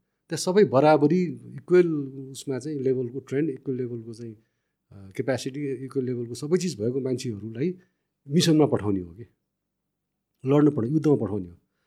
मान्छे सयजना पुऱ्याउनलाई रामबहादुर श्यामबहादुर हरिबहादुर खोजेर ल्याउने होइन कि? त्यो मिसन अकम्प्लिस गर्नको लागि त्यो मिसनलाई सक्सेस गर्नको लागि त्यहाँ चाहिँ एउटा टिम पठाउने हो कि? अनि त्यो टिम चाहिँ तपाईँको चाहिँ कस्तो हुन्छ नि? पल्टनमा बटालियनमा कति नम्बर प्लोटुनमा कुन चाहिँ कम्पनीको कति नम्बर प्लोटुनमा को को हुन्छ भन्ने कुरा पहिलेदेखि त्यहाँ गएको दिनदेखि त्यो असाइन्ड हुन्छ तिनीहरू। तिनीहरू हतियारदेखि लिएर गर्ने कामदेखि लिएर सबै त्यो एसओपी हुन्छ। त्यही अनुसारको उनीहरूलाई तालिम दिएको हुन्छ त्यही अनुसार उनीहरूले काम गरेर हुन्छ त्यही अनुसार उनीहरू भिजिरहेको हुन्छ। त्यस कारणले त्यो समस्या हुनु नपर्ने हो है। तर जब लडाइँकै सिनारियो हुन्छ वर्स्ट वर्स्ट केस सिनारियोमा जब यदि तपाईँ कुनै ठुलै मिसनहरूमा जाँदै हुनुहुन्छ भने चाहिँ त्यो तपाईँसँग भइरहेको म्यान पावरबाट पनि दुई चारजना त कसै त्यति बेला घरको समस्या होला। होइन? कसैलाई श्रीमतीसँगको समस्या कसैलाई छोराछोरीसँग समस्या होला कसैलाई ऋण ऋण सापोर्टको समस्या होला गरिबी देश हो होइन? कसैलाई घरको कुनै बाबुआमाको समस्या परिरहेको होला। अब उसको त्यो भावभङ्गीबाट पनि झल्किन्छ ऊ उसको मोरल त्यति छैन उसको चाहिँ मोटिभेसन उसमा देखिँदैन भनेपछि जबरजस्ती त मेरो प्लटुनको त यो काममा जानैपर्छ भनेर लगाउनु त त्यो उचित हुँदैन। अब झन् त्यो तालिमै नगरेको भर्खर आएको कोराहरूलाई लाइन एक सय पचासजना हामी जानुपर्छ एक सय पचासजनामा त एक सय पैँतालिस चालिस सत्तालिस अडचालिस उन्चास पचास तिमीहरू भनेर लैजानु चाहिँ त्यो चाहिँ त्यो चाहिँ ठिक होइन। त्यो चाहिँ महापाप हो। कमान्डरको धर्मै होइन त्यो। कमान्डरको धर्म चाहिँ के भने लडाइँमा यदि लग्नु छ भने आफूसँग अथवा अरूसँग पठाउनु छ भने त्यो ट्रेन्ड भएको उसले यकिन गर्नुपर्छ। त्यो मेन्टली र फिजिकली फिट भएको त्यो उसले यकिन गर्नुपर्छ। अनि मात्र उसलाई के गर्नुपर्छ त? बाहिर पठाउनु।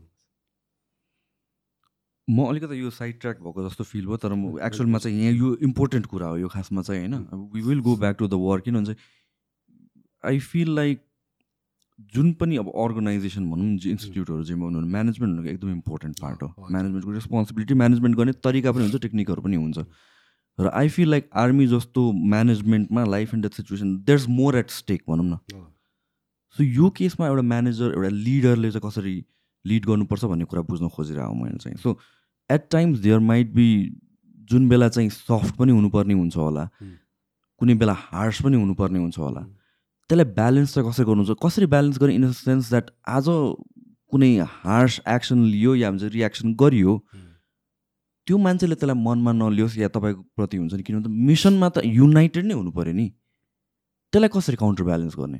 म एउटा घटनासँग जोडिहालेँ यो कुरा है। गणेशपुर भन्ने एउटा ठाउँमा एउटा ठुलो इन्सिडेन्ट भएको थियो। मैले कमान्ड गरेको मेरो आफ्नो इन्डिपेन्डेन्ट कम्पनीको म कम्पनी कमान्डर हुँदाखेरि गएको बेला एउटा ठुलो अचिभमेन्ट हाम्रो आर्मीले लिएको थियौँ हामीले होइन? त्यो जानुभन्दा अगाडि बिहान मैले मेरो एउटाजना युनिटको मेम्बरलाई मैले एक झापड हानेको थिएँ होल युनिटको गाडी हामी गाडीमा चढाउन लागेको थियौँ मिसनको लागि जानलाई तर एउटा एउटा बिचरालाई मैले एक झापड हानेको थिएँ।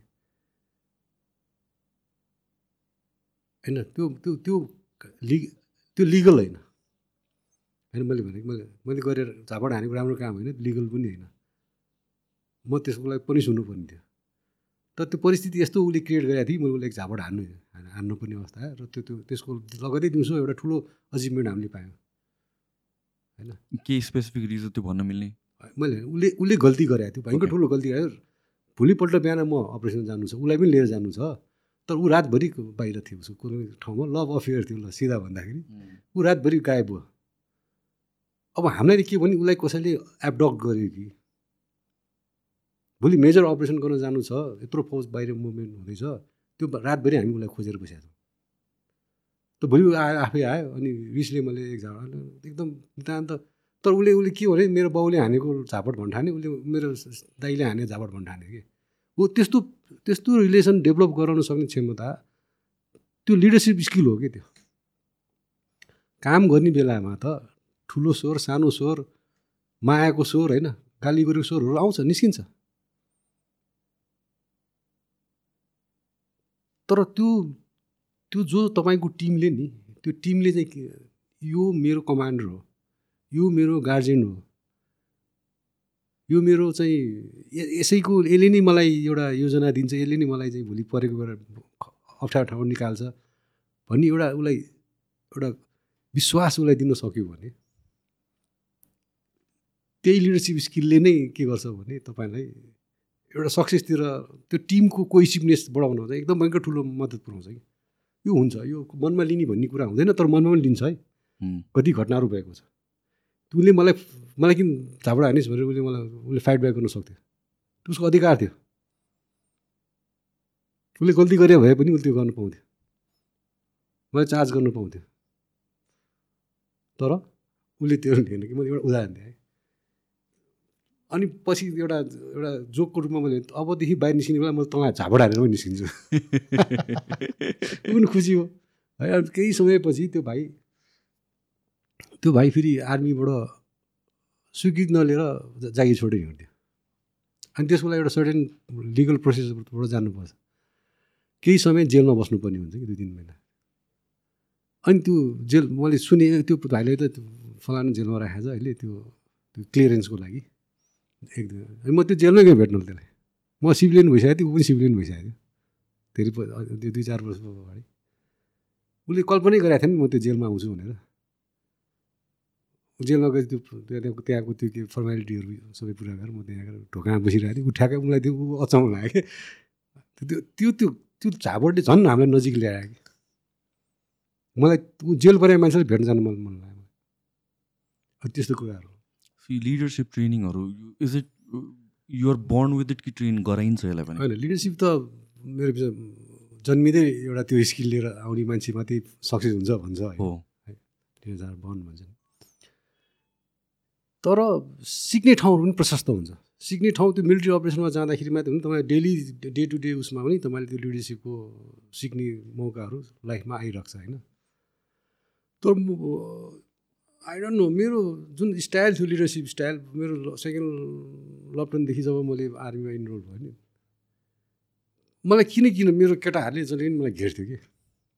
मेरो म स्पोर्ट्समा पनि अलिकति उयो थिएँ एक्टिभ थिएँ होइन? त्यो कारणले हो जस्तो लाग्छ मलाई बढी। स्पोर्ट्समा त अलिकति हुन्छ नि होइन? म बास्केटबल खेल्थेँ टिमबाटै खेल्थेँ राम्रै खेल्थेँ फुटबल खेल्थेँ टिमबाटै खेल्थेँ भलिबल खेल्थेँ टिमबाटै खेल्थेँ होइन? त्यसले पनि केटा आजसम्म मलाई नजिक हुने सायद ऊ भयो होला होइन? तिनीहरूसँग तिनीहरूले के खोज्छ अफसरसँग तिनीहरूसँग कसरी बोल्ने? तँ भनिन्थ्यो लात्ता पनि हानिन्थ्यो कति ठाउँमा लात्ता हान्यो भनेर कस्तो ठुल्ठुलो घटना भएको छ? गोलीसम्म चलाएको छन् होइन? होइन? खै मैले त्यस्तो कहिले नि भएन। उनीहरू झन् मसँग नजिक छ। अहिले मसँग अब म पनि बाहिर निस्केँ तिनीहरू सबै धेरै जस्तो बाहिर निस्क्यो। मैले तिनीहरू लकडाउनदेखि सङ्गत गरेँ भाइहरू होइन सिपाहीहरू। अहिले झन् नजिक छ। अब पचहत्तरै जिल्लामा जहाँ गयो पनि एउटा एउटा केटाहरू भेट झुप्प आइहाल्छ नि जहाँ पनि भेट्न आइहाल्छ। त्यो अचम्मको त्यो एउटा मेरो मलाई थाहा छैन। त्यो त्यो त्यो चाहिँ मेरो लागि एउटा एसेट्सको रूपमा भयो कि। त्यही चिज मैले पछि त्यो लडाइँमा मैले चाहिँ प्रयोग गर्न पाएँ। म प्रयोग गरेँ भने त्यो त्यो चिजले मलाई एउटा ठुलो। एउटा चाहिँ साथ दियो। तपाईँको लिडरसिप स्टाइल भनेको मोर अफ अ एउटा एज अ फ्रेन्डली वेबाट भिज्ने हो जस्तो लाग्यो compare to like more strict हुने हो कि? दुवैको ब्यालेन्स हो फेरि। स्ट्रिक्ट हुने त आर्मीमा त्यो त्यो धेरै देखिन्छ है त्यो स्ट्रिक्टलाई चाहिँ त्यसलाई नजरअन्दाज गर्न मिल्दैन। तर स्ट्रिक्टमा धेरै कुराहरू छ मैले झापड हान्यो लात्ता हान्यो गर्यो गाली गर्यो त त मम गर्यो पनि अगाडि र पछाडि गर्ने व्यवहारहरूले धेरै काउन्ट गर्छ क्या। त्यो त्यो एउटा समयमा तपाईँले गाली गरेको र त्योभन्दा अगाडि गरेको व्यवहारमा उसले जज गर्छ नि त तपाईँलाई। तपाईँले कमाइ कमा मिलिट्री कमान्डर हो त्यो ब्यारेक भने एउटा घर जस्तो हो कि। हुन त त्यहाँ कानुन छ त्यसको हरेक ऊ छ त्यो हरेक त्यसलाई पालना गर्नुपर्ने छ एसओपिसहरू छ सबै चिज छ। ब्यारेकभित्र खाने बस्ने सुत्ने हिँड्ने सबै चिजको त्यो एसओपिसहरू छैन। तर त्यसको अलावा त्यो एउटा फ्यामिली पनि हो कि? फ्यामिलीमा त दाजुभाइ दिदी बहिनी काका सबको के नै के त हुन्छ नि कम पाँचवटा औँला त बराबर छैन नि। त्यो बुझ्न सक्नुपर्छ। अल्टिमेटली यो फौज यो सिपाही भने त मलाई त यो बिहान बेलुका सलाम खाने हिँड्ने भात खाने त्यो परेड खेल्ने मात्रै भोलि त गएर त ओस्के सिनारीमा काम गर्दाखेरि साथ त तिनीहरू हो नि। होइन? खेल्नलाई मात्र होइन ऊ मात्रै होइन। भोलि त आखिर लडाइँमा कत्रो ठुलो काममा आउँदो रहेछ त त्यो त्यो बन्डिङ होइन। तिनीहरूसँगको त्यो कोइसिभनेस होइन पल्टनको कोइसिभनेस कति काम आउँदो रहेछ भन्ने कुरा त हामीले त फिल गऱ्यौँ नि त। अनि त्यही नै चाहिँ मलाई चाहिँ त्यो पाँच छवटा कुरा गर भने म नम्बर एकमा यही कुरा राख्छु कि जहिले पनि। त्यो केटाहरूले अचम्म किसिमको मलाई साथ दिएको छ कि अचम्म किसिमको चाहिँ मलाई चाहिँ रेस्पेक्ट दिएको छ। रेस्पेक्ट भने त त्यो सलाम वलाम यो मात्रै होइन कि। मेरो स्टाइललाई चाहिँ उनीहरूले चाहिँ लिएको छ आफूले धारण धारण गरेको छ। त्यो त्यही हो। है अब त्यो चाहिँ लिडरसिप चाहिँ अब यो ट्रेनिङकोमा चाहिँ यो लिडरसिप म्यान म्यानेजमेन्ट भनेर हामीले ट्रेनिङहरूमा यो राखेको हुन्छ। तर यो अलिक ठुलो मात्रामा चाहिँ गराउनु पर्ने हो होइन। तर एउटा पोर्सन चाहिँ त्यो म्यान म्यानेजमेन्ट भनेर गर्छ। त्यहाँदेखि त्यही लपटनदेखि त्यो माथिसम्म तालिम गर्दा त्यही नै हो पढ्ने फेरि होइन। तर त्यो लेखेको कुराहरू प्र्याक्टिस गर्नलाई चाहिँ लिडरसिपमा एउटा त के हुन्छ नि तपाईँ सुरु सुरु गर्न सक्नुहुन्छ कसै कसै त्यहाँ एक्टिङ गर्नुपर्ने हुन्छ कि? अनि त्यो छुट्याउँछ यसले एक्टिङ गरिरहेको छ कि यो साँच्चै यस्तै मान्छे हो भनेर सो यो त कति कुराहरू त अब डिपेन्ड्स अपन मान्छेको पर्सनालिटी पनि नि त। किनभने लिडर्स भनेर भनेको मलाई पनि के लाग्छ भने टु सम एक्सटेन्ट ट्रेन त गर्न सकिन्छ तर त्यो मान्छेमै भर पर्छ कि either. Is born with it or not किनभने लिडर भनेको मान्छे त उसको मान्छे त कोही छ उसलाई भने। कसले चेक गर्ने त? ऊ त मोटिभेटेड हुनै पऱ्यो नि। उसलाई त कसैले मोटिभेट गर्दैन। मलाई चाहिँ के के लाग्छ भने म मैले जहिले पनि मेरो केटाहरूलाई भन्थेँ कि हेर भाइ मलाई चाहिँ कसैले मोटिभेट गर्नु पर्दैन मेरो काम गर्नलाई। मेरो काम तोकिएको छ। आर्मीमा त सब तोकिएको हुन्छ मैले भनिरहेको छु है यो मेरो मेरो ड्युटी मेरो तिमीहरूप्रतिको ड्युटी विशेष गरेर सिपाहीहरूप्रतिको ड्युटी होइन? अब मेरो कमान्डरपट्टिको ड्युटी भने त कमान्डरले अराएको काम। गर्ने त हो। चौबिस घन्टा कमान्डरलाई खुसी पार्ने त होइन नि। मेरो सबभन्दा ठुलो ड्युटी त टुवर्ड्स माइ सोल्जर तिम्रो तिमीहरूपट्टिको मेरो जुन ड्युटी हो त्यो चाहिँ म चाहिँ गर्छु। अब आफ्नो स्टाइलले गर्छु। त्यो गर्नको लागि मलाई कसैले मोटिभेट गर्नु पर्दैन। मैले अरूले मोटिभेट गरेर अरूले मोराल दिएको मोरालले मेरो मेरो मोराल हाई हाई हुन्छ भन्ने म विश्वास राख्दिनँ। अहिले पनि म राख्दिनँ। तपाईँले यहाँ मलाई बोल्न बोलाउनु भयो। तपाईँले मलाई बोलाएपछि तपाईँको एक दुईवटा पहिला झ्याकझुक हेरेको थिएँ। मैले त्यहाँ तपाईँको जुन सबै चिज त्यो तपाईँले सोध्ने क्वेसनहरूको सबै चिजहरूले गर्दा ओहो यो त्यो ठाउँमा म जानुपर्छ भने मलाई फिल भयो। म आएँ। तपाईँ दसवटा कुरा गर्नै पऱ्यो नि त बोलाउन मलाई। भने जस्तो एउटा कुरा मैले उदाहरणको लागि भनेको थिएँ है।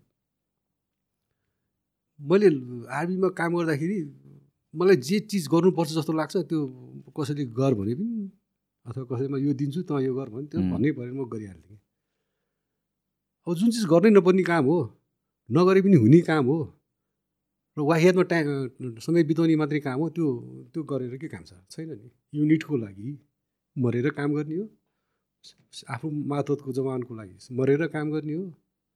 आफूले जाने बुझा सबै चिज उनीहरूको अगाडि राखिदिने हो। त्यही हो। अनि मैले त्यसरी भन्थेँ मलाई कसैले मोरल दिनु पर्दैन कसैले मोटिभेट पनि गर्नु पर्दैन म त्यो काम गर्छु। तर अनि तिमीहरू यदि काम गर्न सक्छौ मसँग भने काम गर गर्न सक्दैन भने त्यति बेला भन्यो कि यो कारणले चाहिँ। म चाहिँ डिसएग्री गर्छु यो काम गर्न सक्दिनँ भने मैले तिमीहरू खुलेर गर्थेँ मैले केटाहरूसँग चाहिँ सरी भनेको छु मैले। म सरी भन्नु केटाहरूलाई लाजै भन्दिनँ कि सरी भन्दिनँ। म के गल्ती गरिराख्लाई सरी भनिदिएँ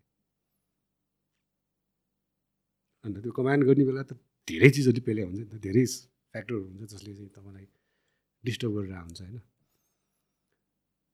अनि त्यो चिजहरूबाट कहिले कहिले गल्ती हुन्छ। त्यो गल्ती भयो भने केटाहरूलाई ल सरी म यो कारणले गल्ती हुनु पुग्यो। अब म यो गल्ती गर्दिनँ। भन्नु भनेपछि त्यो चिजले नै सायद केटाहरूले तपाईँलाई जज गरिरहन्छ कि? हरेक सिपाहीले आफ्नो कमान्डरलाई जज गरिरहन्छ। जहाँ कमान्डर चुक्यो। अनि कमान्डरले त्यसलाई सच्याउनलाई आफूलाई सच्या भने चाहिँ ठिक छ। अनि त्यसलाई चाहिँ गलत इम्प्रेसन दिनलाई त्यो झुटो बोल्न थाल्छ कि? झुटो बोल्न थालेपछि उसलाई त देख देखिरहेको हुन्छ नि चौबिसै घन्टा त्यो सिपाहीले तपाईँले हेरिरहेको हुन्छ नि आफ्नो कमान्डरले के दिन्छ मुखबाट उसले के आदेश दिन्छ भनेर कान खोलेर आँखा खोलेर बसिरहेको हुन्छ नि। अनि जब उसले जज गर्न थाल्छ अनि त्यसपछि त्यहाँ अलिक गडबड कि। उम्, त्यो भनिन्छ नि how you do one thing is how you do everything भनेर भनिन्छ। सो कतिवटा पार्ट्समा चाहिँ लिडरसिपको पनि प्रब्लम के भइदिन्छ भनेपछि एउटा सम सोर्ट अफ इगो चाहिँ आउँछ कि वेयर बाई मैले आफ्नो मिस्टेक एक्सेप्ट गर्नु हुँदैन कि भनेर।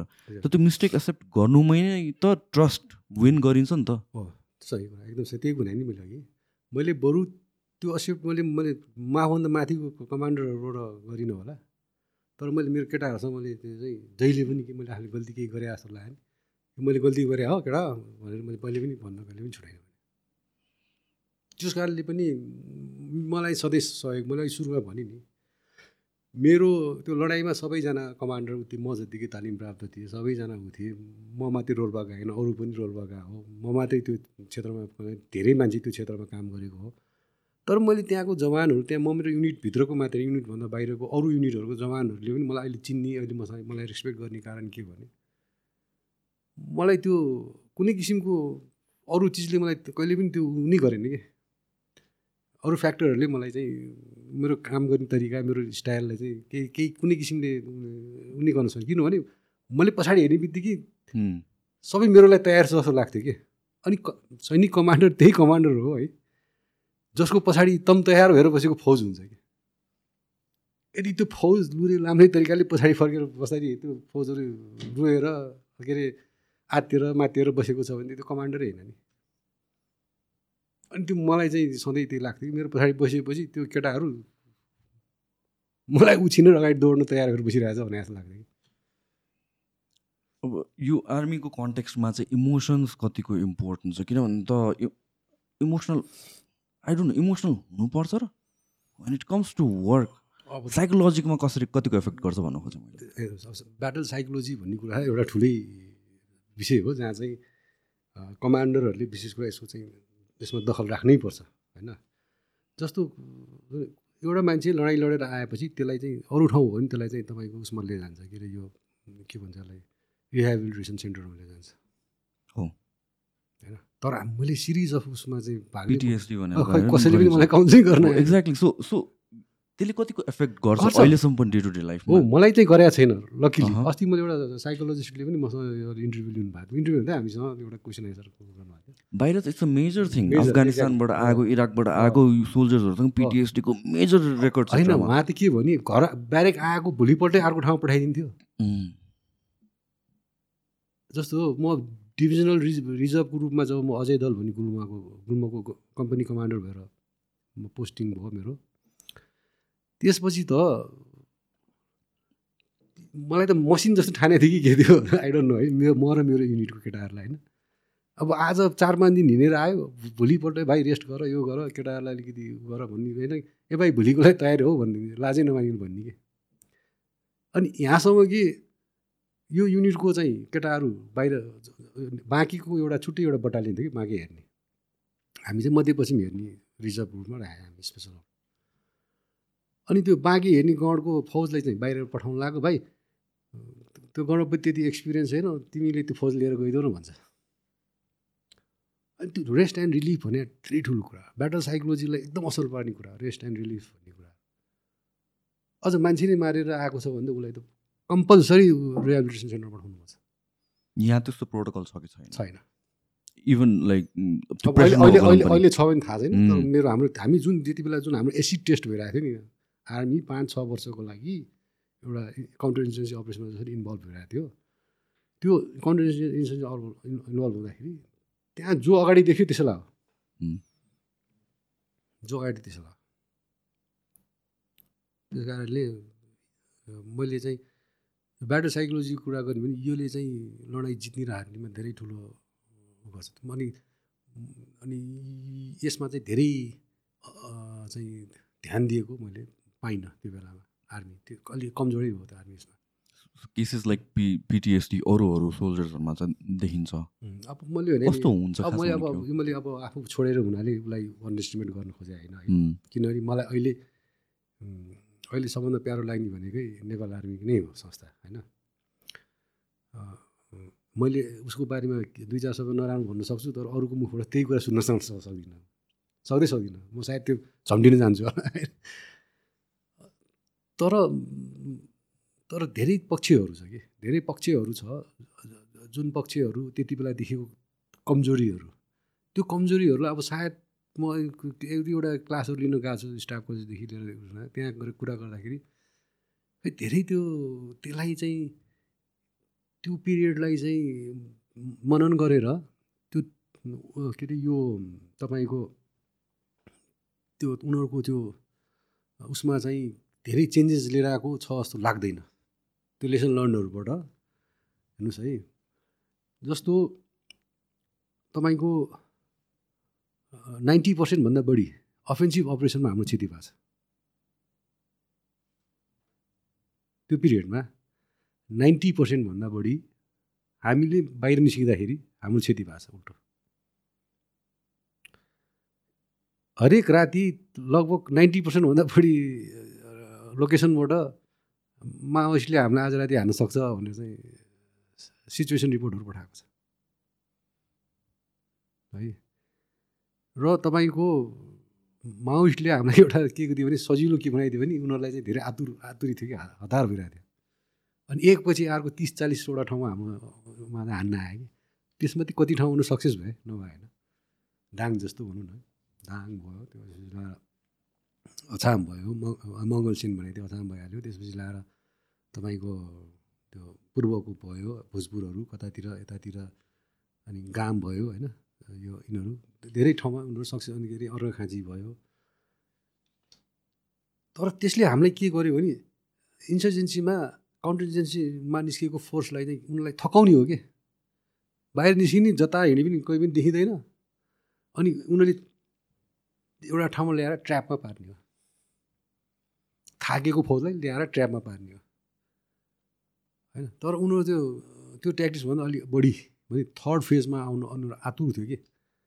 थर्ड फेजमा आएर वार्ता सार्ता गरेर पोलिटिकल एउटा अचिभमेन्ट लिने एउटा पोस्ट लिएर बस्ने उनीहरूको एउटा प्लान थियो होइन त्यस कारणले उनीहरूले सधैँ आफ्नो क्याडेटहरूलाई त्यो मान्छे हो कि के जनावर हो त्यसरी अगाडि धकेलाइ धकेलै गऱ्यो कि अदरवाइज नत्र चाहिँ भने उनीहरू धेरै अगाडि पुग्थ्यो जस्तो लाग्छ है।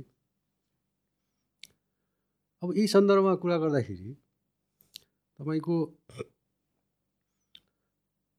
मैले चाहिँ देखेको कुरा के भने त्यो अवस्थामा हामीले पुरा पुऱ्याइसकेका थियौँ कि। ज जहिले पनि गयो हतियार लुटाएर आएको। जहिले पनि बाहिरको एउटा अफसर अथवा एउटा अदर अदर ऱ्याङ्कको वीरगति प्राप्त गरेको छ जहिले बाहिरको बाहिर जानै नहुने किसिमको एउटा वातावरण सिर्जना गर्न उनीहरू सकिसकेको सकिरहेको थियो कि। अब यो चाहिँ त्यो सायद त्यो युनिट विशेषहरूमा है त्यो जसले क्षति बिहोरेको छ तिनीहरूले एउटा बुझ के बुझ्न सकेन जस्तो लाग्छ भने उनीहरू जहिले पनि त्यो केटा एउटा एउटा पक्षलाई दोष दिएर अनि उम्किने कोसिस गरिरहेको कि जहिले पनि। उनीहरू सँगै बसेन सँगै तालिम गरेन होइन? अब जस्तो केटाहरूलाई तालिमको कमी छ भनेपछि त तालिम गराउनु पर्छ नि। तालिम नगराइकन उनीहरू चाहिँ त्यो बन्दुकसँग आउने गोलीहरू हामीलाई चाहिँ डिफेन्समा हान्न आयो भने काम लाग्छ भनेर सञ्चित गरेर राखिरहेको सायद त्यही कारणले होला कि।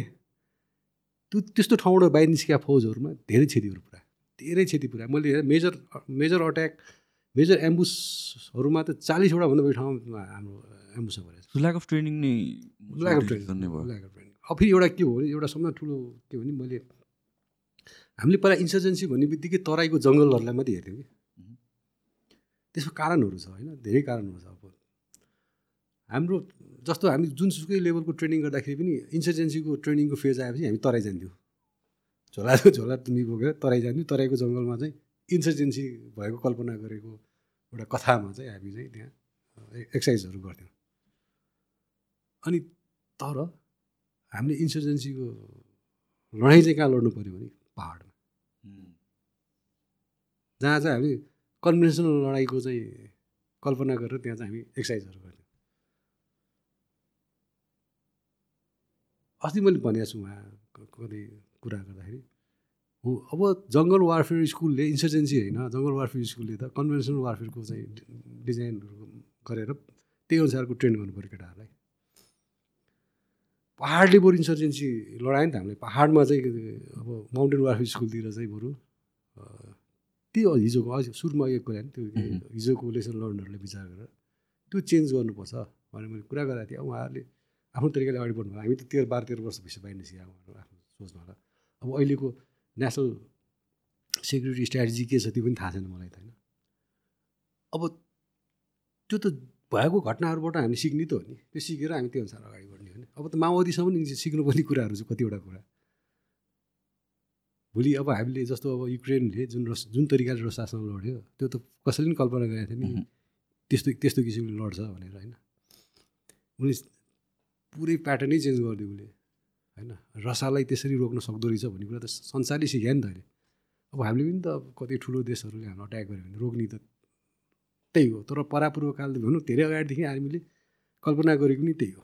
गुरिला वारफेयर अथवा यो प्रोटे प्रोटेक्टेड वारफेयर भन्छ विलम्ब युद्ध अथवा होइन इन्सर्जेन्सीको माध्यमबाटै हामीले हाम्रो हाम्रो देशलाई जोगाउने हो भोलि ठुलो आर्मीसँग लडाइँ। अनि त्यसबाट उनीहरू पनि सिक्नुपर्छ र अहिले धेरै चिजहरू के त्यो- त्यति बेला मेन मेन सेटब्याक भनेको म्यान म्यानेजमेन्ट हो त्यति बेलाको सेटब्याक भनेको ट्रेनिङ हो त्यति बेलाको सेटब्याक भनेको कोइसिभनेस हो। सो ट्रेनिङ भन्दाखेरि पनि अब मैले सुने अनुसारले चाहिँ नेपाल आर्मीको ट्रेनिङ इज वर्ल्डकै वान अफ द टफेस्ट भनेर भन्छ। कतिको ट्रुथ छ त्यसमा? अनि टफेस्ट एउटा ठाउँमा छ हेर्नुहोस्। मैले भने टफ भनेको मेन्टल्ली टफ हुनुपर्छ फिजिकल्ली टफ हुनुपर्छ त्यसले मात्र तालिम गर्न सक्छ। जुन जुन तालिम चाहिँ भनौँ न भोलि गएर थ्रेटलाई मिट गर्न अथवा मिसन ओरिएन्टेड तालिम गर्नलाई त्यो मान्छे फिट हुन्छ जो चाहिँ मेन्टली र फिजिकली फिट हुन्छ। So it's part of selection नै भयो एक्ज्याक्टली तर मिलिट्री ट्रेनिङ भन्ने बित्तिकै धेरै ठुलो भनेको त्यो भने ट्याक्टिकल सुपेरिटिको लागि गर्ने तालिमहरू हुन्छ कि त्यो ट्याक्टिकल अवेरनेस ल्याउने हो कि त्यो भारी बोकेर भारी बोकेर बन्दुक बोकेर दौडेर माथि सिपाही हुने होइन कि। जस्तो म अमेरिकाको स्पेसल फोर्सेस गर्न जाने मौका पाउँदाखेरि सुरुमा त मलाई पनि यहाँ त लगभग धेरै यसो जहाँ त फिजिकल फिटनेसकै लियो उहाँ पनि लिन्छ लिन्छ। तर त्यो उनीहरू खालि एउटा भित्र छिर्ने एउटा बाटो मात्रै रहेछ कि। तर स्पेसल फोर्सेसमा त त्यहाँ म त कल्पना के गरेको थिएँ भने उयो ऱ्याम्बो र के अरे सिल्भर सिल्भर स्टाइलको ऱ्याम्बो होइन। अनि उसको चाहिँ आर्नल्ड स्वाजनेगरको कमान्डो। होइन। त्यो वान म्यान आर्मी टाइपको ट्रेनिङ होला भने जस्तो लाग्थ्यो कि। तर त्यहाँ गएपछि त मेरो त्यो सोच्ने तरिकै फरक भयो होइन। कस्तो हुने रहेछ त्यो त्यो त्यो त्यो स्पेसल फोर्सेसको चाहिँ उनीहरूको उनीहरूको रोलहरू प्राइमेरी रोलहरू रेस्पोन्सिबिलिटीहरू त्यसमा आउने सबै चिज छ है। त्यो अब त्यो त्यो लडाइँ लड्ने भन्दा पनि त्यो स्ट्राटेजिक लेभलको प्लानिङ रेकग्नसेन्सहरू होइन। तिनीहरूको अपरेटरहरू त आएर हाम्रो देशको प्रधानमन्त्री नै चलाइदिन्छ। मन्त्रालय चलाइदिन्छ मजाले। है त्यस्तो किसिमको हुन्छ कि so back to the story. Usually so यो होल अपरेसन्स फ्रम माओइस्ट चाहिँ कसरी अगाडि बढ्यो एडभान्समेन्ट कसरी भयो? वान आफ्टर अनदर इभेन्ट्सहरू त्यही त अब छ तपाईँलाई मैले अघि भनेको थिएँ नि के अरे यो उनीहरूले जुन सुरुमा बाहन्न सालको उसमा चाहिँ फागुन एक गति उनीहरूले त्यो गर्ने बित्तिकै छवटा जिल्लामा उनीहरूले पहिला टार्गेट बनाए होइन त्यो। सबै जिल्लामा जान सकेका थिएन छवटा जिल्लामा बनाए। त्यसपछि उनीहरूले बिस्तारै गएर चाहिँ यो वार्ता भन्दै समय लिँदै वार्ता भन्दै समय लिँदै उनीहरूले चाहिँ एउटा ठाउँमा आएर दाङलाई हान्यो। सो यो वार्ता भन्दै समय लिने भनेर जुन वर्ड युज गर्नुभयो त्यो साँच्चै वार्ता इन्टेन्सन थियो कि प्रिपरेसन प्रिपरेसन हन्ड्रेड पर्सेन्ट त्यो त त्यो प्रुभ भइसक्यो नि त्यो त होइन। त्यो इभेन्टहरू चाहिँ चाहिँ सिक्वेन्स अफ इभेन्टहरू जे जे भएको छ त्यसले नै प्रुभ गरिसक्यो नि। अनि तपाईँको उनीहरू सेकेन्ड मेरो विचारमा कहाँ लाग्छ नि यो सेकेन्ड फेज अघि मैले सुरुमा भने नि तिनवटा तह भनेको थिएँ नि। स्ट्राटेजिक डिफेन्स र स्ट्राटेजिक स्टेलमेटमा आएर उनीहरूले टुङ्गाउन चाहन्थ्यो जस्तो लाग्थ्यो कि। त्यो जुन लास्टमा आएर यिनीहरू जुन स्ट्राटेजिक काउन्टर अट्याकको फेजमा आउँदाखेरि तपाईँको यिनीहरूले अगाडि नै वार्ता गर्न कोसिस गर्ने अगाडि टुङ्गाउन पर्ने अवस्थाहरू आइसकेका थिए। किनभने इन्डियामा जहाँ उनीहरूको सेल्टर थियो त्यो सेल्टरमा एउटा पक्ष भनौँ न उनीहरूलाई नै झन् दुई टुक्रा तिन टुक्रा बनाउने परिस्थितिहरू आइसकेको थियो र उनीहरूको एउटा पक्षको मान्छेहरू इन्डियामा धरपकड भएर कोहीलाई त इन्डिया नेपाल इन्डियनले नेपाललाई पनि बुझाइदिइसकेको थियो अब यो इन्सर्जेन्सी सक्सेसफुल इन्सर्जेन्सीको लागि विभिन्न कारणहरू जे जे छन् त्यो यथावत थिए होलान्। तर एउटा भयङ्कर ठुलो ऊ भनेको चाहिँ एक्सटर्नल सपोर्ट हो कि। एक्सटर्नल सपोर्ट नभएसम्म इन्सर्जेन्सी चाहिँ सक्सेस हुँदैन कसैको पनि। हाम्रो देशमा त झन् हुँदै हुँदैन होइन? सानो देश छ होइन? त्यहाँदेखि त्यो जुन एक्सटर्नल सपोर्ट दिनु चाहिँ बन्द हुने अवस्था आइसकेको थियो विशेष गरेर प्रचण्डको चाहिँ उसलाई समूहलाई होइन? त्यति बेला उसले चाहिँ लगभग हताश परिस्थितिले उसले एउटा दुइटा तिनवटा अट्याकहरू गरेर एउटा जतिसक्दो चाँडै नेपालको नेपालमा वार्ता सार्ता गरेर एउटा उसमा पुगौँ भन्ने आइसकेको थियो। तर त्यो कुरा तपाईँको यो यो जुन बाबुराम रलाई प्रचण्डले चाहिँ उसमा राखेको छ भन्ने एउटा नेपालमा एउटा ऊ आयो समाचार आयो होइन। त्यसपछि एक्सटर्नल फ्याक्टरहरू अलिकति के गर्यो त चलाखीपूर्ण रूपमा अगाडि बढ्ने कोसिस गर्यो उनीहरूले होइन? त्यो चाहिँ के हो भने उनीहरूले चाहिँ अब यो सबै चिज चौपट हुनलाई हाम्रो लगानी खेल जानलाई हामी आफ्नो उद्देश्यमा पुगेको छैनौँ। यसलाई कसरी जिउँदै राख्ने भनेपछि उनीहरूले बाबुरामलाई चाहिँ प्रचण्डको चङ्गुलबाट बाहिर निकाल्नलाई सफल भएर इन्डियामा लगेर अनि यो पुरै माओवादीलाई केमा चाहिँ मिलाइदियो भने यो चाहिँ राजनीतिक चाहिँ के हो के भन्छ यसलाई? राजनीतिक अभियानमा लिएर आएर काङ्ग्रेस एमाले अनि त्यति बेला पार्टीहरूलाई शुद्ध त्यसमा चाहिँ राजाको कदम विरुद्ध प्रजातन्त्रको लागि भनेर एउटा आन्दोलन सुरु गराइदियो सो होल मुभमेन्ट नै नै इन्डियाबाटै इन्फ्लुएन्स थियो यो होल हन्ड्रेड पर्सेन्ट। उनीहरूले चाहेको जस्तै यिनीहरूले त्यो बाटो लिएर टुङ्ग्यो कहाँ हो त? बाह्रबुदीबाट टुङ्ग्यो। है नत्र भने त्यो खाराको अट्याक दोस्रो खारा। उनीहरूले गरेको त्यही हो।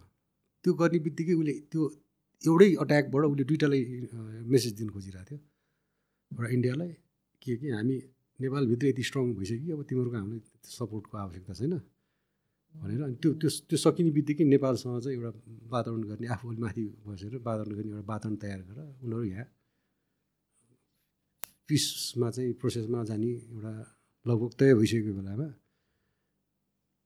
अब एक्सटर्नल उसले चाहिँ इन्ट्रेस्टले चाहिँ त्यसलाई अलिकति लम्बाइदिएर राजनीतिक आन्दोलनबाट अगाडि बढाएर बाह्र बुद्धिसम्म पुऱ्याएर अहिले हामी जे जे देखिरहेको छौँ जे जे भइरहेको छौँ त्यसैको चाहिँ प्रडक्ट बाई प्रडक्टहरू हो यो सबै। सो मैले अलिकति नबुझेको किनभने पोलिटिक्स मैले त्यस्तो राम्रो चाहिँ बुझेको मलाई मलाई पनि धेरै थाहा छैन। सो त्यतिखेरको इभेन्ट के थियो? किनभने त एउटा हिसाबले वार भइरहेको थियो दुइटा पार्टिजको बिचमा। त्यो कन्फ्लिक्ट रोकियो कसरी? पिसमा कसरी आयो कि त्यही त मैले भने इन्डियाले गर्नु त गर्यो तर कसरी त्यो कन्फ्लिक्ट नै रोकिदिएको एकचोटि झाप्छौँ अनि त्यो कन्फ्लिक्ट रोकेन। त्यो त कन्फ्लिक्ट भइरहेको थियो। त्यसपछि त यहाँ तपाईँको काठमाडौँमा काठमाडौँलाई फोकस गरेर दुई तिनवटा अट्याक भयो थानकोटमा पनौतीमा। त्यो देखाउनलाई गरेको थियो कि? सारा संसारलाई के देख्यो भने किनभने हामीले त त्यो यो पिस किपिङमा हामीले दुई तिनवटा देशमा काम गरिसकेको छ नि। त्यो सबै मोडलहरू लगभग एउटै हो कि? त्यो त्यो तपाईँको सेन्टरमा अट्याक गरेपछि त संसारले भन्छ नि ओहो यिनीहरूको त इन्फ्लुएन्स यहाँसम्म पुग्छ त्यो देखाउनलाई गरेको अट्याक थियो। कुनै ठुलो लार्ज स्केल पनि थिएन होइन। त्यसैले नि यहाँ नेपालमाको शान्ति सुरक्षालाई एकदमै तलमाथि गर्ने परिस्थिति पनि थिएन। तर त्यो एउटा देखाइसकेपछि अनि पोलिटिकल पार्टीहरू पनि त्यो विरुद्ध एउटा सर्टेन माग लिएर राजनीतिमा अगाडि सडकमा उत्रिसकेको अवस्था निकालेको अवस्था थियो होइन? अनि त्यो गरेर अनि उनीहरूलाई एउटै ठाउँमा ल्याइदियो। कि एउटै ठाउँमा ल्याउने काम कसले त इन्डियाले गरिदियो। र दिल्लीमा गएर त्यो बाह्र बुद्धिहरू भयो। बाह्र बुद्धि कति देशको लागि फाइदाजनक थियो? अथवा बेफाइदा थियो त्यो तपाईँहरूले थाहा पाइहाल्नुभयो। अब त्यो हरेक मान्छेले त्यसलाई व्याख्या गरिरहेछ नि।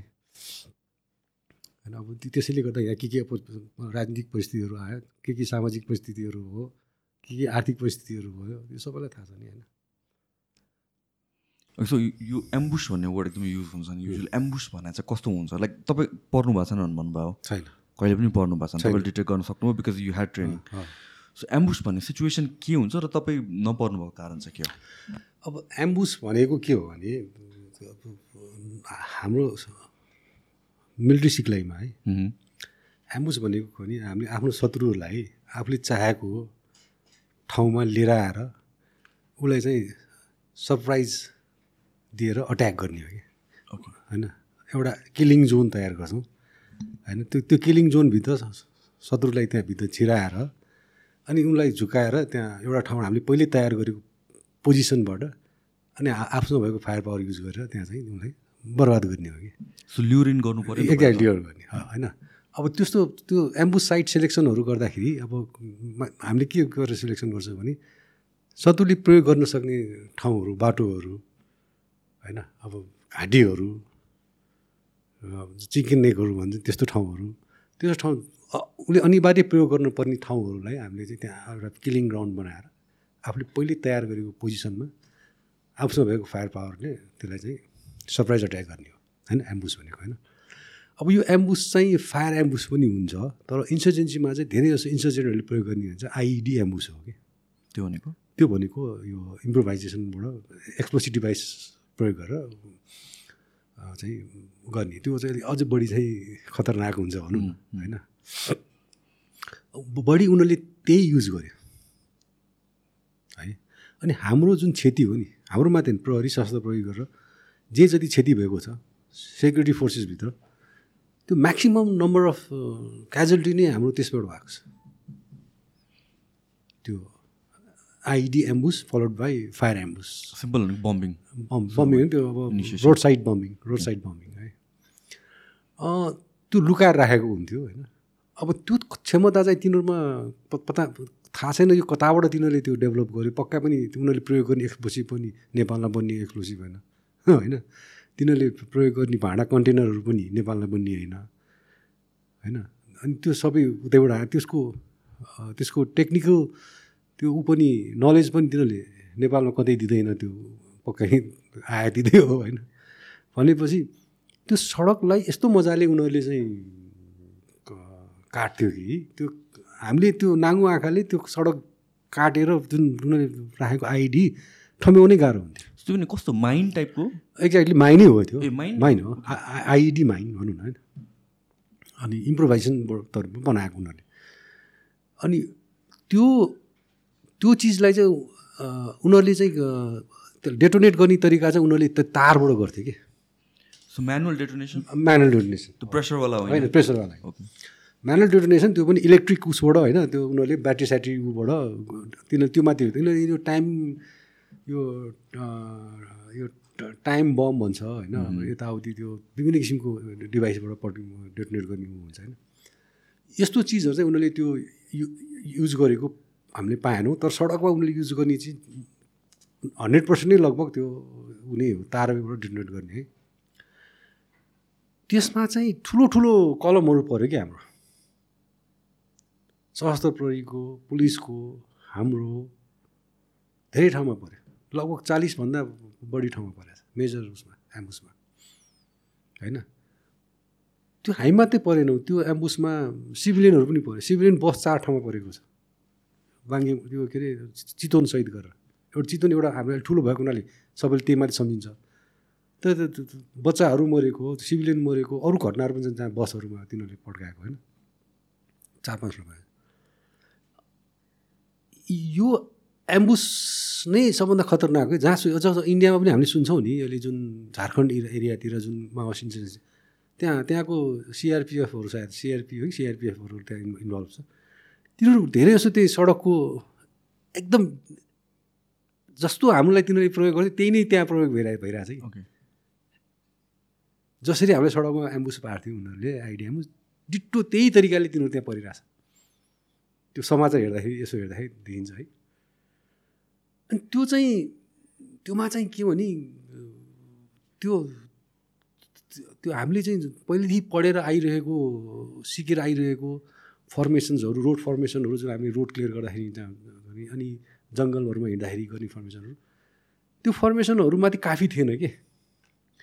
अनि हामीले मेरो म र मेरो टिम मिलेर चाहिँ हामीले चाहिँ हिँड्दा हिँड्दै हामीले अन द जब ट्रेनिङ जस्तो गरेर त्यो हामीले त्यो फर्मेसनहरू आफैले बनाउँथ्यौँ कि?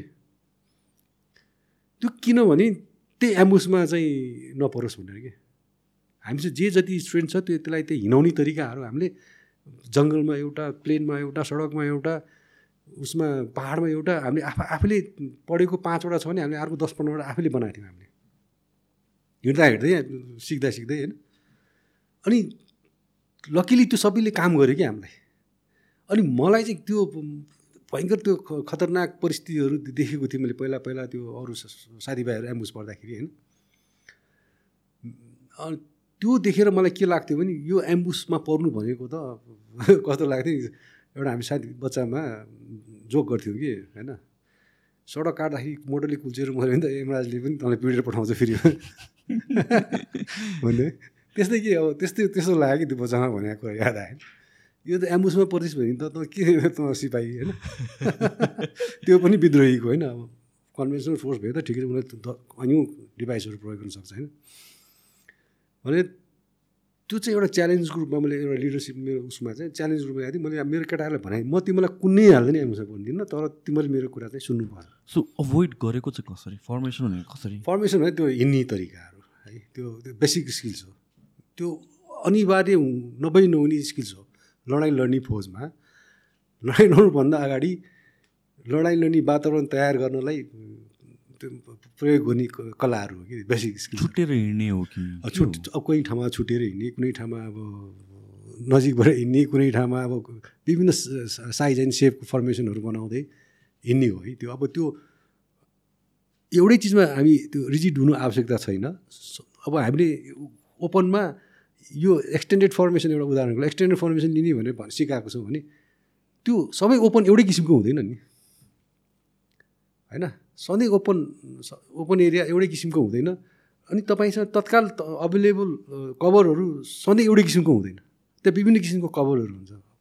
नेचुरल कभरहरू हुन्छ कि? जस्तो क- कसैले आफूलाई तपाईँलाई गोली हाल्न लगाएपछि तपाईँले सबभन्दा पहिला भने कभर लिने हो त्यसै फायर ब्याक गर्ने हो नि। अनि त्यो कभर सबै एउटै ठाउँ हुँदैन त्यो त्यो cover available cover available terrain condition होइन त्यो अभाइलेबल त्यो आफूसँग भएको फायर पावर अनि दुश्मनकोबाट अब हामी आफूले लिइरहे पाइरहेको चाहिँ त्यो थ्रेटहरू उसको फायर पावर सबैलाई विचार गरेर त्यो लिन सक्ने सम्भावित फर्मेसन हामी सबै प्र्याक्टिस गरिदिउँ कि।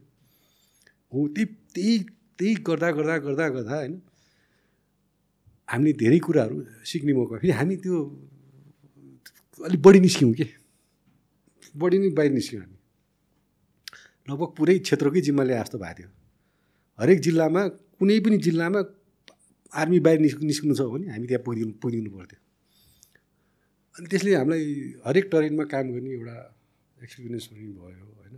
अनि जुन गुल्म अजय गुल्म अजय दल गुल्म भनेर मैले भनेको थिएँ त्यो गुल्मले चाहिँ डे वानदेखि दाङ हानेदेखि परिचालन भएको मध्यपश्चिम सुदूरपश्चिम एरियामा त्यो हिँड्दा हिँड्दा हिँड्दा उसले हरेक टरेनमा उ- उसलाई उसको एक्स एक्स एक्सपिरियन्स एउटै पल्टन नेपाल आर्मीमा जसले थ्रु आउट त्यो इन्सुरेन्सी पिरियडमा एउटा गोली पनि हराएन एउटा गोली पनि ढुन्ड दिएन। र कतिचोटि उसको चाहिँ आम्ने सामने भयो। त्यो त्यो रेकर्डहरू अब छर्लङ्गै छ सबैलाई थाहा छ है।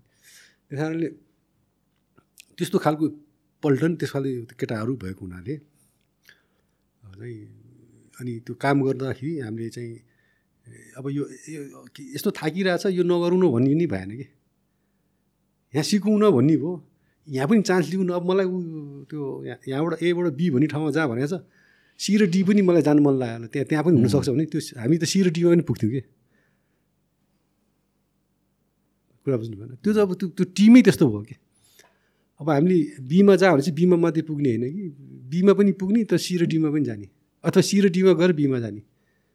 जसरी हुन्छ तिनीहरूलाई चाहिँ सघाउने भन्ने किसिमको एउटा एउटा एउटा त्यो स्पिरिट ल्याएको थियो कि हाम्रो त्यो त्यो त्यो स्पिरिटमा काम गरिरहेको थियो पल्टनले। त्यसले गर्दाखेरि पनि अनि हामीले चाहिँ त्यो जब उसलाई धेरै प्रयोग गर्छ भने त सम्भावना भने के भने एम्बुसै हो नि। एम्बुसै पनि सम्भावना हो नि त। हो त्यो एम्बुसबाट म जोगाउँछु काम चाहिँ गर्नुपर्छ केटा भने त्यस्तो एउटा किसिमको एउटा मैले एउटा प्रमिसै ले जस्तो लिएको थिएँ। त्यो सुरुमै कि कि म तिमीहरूलाई मेरो कारणले तिम्रो एम्बुसमा पर्दैन ल। त्यस्तो किसिमको डिसि पुलिस डिसिजनहरू म गर्दिनँ तर यो यो चाहिँ गर्नुपर्छ हामीले भनेर भनेको हुनाले अब त्यो त्यो युनिट पनि त्यस्तै भयो तालिम पनि त्यस्तै भयो कामहरू पनि त्यस्तै गर्दै गएपछि लकिली कहिले पनि परेन।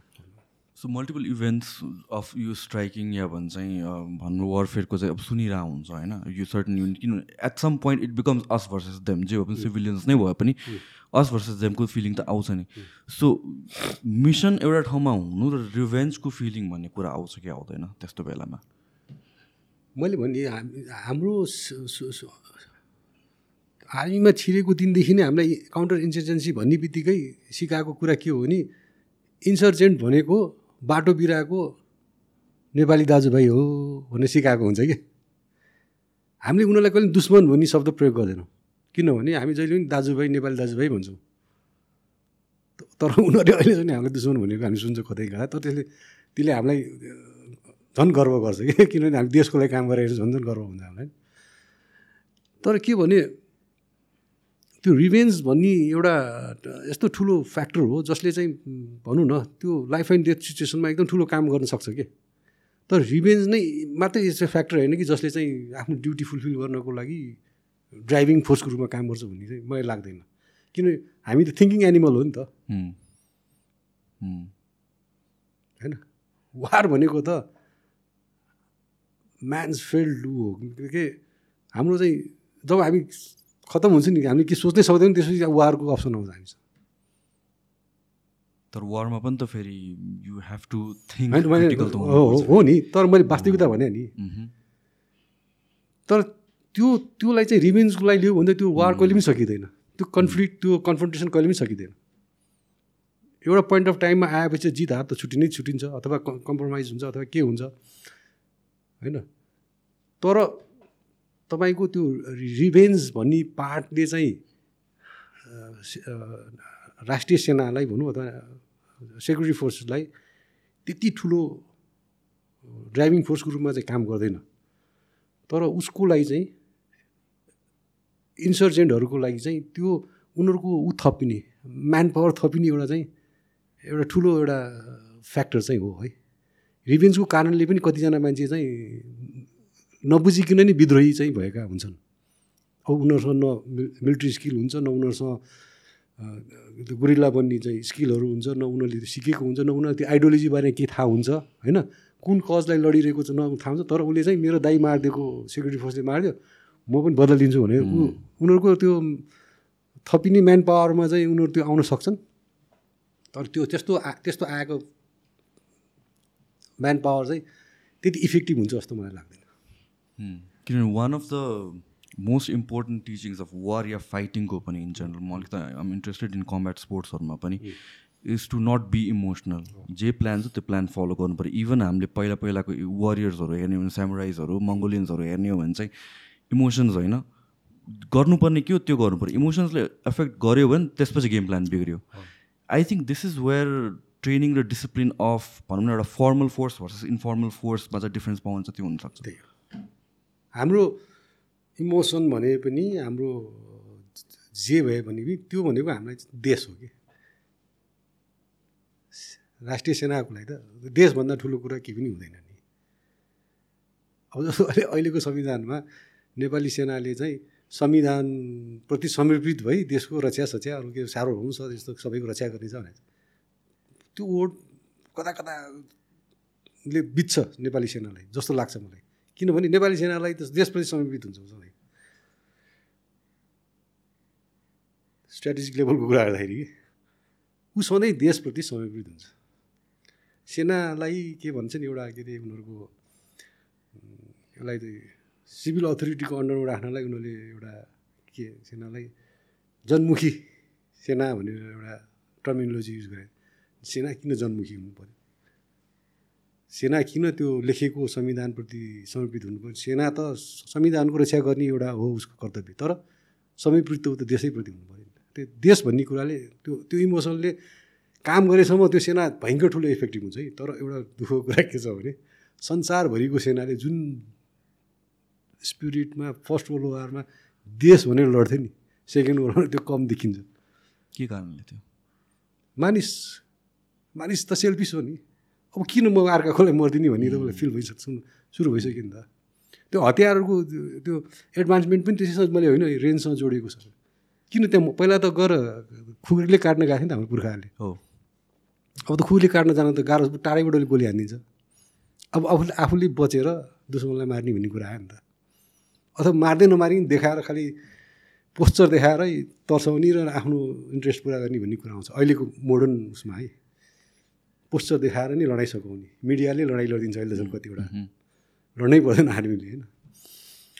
हो त्यो अब मा मानिसहरू त ले सोच्ने तरिका फरक हुँदा चाहिँ त अब देश भनेर फलानु ढिस्कानु भनेर लड्ने त्यो त्यो चाहिँ कम भइसक्यो। अब त भने नि दुई दुई घन्टा म लड्छु दुई घन्टा अर्को लड्छ चार घन्टा अर्को लड्छ भन्ने किसिमले मान्छेले त्यो गर्ने अवस्था रहिसकेको छ कि। म तिम्रो लागि किन लड्ने भन्ने सोच आइसक्यो नि। जस्तै अब यहाँ त त्यो भएन जस्तो अमेरिकन आर्मीहरू बाहिर लड्न जान्छन्। पब्लिकहरू उहाँ चाहिँ विरोध गरेर आउँछ नि त। किन होइन। सबभन्दा बढी लडाइँमा इन्भल्भ भएको त संसारभरि इन्भल्भ भएको तिनीहरू हो नि त। त्यहाँ लडाइँ लड्ने बिचरा जान्छन् जाहिर खानेहरू। तर त्यहाँ ठुलो प्रोपोगेन्डा नि। त्यो त्यसको त्यसको विरोध गरेर हुन्छ होइन? अब त्यसैले यो इमोसन भन्ने कुराहरू होइन।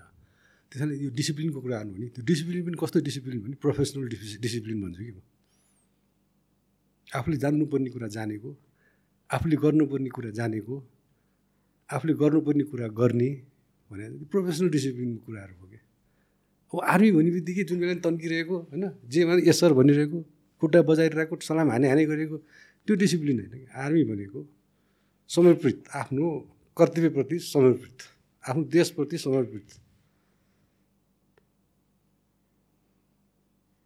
त्यो अर्गनाइजेसन हो जसले चाहिँ अन्तिम अवस्थामा देश पुग्दाखेरि स्वतस्फूर्त रूपमा चाहिँ के गर्छ त परिचालित हुन्छ। त्यस कारण सेना भने राष्ट्र भन्ने कुरा त राष्ट्रपति सबै समर्पित हो। सेनालाई राष्ट्रपति समर्पित बनाउनुको लागि चाहिँ त्यस्तो इन्भाइरोमेन्ट चाहिँ चाहे त्यो संविधान लेख्दाखेरि लेखिएको होस् चाहे त्यो नेसनल सेक्युरिटी स्ट्राटेजी बनाउँदाखेरि लेखिएको होस् चाहे त्यो सेनालाई भनौँ न सेनाको चाहिँ त्यो एडभान्समेन्टको लागि खर्च गर्ने कुराहरू होस् यो सबै चिजहरूमा चाहिँ ध्यान पुऱ्याउनुपर्छ अब अहिले पुरानो कुराहरूले सेनाको हात खुट्टा स्वतस्फूर्तले चल्छ जस्तो मलाई चाहिँ लाग्दैन। एउटा क्रिटिकल क्वेसन है दिस इज स्पेसली मेरो बुवाको मुखबाट बेला बेलामा सुन्छु कि। आई थिङ्क धेरैजनाले यो सेन्टिमेन्ट सेयर गर्नु चाहिँ आई थिङ्क फ्रस्ट्रेसन पनि हो जुन पोलिटिकल टर्मल हाम्रो यत्रो वर्षदेखि एउटा वार सक्यो एउटा स्टेबिलिटी आउँछ भन्नुहुन्छ पोलिटिक्स त्यही छ अहिलेसम्म पनि घुमफिर्कन जे पनि पोलिटिक्समा छ। एउटा सेन्टिमेन्ट के छ भनेपछि भनेपछि इन्क्लुडिङ मेरो बुवाको भन्नुहुन्छ आर्मीले टेक ओभर गर्नुपर्छ आर्मीले टेक ओभर गर्नुपर्छ भन्नुहुन्छ। त्यो कतिको सही हो र? त्यो उहाँले कुन सेन्टिमेन्टमा त्यो भन्नुभयो? त्यति मलाई थाहा भएन होइन। अब अहिले उहाँले देखिरहेको भद्रगोल भनौँ राजनीतिक भद्रगोल प्योरली फ्रस्ट्रेसन होइन फ्रस्ट्रेसन अब त्यो त्यो त्यो पक्ष त्यो पक्षहरूबाट हो भने अहिले धेरै नेपालीहरूले त्य- त्यस्तो कुरा गरेको सुन्छु मैले हो। अब म तपाईँलाई फेरि पछाडि लिएर जान्छु है।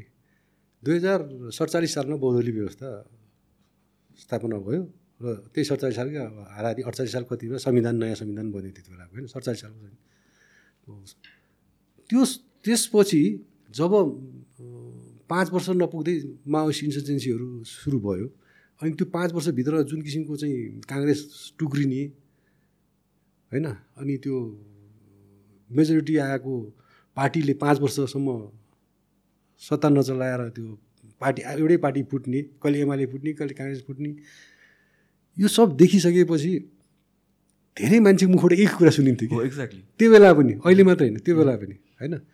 तर जब देश द्वन्द्वमा गयो जब आर्मी त्यसमा इन्भल्भ भयो काउन्टर इन्सेन्सी अपरेसन कन्डक्ट गर्नलाई जब आर्मी त्यसमा इन्भल्भ भयो त्यसपछि फेरि धेरै ठुलो स्वर चाहिँ के आयो त आर्मीले चाहिँ अन्याय गर्यो अत्याचार गर्यो आर्मीले दुःख दियो सडकमा चे त्यो त गर्नै पनि थियो नि त। त्यो हामीले त त्यो लुकेर बसेको समाजमा लुकेर बसेको चाहिँ इन्सर्जेन्टहरूलाई हामीले निकाल्नु सक्नुपर्ने निकाल्नु पर्ने अवस्थाहरू थियो। त्यो विरोधहरू पनि एकदम बेसरी आयो झन् त्यसलाई विरोध गराउने त्योलाई त्यसलाई त्यसलाई त्यसलाई बुस्ट गर्ने फ्याक्टरहरू पनि थियो अरू अरू होइन त्यो विभिन्न किसिमको।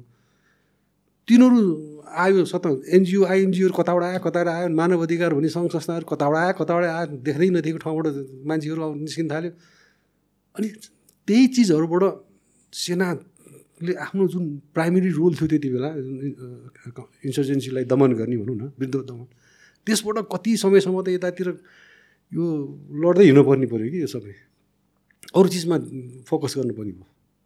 त्यसले हाम्रो त्यो जुन ओभरअल त्यो जुन त्यति बेलाको क्यापेसिटीलाई अलिकति केही न केही हानि पुऱ्याउने क्षमतालाई अलिकति ह्रास पुऱ्याउने किसिमको भएको थियो कि। त्यसले पनि हामीलाई अत्यायो कि सुरुमा। सुरुमा धेरै अत्यायो मैले भने होइन हाम्रो धेरै भद्रकोलाई मैले तर बिस्तारै हामीले चाहिँ हाम्रो चाहिँ म्यान पावर हाम्रो स्ट्रेन्थ पनि अलिकति ऊ भयो। अनि त्यसपछि हाम्रो हतियारहरू पनि आउन थाल्यो होइन?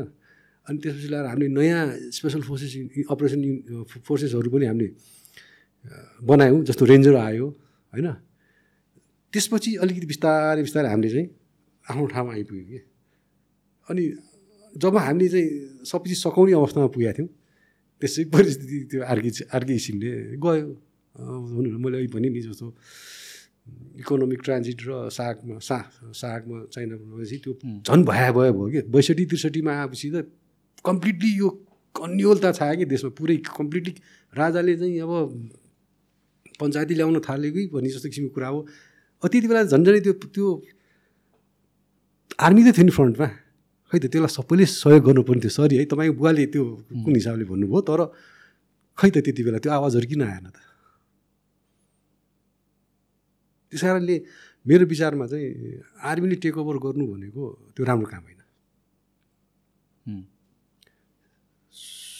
यसले सुशासनको लागि शान्ति सुरक्षाको लागि आर्मीले पछाडि बसेर सहयोग गर्नु भनेको एउटा कुरा हो। तर पोलिटिक्समा सिधै इन्टरभ्युन गर्नु चाहिँ हाम्रो जस्तो देशमा है हाम्रो जस्तो थर्ड वर्ल्ड कन्ट्रीमा जसको दुईतिर चाहिँ त्यत्रो ठुलो देशहरू छ जसले उनीहरूको आफ्नै इन्ट्रेस्टहरू यहाँ जेलिएर बसेको छ त्यसमा चाहिँ टाढाबाट चाहिँ वेस्टको पनि भयङ्कर ठुलो चाहिँ इन्ट्रेस्टहरू आएर छ होइन त्यो इन्ट्रेस्टले आएर यहाँ चाहिँ इन्फ्लुएन्स गर्न खोजिरहेको छ। त्यो परिस्थितिमा त्यो आर्मी उसमा जानु भनेको त्यसले ल्याउने एउटा भोलि ल्याउने जुन कन्फ्लिक्ट हो त्यसले जुन हाम्रो यो रिजनमा भइरहेको अरू देशमा भइरहेको घटनाहरूलाई हेऱ्यो भने मान्छेले जोड्ने गर्छन् अफगानिस्तान बनाउँछ अहिले त झन् युक्रेन बनाउँछ भन्छन् यो फलान ढिसान त्यही लाइनमा जान खोजेको स्टेपहरू हुन्छ त्यो। मलाई पनि like I hundred percent agree यही कुरामा चाहिँ हामीहरूको कन्भर्सेसन हुँदाखेरि म पनि यही भन्छु। आई मिन त्यो it comes from frustration plus एउटा आर्मी भनेको चाहिँ कस्तो एउटा लोयल हुन्छ टुवर्ड्स द कन्ट्री भन्ने हिसाबले चाहिँ आएको हो। बट देन जसको एक्सपर्टिज जे हो त्यहाँ त्यहाँ गर्नु दिनुपर्छ जस्तो लाग्छ कि। होइन इट्स अ युनिट जो चाहिँ डिफेन्समा काम लाग्छ। होइन भोलि गएर लाइक कम्प्लिटली हेर्ने बनाउनलाई maybe not a good idea जस्तो लाग्छ। त्यो some sort of guardian body या भन्छ चेक एन्ड ब्यालेन्स गर्ने बडी चाहिँ चाहिन्छ नि जस्तो लाग्छ कि हो। सो अर्को हुनु भनेको चाहिँ यो जुन अब यो वार भनौँ न एउटा हिसाबले कन्फ्लिक्ट म्यानेज भयो होइन यहाँतिर चाहिँ पिस टक्सहरूको कुराहरू आयो। त्यसपछि अब तर like both sides coming together for the first time एउटा हिसाबले कतिको चित्त बुझेको नबुझेको कुरा थियो। किनभने दिस इज लाइक एउटा लेभलमा त पर्सनल जस्तै भएर गएको थियो। त्यो त्यो बेलाको सिचुएसन कस्तो थियो तपाईँ त्यहाँ हुँदाखेरि? मलाई चाहिँ मलाई चाहिँ चित्त बुझेन है? किन चित्त बुझेन भने म एकदमै त्यो पिक आवर थियो अनि त्यो तिनीहरूको सोकल्ड हट बेड भन्ने ठाउँमा हामी परिचालित भइरहेको थियौँ हरेक जिल्ला मध्यपश्चिमको हरेक जिल्लामा पुगिरहेको थियौँ र त्यति बेला ठ्याक्क पिलीको घटना भएको थियो। पिलीमा गएर हामीलाई थन्काइएको थियो हामी चाहिँ त्यो रिजनको सबभन्दा एक्टिभ भएर हिँडिरहेको ट्रुथलाई के को लागि हिँडे त्यहाँ राख्यो भने जुम्लासम्मको सडक निर्माणमा त्यहाँ जुन गएको थियो सडक निर्माणको लागि गएको थियो त्यो खास त्यो त्यति बेलाको प्रायोरिटीमा प्रायोरिटीमा पर्थेन। जब हामीलाई चाहिँ त्यहाँ पहिला चाहिँ खालि रिक्याप्चर गर्नु भनेर पठाएको ठाउँमा हामीलाई त्यहाँ करिब एक वर्ष त्यहाँ थन्काइदियो। होइन? त्यो थन्काइदिएको पिरियडमा यदि सबै चिज ठिक ठाउँमा गइरहेको भए त मलाई त्यो कुरा भन्नु थिएन। तर त्यहाँ हामी बसुन्जेलसम्म जुन ठाउँमा हामीले कम्प्लिटली हाम्रो डोमिनेसनमा ल्याइसकेका थियौँ। जुन नेपालगञ्ज वरिपरि बदिया आएको थियो त्यहाँ तिनीहरूले यति चाहिँ अट्याकहरू गर्यो। हाम्रै डोरको अगाडि भनौँ न त्यो डिभिजनल हेडक्वार्टर अगाडिको चौकहरूदेखि लिएर इन्डियाको बोर्डर त्यो बहराइचसम्म के बहराइच त्यो के अरे रुपेडियासम्मको हरेक हरेक चौकमा भएको पुलिस सशस्त्र प्रहरीहरूलाई चाहिँ तिनीहरूले अट्याक गर्यो। डिभिजनल हेडक्वार्टरलाई अट्याक गर्यो त्यहाँको बजारलाई अट्याक गर्यो त्यो के अरे नेपालगञ्ज बजारलाई। है त्यो मौका दिए जस्तो देख्यो कि? त्यो थाहा छैन किन कुन चाहिँ स्ट्राटेजीले अथवा कुन चाहिँ प्लानले कुन चाहिँ उसले त्यो त्यस्तो किसिमको के अरे फुलिस डिसिजनहरू गर्यो त्यति बेलामा है।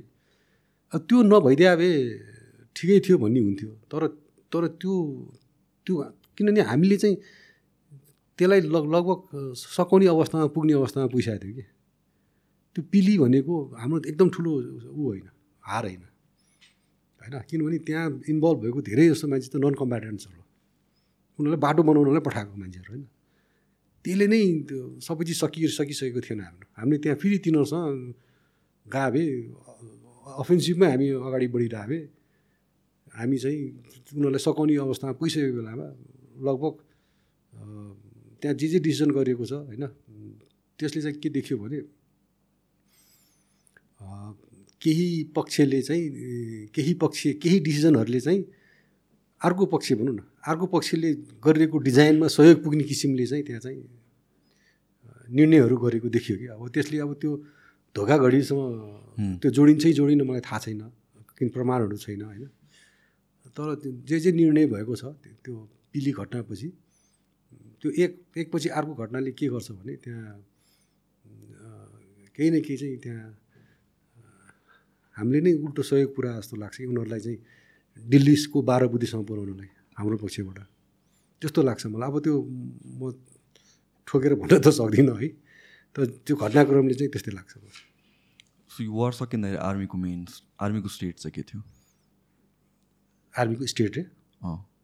आर्मी कुन स्टेटमा थियो? आई मिन साइकोलोजी साइकोलोजिकली किनभने एउटा वान पोइन्टमा त अब भनौँ न हेड अन वार गरेर आएको अब नाउ एउटा हिसाबले कन्ट्रोल नै गरिदिए जस्तो भयो रोकिदिए जस्तो भयो होइन कम्प्लिटली अनि अझ देवर स्टक्स अफ लाइक हुन्छ नि अब भित्र ल्याउने आर्मीमा ल्याउने अपोजिट फोर्सेसहरूलाई अब त्यो त्यति बेला त अपोजिट फोर्सेस ल्याउने भन्ने त कुरा भइसकेको थिएन नि। खालि बाह्र बुद्धि भयो। बाह्र बुद्धि भएपछि अब यहाँ त्यो पहिला त पोलिटिकल डिसिजनहरू हुने भयो त्यो होइन? त्यो त्यो पोलिटिकल डिसिजन हुने जेलसम्म अब अब देश पिस पिसमा जाँदैछ भने त ठिक छ नि भने जस्तो पनि भयो नि त आर्मीलाई त। अब रात दिन दुःख गरेर आर्मीलाई त होइन अब अब कतिजना त कति वर्षौँदेखि घर जान पाएको थिएन नि।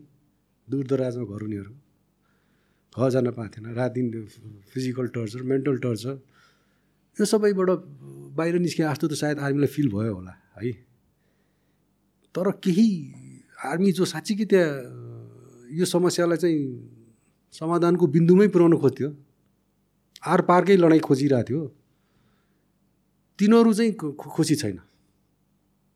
तिनीहरू त्यो त्यो त्यो ग्रुप अफ पिपुल आर्मीको जो हो होइन त्यो त्यो त्यो समूह हो त्यो तिनीहरू चाहिँ कम होला तर उनीहरूले चाहिँ आरपारै खोजिरहेको थियो कि। आरपार खोजिरहेको अवस्थामा यो डिसिजन भयो होइन। त्यो पोलिटिकल डिसिजनहरू हुनु राम्रो हो लडाइँ टुङ्गाउनुको लागि। तर पोलिटिकल डिसिजनहरू जे जे भए होइन त्यो त्यो पनि फेरि देशलाई हेर्ने ओभरअल देशलाई जोडेर हेर्ने मान्छेहरूले पनि त्यो ठिक छ जस्तो त भने जस्तो लाग्दैन मलाई। किनकि देशलाई पनि घाटाहरू चाहिँ भएको छ त्यसपछि। शान्ति सुरक्षा भयो सुव्यवस्था कायम भयो होइन? मान्छे मार्न रोकियो। त्यो राम्रो कुरा हो तर तर अलिकति अलिकति एक वर्ष जति धैर्यता राखिदिए भए सायद देशको देशले लिने लाइन फरक हुन्थ्यो। परिस्थिति फरक हुन्थ्यो। जस्तो लाग्छ मलाई। त्यस कारणले त्यो म चाहिँ व्यक्तिगत रूपमा भन्दाखेरि त्यो त्यो अन्तिम समयमा गरिएको डिसिजनहरू अन्तिम समयमा भएको जुन अब कारवाहीहरू हरू चाहिँ ठिक थिएन। त्यो त्यो- त्यसले चाहिँ कता कता एउटा ठुलै समूह चाहिँ भनौँ न अरूसँग हात मिलाउनु गएको हो कि भने जस्तो भान चाहिँ भएको थियो। सो हामीले प्रिटिमच धेरै कुराहरू गरिसक्यो बिफोर सकाउनुभन्दा अगाडि चाहिँ मलाई एउटा तपाईँसँग कन्भर्सेसन गर्दाखेरि वारको स्टोरी भएन भने त रमाइलो हुँदैन। कुनै एउटा के इभेन्ट त्यस्तो छ? भन्न मिल्ने। अँ मिल्छ। न त्यो अब होइन अब सबैले मेरो मुखबाट सुन्न चाहने भनेको चाहिँ धेरै जस्तो चाहिँ त्यो गणेशपुरकै हो है। अब त्यो गणेशपुरको चाहिँ यो बैसठीतिरको फागुनमा भएको हो होइन? बैसठी सालको फागुनतिर भयो त्यो एकदम बिचमा थियो। अब त्यति बेला उनीहरूको त्यो ढाडमा टेकेर टाउकोमा हान्ने भन्ने उनीहरूको स्ट्राटेजी अनुरूप उनीहरू धेरै जसो चाहिँ त्यो हाइवेमा आइरहेको थियो कि। हाइवेलाई उनीहरूले आफ्नो डो डोमिनेसन गरेर उनीहरूले चाहिँ आफ्नो त्यता त्यो वरिपरि ठाउँ ठाउँमा आफ्नो बेसहरू बनाइरहेको थियो। अब हामीले चाहिँ रात दिन त्यो हाइवेमा जान्थ्यौँ होइन। त्यही उनीहरूले त्यति बेलामा तपाईँको माथि डडेलधुरादेखि सुराई नाकासम्म यतातिर दर्जनौँ ठाउँमा तिनीहरूले चाहिँ एम्बुसमा पारिसकेको थियो हाम्रो सशस्त्र प्रहरी आर्मीहरूलाई होइन ठाउँ ठाउँबाट फेरि सबै ठाउँबाट उनीहरूले हामीसँग हतियारहरू लिएर गइरहेको थियो होइन। करिब करिब सत्र अठारवटा मेजर एम्बुस गरेको छ त्यतिमा अनि त्यही बेला उनीहरूले चाहिँ नेपालगञ्ज नजिक भएको गुलेरिया बर्दियाको सदरमुकाम हो। गुलेरियामा चाहिँ उनीहरूले अट्याक गर्ने एउटा प्लान गरिरहेको रहेछ होइन। त्यही प्लानलाई उनीहरूले उ गर्न इम्प्लिमेन्ट गर्नलाई उनीहरूले फौज चाहिँ त्यो भुरे गाउँ इलाका गुलेरियाको नजिक उनीहरूले कन्सन्ट्रेट गरेर राखिरहेको रहेछ। अब उनीहरूले चाहिँ अनुकूल परिस्थिति खोजिरहेको रहेछ होइन? तर अचानक एकजना मान्छे हाम्रोले समाएको थियो कि त्यहाँ। तपाईँहरूले समात्नु हामीले हाम- त्यो त्यहाँ गुलेरियामा भएको एउटा युनिटले ओके। समातेपछि उसबाट के डिस्क्लोज भयो भने यो पोस्टमा हान्नलाई चाहिँ ऊ रेकी गर्न आएको रेकी गर्दाखेरि ऊ समात्या भन्ने भयो। त्यो कुरा मैले डिभिजनल हेड क्वार्टरको मिटिङमा बर्निङ ब्रिफिङमा सुनेको थिएँ। सुने मात्रै थिएँ मैले होइन? अनि केही समयपछि मलाई चाहिँ जाउ त्यहाँ भनेर भन्यो कि उसले प्रितनाले तिमीहरू चाहिँ अब यो गुलेरिया र अनि ठाकुरद्वारा पहिला गुलेरिया जाने अनि ठाकुरद्वारा गएर जम्मा हुने रेन्जरहरू आउँछ अनि भैरवनाथहरू आउँछ स्पेसल अपरेसन फोर्सेसहरू आउँछ अनि त्यसपछि तिमीले पुरै बर्दिया एरियालाई चाहिँ क्लियर गर्ने अपरेसन कन्डक्ट गर्ने यो सर्च एन्ड डिस्ट्रोय अपरेसन भनेर भने अनि हामी चाहिँ त्यो खालि फर्स्ट फेजमा त्यो कन्सन्ट्रेसन हुनु मात्रै त्यहाँ गएको थियौँ कि। गुलेरिया हुँदै त्यो के अरे ठाकुरद्वारा। अनि गुलेरिया पुग्ने बेलामा चाहिँ यहाँ बिच बाटोमा चाहिँ उनीहरूले चाहिँ एम्बुस गराउन त गर्न तयार गरेको ठाउँ हुन। माओइस्टले एम्बुस पोजिसन तयार गरेको ठाउँ। उनीहरूको उद्देश्य चाहिँ त्यो गुलेरियाबाट आएको फौजलाई चाहिँ एम्बुस गर्ने भनेर उ गरेर रहेछ त्यो प्लान गरेर रहेछ। अनि त्यो ठाउँमा लकिली म मेरो टिम लिएर पुगेँ कि। अनि उताबाट आएको गुलेरियाको आएको ट्रुप र मेरो चाहिँ लिङ्कअप भयो त्यही ठाउँमा। अनि उसले भने मैले यो ठाउँ यो त्यहाँ रुख ढालेको थियो कि। त्यो रुख सुख हामीले क्लियर गऱ्यौँ। अब हामी जाउँ सर भन्दै थियो उसले। अनि मैले भने मेरो मेन कलम त पछाडि छ तिनीहरू आउँदैछ। तिनीहरू आएपछि मात्रै म आउँछु भाइ तिमी जाऊ भनेर भने मैले। अनि ऊ चाहिँ त्यहाँ जम्मा भएर आफ्नो फौज फिर्ता लिएर जान लाग्थ्यो त्यो गुलेरिया त्यो ठाकुरद्वाराबाट आफ्नो गुलेरियातर्फ जान लाग्थ्यो अलपसडन तिनीहरूलाई अट्याक गर्यो कि उसले। एम्बुस पोजिसनबाट माओइस्टहरू बाहिर निस्क्यो होइन। अब मेरो दिमागमा त के छ नि उसको कमान्डरले के भनेको छ मलाई? त्यहाँ आएको कमान्डरले सबै क्लियर छ भनेको छ नि त। अब त त्यहाँनिर त के भयो त? मेरो टिम एउटा जम्मा प्लटुन लिएर पुगेको थिएँ कि म त्यहाँ। प्लटुन भने कतिजना हुन्छ प्लटुन हामी चालिस पैँतालिसजना थियौँ। एउटा प्लटुनमा उन्चालिसजनाको। अब हामी चाहिँ कम्पनी हेड क्वार्टर र गर्दा चालिस पैँतालिसजना। मेरो मेन कल फेरि पछाडि चाहिँ छ सात किलोमिटर पछाडि मेरो मेन बडी छ होइन? अनि अचानक के हो त त्यो बिचमा हाम्रो फौज पऱ्यो। म यता साइडमा अर्को साइडमा माओइस्टहरू अब एकदम नजिक क्लोज क्वार्टर अब त्यो दस मिटर पाँच मिटरबाट गोली हानेन भयो क्या हाम्रो। पुरा डग फाइट जस्तो होइन? एकदम त्यो सिक्युबी होइन? अनि त्यसपछि हाम्रो फौज पछाडिको फौज पनि आयो। अनि हामीले चाहिँ त्यो एरिया कन्ट्रोलमा लिइहाल्यौँ। तुरुन्तै लिइहाल्यौँ। तिनीहरू भाग्यो। भाग्दा भाग्दै हामीले तिनीहरूलाई उ गर्नु पनि सफल भयो होइन। अब भोलिपल्ट हामीले त्यही चालिस पैँतालिसजना कतिजनाको डेड बडी अनि बिस पच्चिसवटा हतियार मेजर त्यो एलएमजी यो light machine guns M sixteen INSAS SMG SLR three not three यो सबै चिज फेला पारेको थियो कि? अनि त्यो चाहिँ धेरैले मेरो मुखबाट सुन्न खोज्दो खोज्दो रहेछ होइन। अनि अनि त्य- त्यसपछि अहिले मैले धेरै त्यहाँ त्यो त्यो घटनाको बारेमा उनीहरूको पछिबाट पनि बोलेको देख्छु कि उनीहरूले के भन्न ठान्दो रहेछ भने हामीले चाहिँ तिनीहरूलाई चाहिँ त्यो ख खसी बोकाएर राखेर त्यो बाघलाई टाइममा पार्छ नि। खसी बोकाएर राखेको चाहिँ गुलेरियालाई त्यहाँ राखेको फौजलाई होइन? अनि तिनीहरूलाई हमला गर्नलाई प्रेरित गरेको। अनि हामी चाहिँ सी र के के आकार बसेर अनि उनीहरूलाई त्यो भएन त्यो खास वास्तवमा त्यस्तो भएन। मेरो टिमसँग जम्काभेट भयो ठ्याक्कै त्यो त्यही ठाउँमा पोइन्टमै जहाँ चाहिँ उनीहरूले रुख ढालेर राखेको थियो अनि हामीले त्यहाँ उनीहरूसँग फाइट ब्याक गर्दा गर्दै मेरो टिमहरू आइपुग्यो पछाडिबाट। र झन् तिनीहरू झन् बढी हामीसँग इङ्गेज हुन थालेपछि त्यो तिनीहरू भाग्या हो। भागेपछि तिनीहरूको ब्रिगेड कमान्डरदेखि लिएर तिनीहरूको सबै त्यो तिनीहरूको सोकर तिनीहरूको चाहिँ त्यो स्पेसल फोर्सेस रहेछ कि। त्यो हाइवेको लागि भनेर उनीहरूले त्यो पठाएको त्यो ढाडमा टेकेर टाउकोमा हान्ने भनेर पठाएकाहरू त्यो बहुवीर योद्धा भन्ने रहेछ। त्यो सबै ठाउँबाट सेलेक्टेड सेलेक्टेड लिएर आएको रहेछ कि। अनि. अनि तिनीहरू सबै त्यो चाहिँ उनीहरूको सबैको ऱ्याङ्क चाहिँ अलिकति कमान्डरको ऱ्याङ्कहरू भएको। तिनीहरू चाहिँ हामीले गरे हो त्यो त्यो घटना अहिले सुन्नु चाहन्छ। अब यस्तो घटना मसँग त म मैले पनि झन्डै झन्डै हजारवटा जति अपरेसनमा सानो ठुलो गरेर निस्केको होइन। अब झन्डै झन्डै कतिवटा ठाउँमा चाहिँ आफै झन्डै आफूले एमुसन पार्दैन झन्डै आफै त्यो आइडी एमुसन परेहरू घटनाहरूदेखि लिएर यो धेरै चिज छ अब यो। बयान गर्ने कति बयान गर्ने म किताब लेख्दैछु त्यो किताबमा आउँछ अब त्यो सबै ओके लास्ट लास्ट क्वेसन। के अरे आजकल भिडियो गेम्सहरू खेल्नुहुन्छ कि हुँदैन? पब्जीहरू त्यो इट्स भाइलेन्ट बनाउँछ मान्छेलाई? किनभने कति नेगेटिभ आउँछ नि भिडियो गेम जुनमा चाहिँ एकदमै आजकल भाइलेन्सहरू छ इट्स ब्याड म त्यति त्यति बानी छैन मेरो होइन? भिडियो गेम होइन म त्यति त्यो भिडियो गेम खेलेर मैले टाइम त्यति बिता मैले थाहा नै छैन फेरि होइन? खेलेकै छैन भन्यो नि भयो त्यो खै? तर अहिले है त्यो त्यो त्यो त्यो अलिकति त्यो अलर्टनेस त ल्याउँछ कि भिडियो गेम खेल्दाखेरि। होइन कति ठाउँमा त फायरिङ रेन्ज नै अहिले त उसमै छ कि त्यो सिमुलेटरहरू रहेछ कि हो नि ट्रेनिङहरूको के?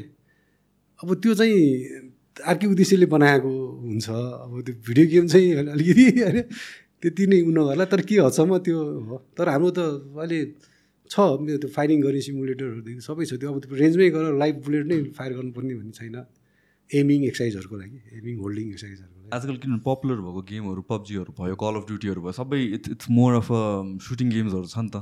एकदम पपुलर भइरहेको। अनि सो कहिले काहीँ नेगेटिभ आउँछ किनभने भिडियो गेम्सले गर्दा मान्छेलाई भाइलेन्ट बनाउँछ काइन्ड अफ नेगेटिभ पनि आउँछ but at the same time no यो भने त गेम हो मेबी फ्रस्ट्रेसन निकाल्ने ठाउँ हुन्छ मलाई पब्जी मात्रै होइन होइन। अब अहिलेको युथले जुन जति टाइम मैले देख्छु कि त्यो फुटबल पनि खेलिरहेको हुन्छन् क्रिकेट पनि खेलिरहेको हुन्छन् होइन? तर म त त्यो स्पोर्ट्समा अलिकति इन्ट्रेस्टेड भयो भने बच्चाहरूले ग्राउन्डमा किन नगएर नखेले जस्तो लाग्छ कि? म मेरो मेरो त भकुन्डो लिएर म बच्चामा त जुन बेला नि मेरो हातमा भकुन्डो हुन्थ्यो कि जस्तो लाग्छ है। त्यस कारणले त्यसले चाहिँ भाइलेन्ट बनाउँछ बनाउँदैन भन्दा पनि बच्चाहरूको टाइम चाहिँ वेस्ट गरिरहेको छ कि अलिकति जस्तो लाग्छ मलाई है। साँच्चीकै उनीहरूलाई चाहिँ जुन फिटनेस हुनुपर्छ नि उनीहरूकोमा चाइल्डहुडमा जुन फिटनेस हुनुपर्छ नि त्योमा चाहिँ अलिकति असर पार्छ कि जस्तो लाग्छ मलाई बरु त्यो त्योभन्दा पनि बढी है।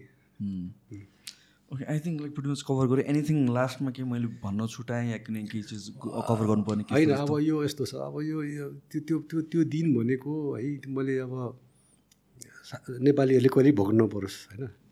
अब मेरो जुन आर्मीमा मैले जाइरहेँ त्यहाँको भाइ अब जो जो छन् अहिले त्यो आर्मीमा त भोलि आउने आर्मीहरू तिनीहरूले पनि त्यस्तो परिस्थिति कहिले पनि झेल्न नपरोस् किनभने त्यहाँ इन्भल्भ भनेको चाहिँ के हो भने दुईवटा पक्ष भनेको दुइटै नेपालीहरू थियो होइन। अनि त्यो हतियार पनि दुईको हतियार एक आर्काले जुन सुझाउने हतियारहरू थियो त्यो दुई नेपालीलाई सुझाउने हतियार थियो होइन। तर तर नेपाली सेनालाई त्यहाँ ड्र्याग गर्ने काम चाहिँ उनीहरूले गरे मैले अघि नै भने कुनै पनि सेनाले लडाइँ खोज्दैन भने अघि भनेको त्यो लडाइँमा इन्भल्भ हामीलाई गराएकै उनीहरूले हो। उनीहरूले हामीलाई जबरजस्ती आइज हाम्रो चाहिँ यो द्वन्द्वमा यो इन्सर्जेन्सीमा तिम्रो पनि इन्भल्भ थियो। एउटा चाहिँ एउटा पक्ष भएर उभि भनेर लिएर आएको तिनीहरूले हो। मैले भने सेना परिचालन हुनुभन्दा अगाडि उनीहरूले सिरिज अफ अट्याक उनीहरूको पुलिसको पोस्ट डिस्ट्रिक्ट हेड क्वार्टरमा गरेको थियो। त्यति गर्दासम्म सेनाले चाहिँ राष्ट्रिय सहमति अनि चाहिँ के अरे तालिम पैसा तयारीको लागि। तयारीको लागि समय खोज्दै थियो। मागिरहेको थियो होइन? यसको लागि चाहिँ राष्ट्रिय सहमति हुनुपर्छ। कानुनी अडचनहरू चाहिन्छ। पोलिटिकल अप्रोचहरू हुन्छ अनि राजनीतिक तवरबाट त्यसको काउन्टर इन्जेन्सी अपरेसनको उद्देश्य चाहिँ सेट गर्नुपर्ने हुन्थ्यो। त्यसको योजना तयारहरू गर्नुपर्ने हुन्थ्यो। तर खालि सेना जाओस् मारोस् भन्ने किसिमले त्यसरी पठाउनु हुन्थेन नि। कानुनी अडचन भोलि आउ- आउनुपर्ने कानुनी अडचनहरू चाहिँ लाइक व्यवस्थाहरू कसरी गर्ने त्यो अडचनहरूलाई कसरी फुकाउने भने त्यो त्यस्तो किसिमको कानुनी व्यवस्थाहरू गर्नुपर्ने हुन्थ्यो। त्यो सबै नगरिकन खालि एउटा प्रधानमन्त्रीले जब तिमी परिचालन भएर त्यहाँ गएर होलेरीमा माओवादी छ गएर सकौ भनेर भनेको भएर आर्मी जाने परिस्थितिहरू थिएन त्यो होइन राष्ट्रिय परिस्थिति। त्यो एउटा राष्ट्रिय परिस्थिति बनाऊ सर्वसम्मतिको एउटा ऊ गर अनि गभर्मेन्टले गर्ने सबै सबै अप्रोचहरू सकिसकेपछि जब राजनीति फेल हुन्छ जब डिप्लोमेसी फेल हुन्छ अनि we go to work army जाने त्यो बेला हो नि। उनीहरूले त्यो आफ्नो प्रयासै नगरिकन हामीलाई चाहिँ जबरजस्ती बन्दुक प्रयोग गराउन फोर्स गरिरहेको थियो नबुझिकन होइन? राजाले राजाले चाहेको पनि त्यही थियो मैले तपाईँलाई भने। राजाले भोलि गएर अल्टिमेटली लास्टमा गएर साउथसँग चाहिँ डिरेक्टली अथवा डिरेक्टली चाहिँ कन्फ्रन्ट गर्नु पऱ्यो भने नेपाली सेनाको क्षमताले पुग्छ त। त्यसमा चाहिँ कसरी त्यसलाई तिमीहरूले उ गर्छौ भने आर्मीको त्यति बेलाको चिफलाई उसलाई राजाको सायद त्यही नै सोधि सोधनी हुन्थ्यो होला। उसले आफ्नो नेपालीलाई मेरो सेनाले नमारोस् भन्ने चाहन्थ्यो सिधा कुरा भन्दाखेरि होइन? तर एउटा टाइममा पुगेपछि उनीहरूले आफ्नो बल देखाउन हामीलाई आयो दाङको हमला गर्यो। त्यसपछि एउटा हमला गरेर नपुगेर दुईवटा सँगसँगै हमला गर्यो। के अरे कपुरकोट र उसमा के अरे सल्लेरीमा। त्यसपछि सिरिज अफ अट्याक सुरु भयो अछामदेखि लिएर गामदेखि लिएर। अनि त्यसपछि त हामीले बाध्यतावश हाम्रो जे जति क्षमता छ त्यो क्षमता लिएर अगाडि आउनु पनि अवस्था आयो हामीले त्यसपछि हो काम गर्दै गर्दाखेरि केही गल्ती हाम्रो पछिबाट पनि भयो होला नभए होइन गल्ती भयो होला। तर हामी पनि अल आउट भएर बाहिर निस्किनु पर्ने अवस्था आयो होइन? यो जे जे त्यहाँ भएका छन् घटनाहरू। त्यो घटनाबाट जे जे जति क्षति भएको छ सिभिलियनहरूको कति सयौँ सिभिलियनहरू ज्यान गुमाएको छ। कति सुरक्षा के अरे फौजहरूले ज्यान गुमाएको छ। कति माओवादीहरूको क्याटेरियरले त्यो सबै नेपाली होइन सबै नेपाली त हो नि। यसको जिम्मेवार अहिले अहिले तपाईँले सुन्नुहुन्छ नि अहिले कुरा गर्दाखेरि यस्तो लाग्छ कि त्यति बेला सिर्फ माओवादी र सेना मात्रै लडिरहेको थियो जस्तो कुराहरू छन्। त्यति बेलाको नेताहरू त अहिलेकै नेताहरू होइन। त्यति बेला प्रधानमन्त्री हुने बहुदलीय व्यवस्थामा प्रधानमन्त्री हुने अहिलेकै नेताहरू होइनन्।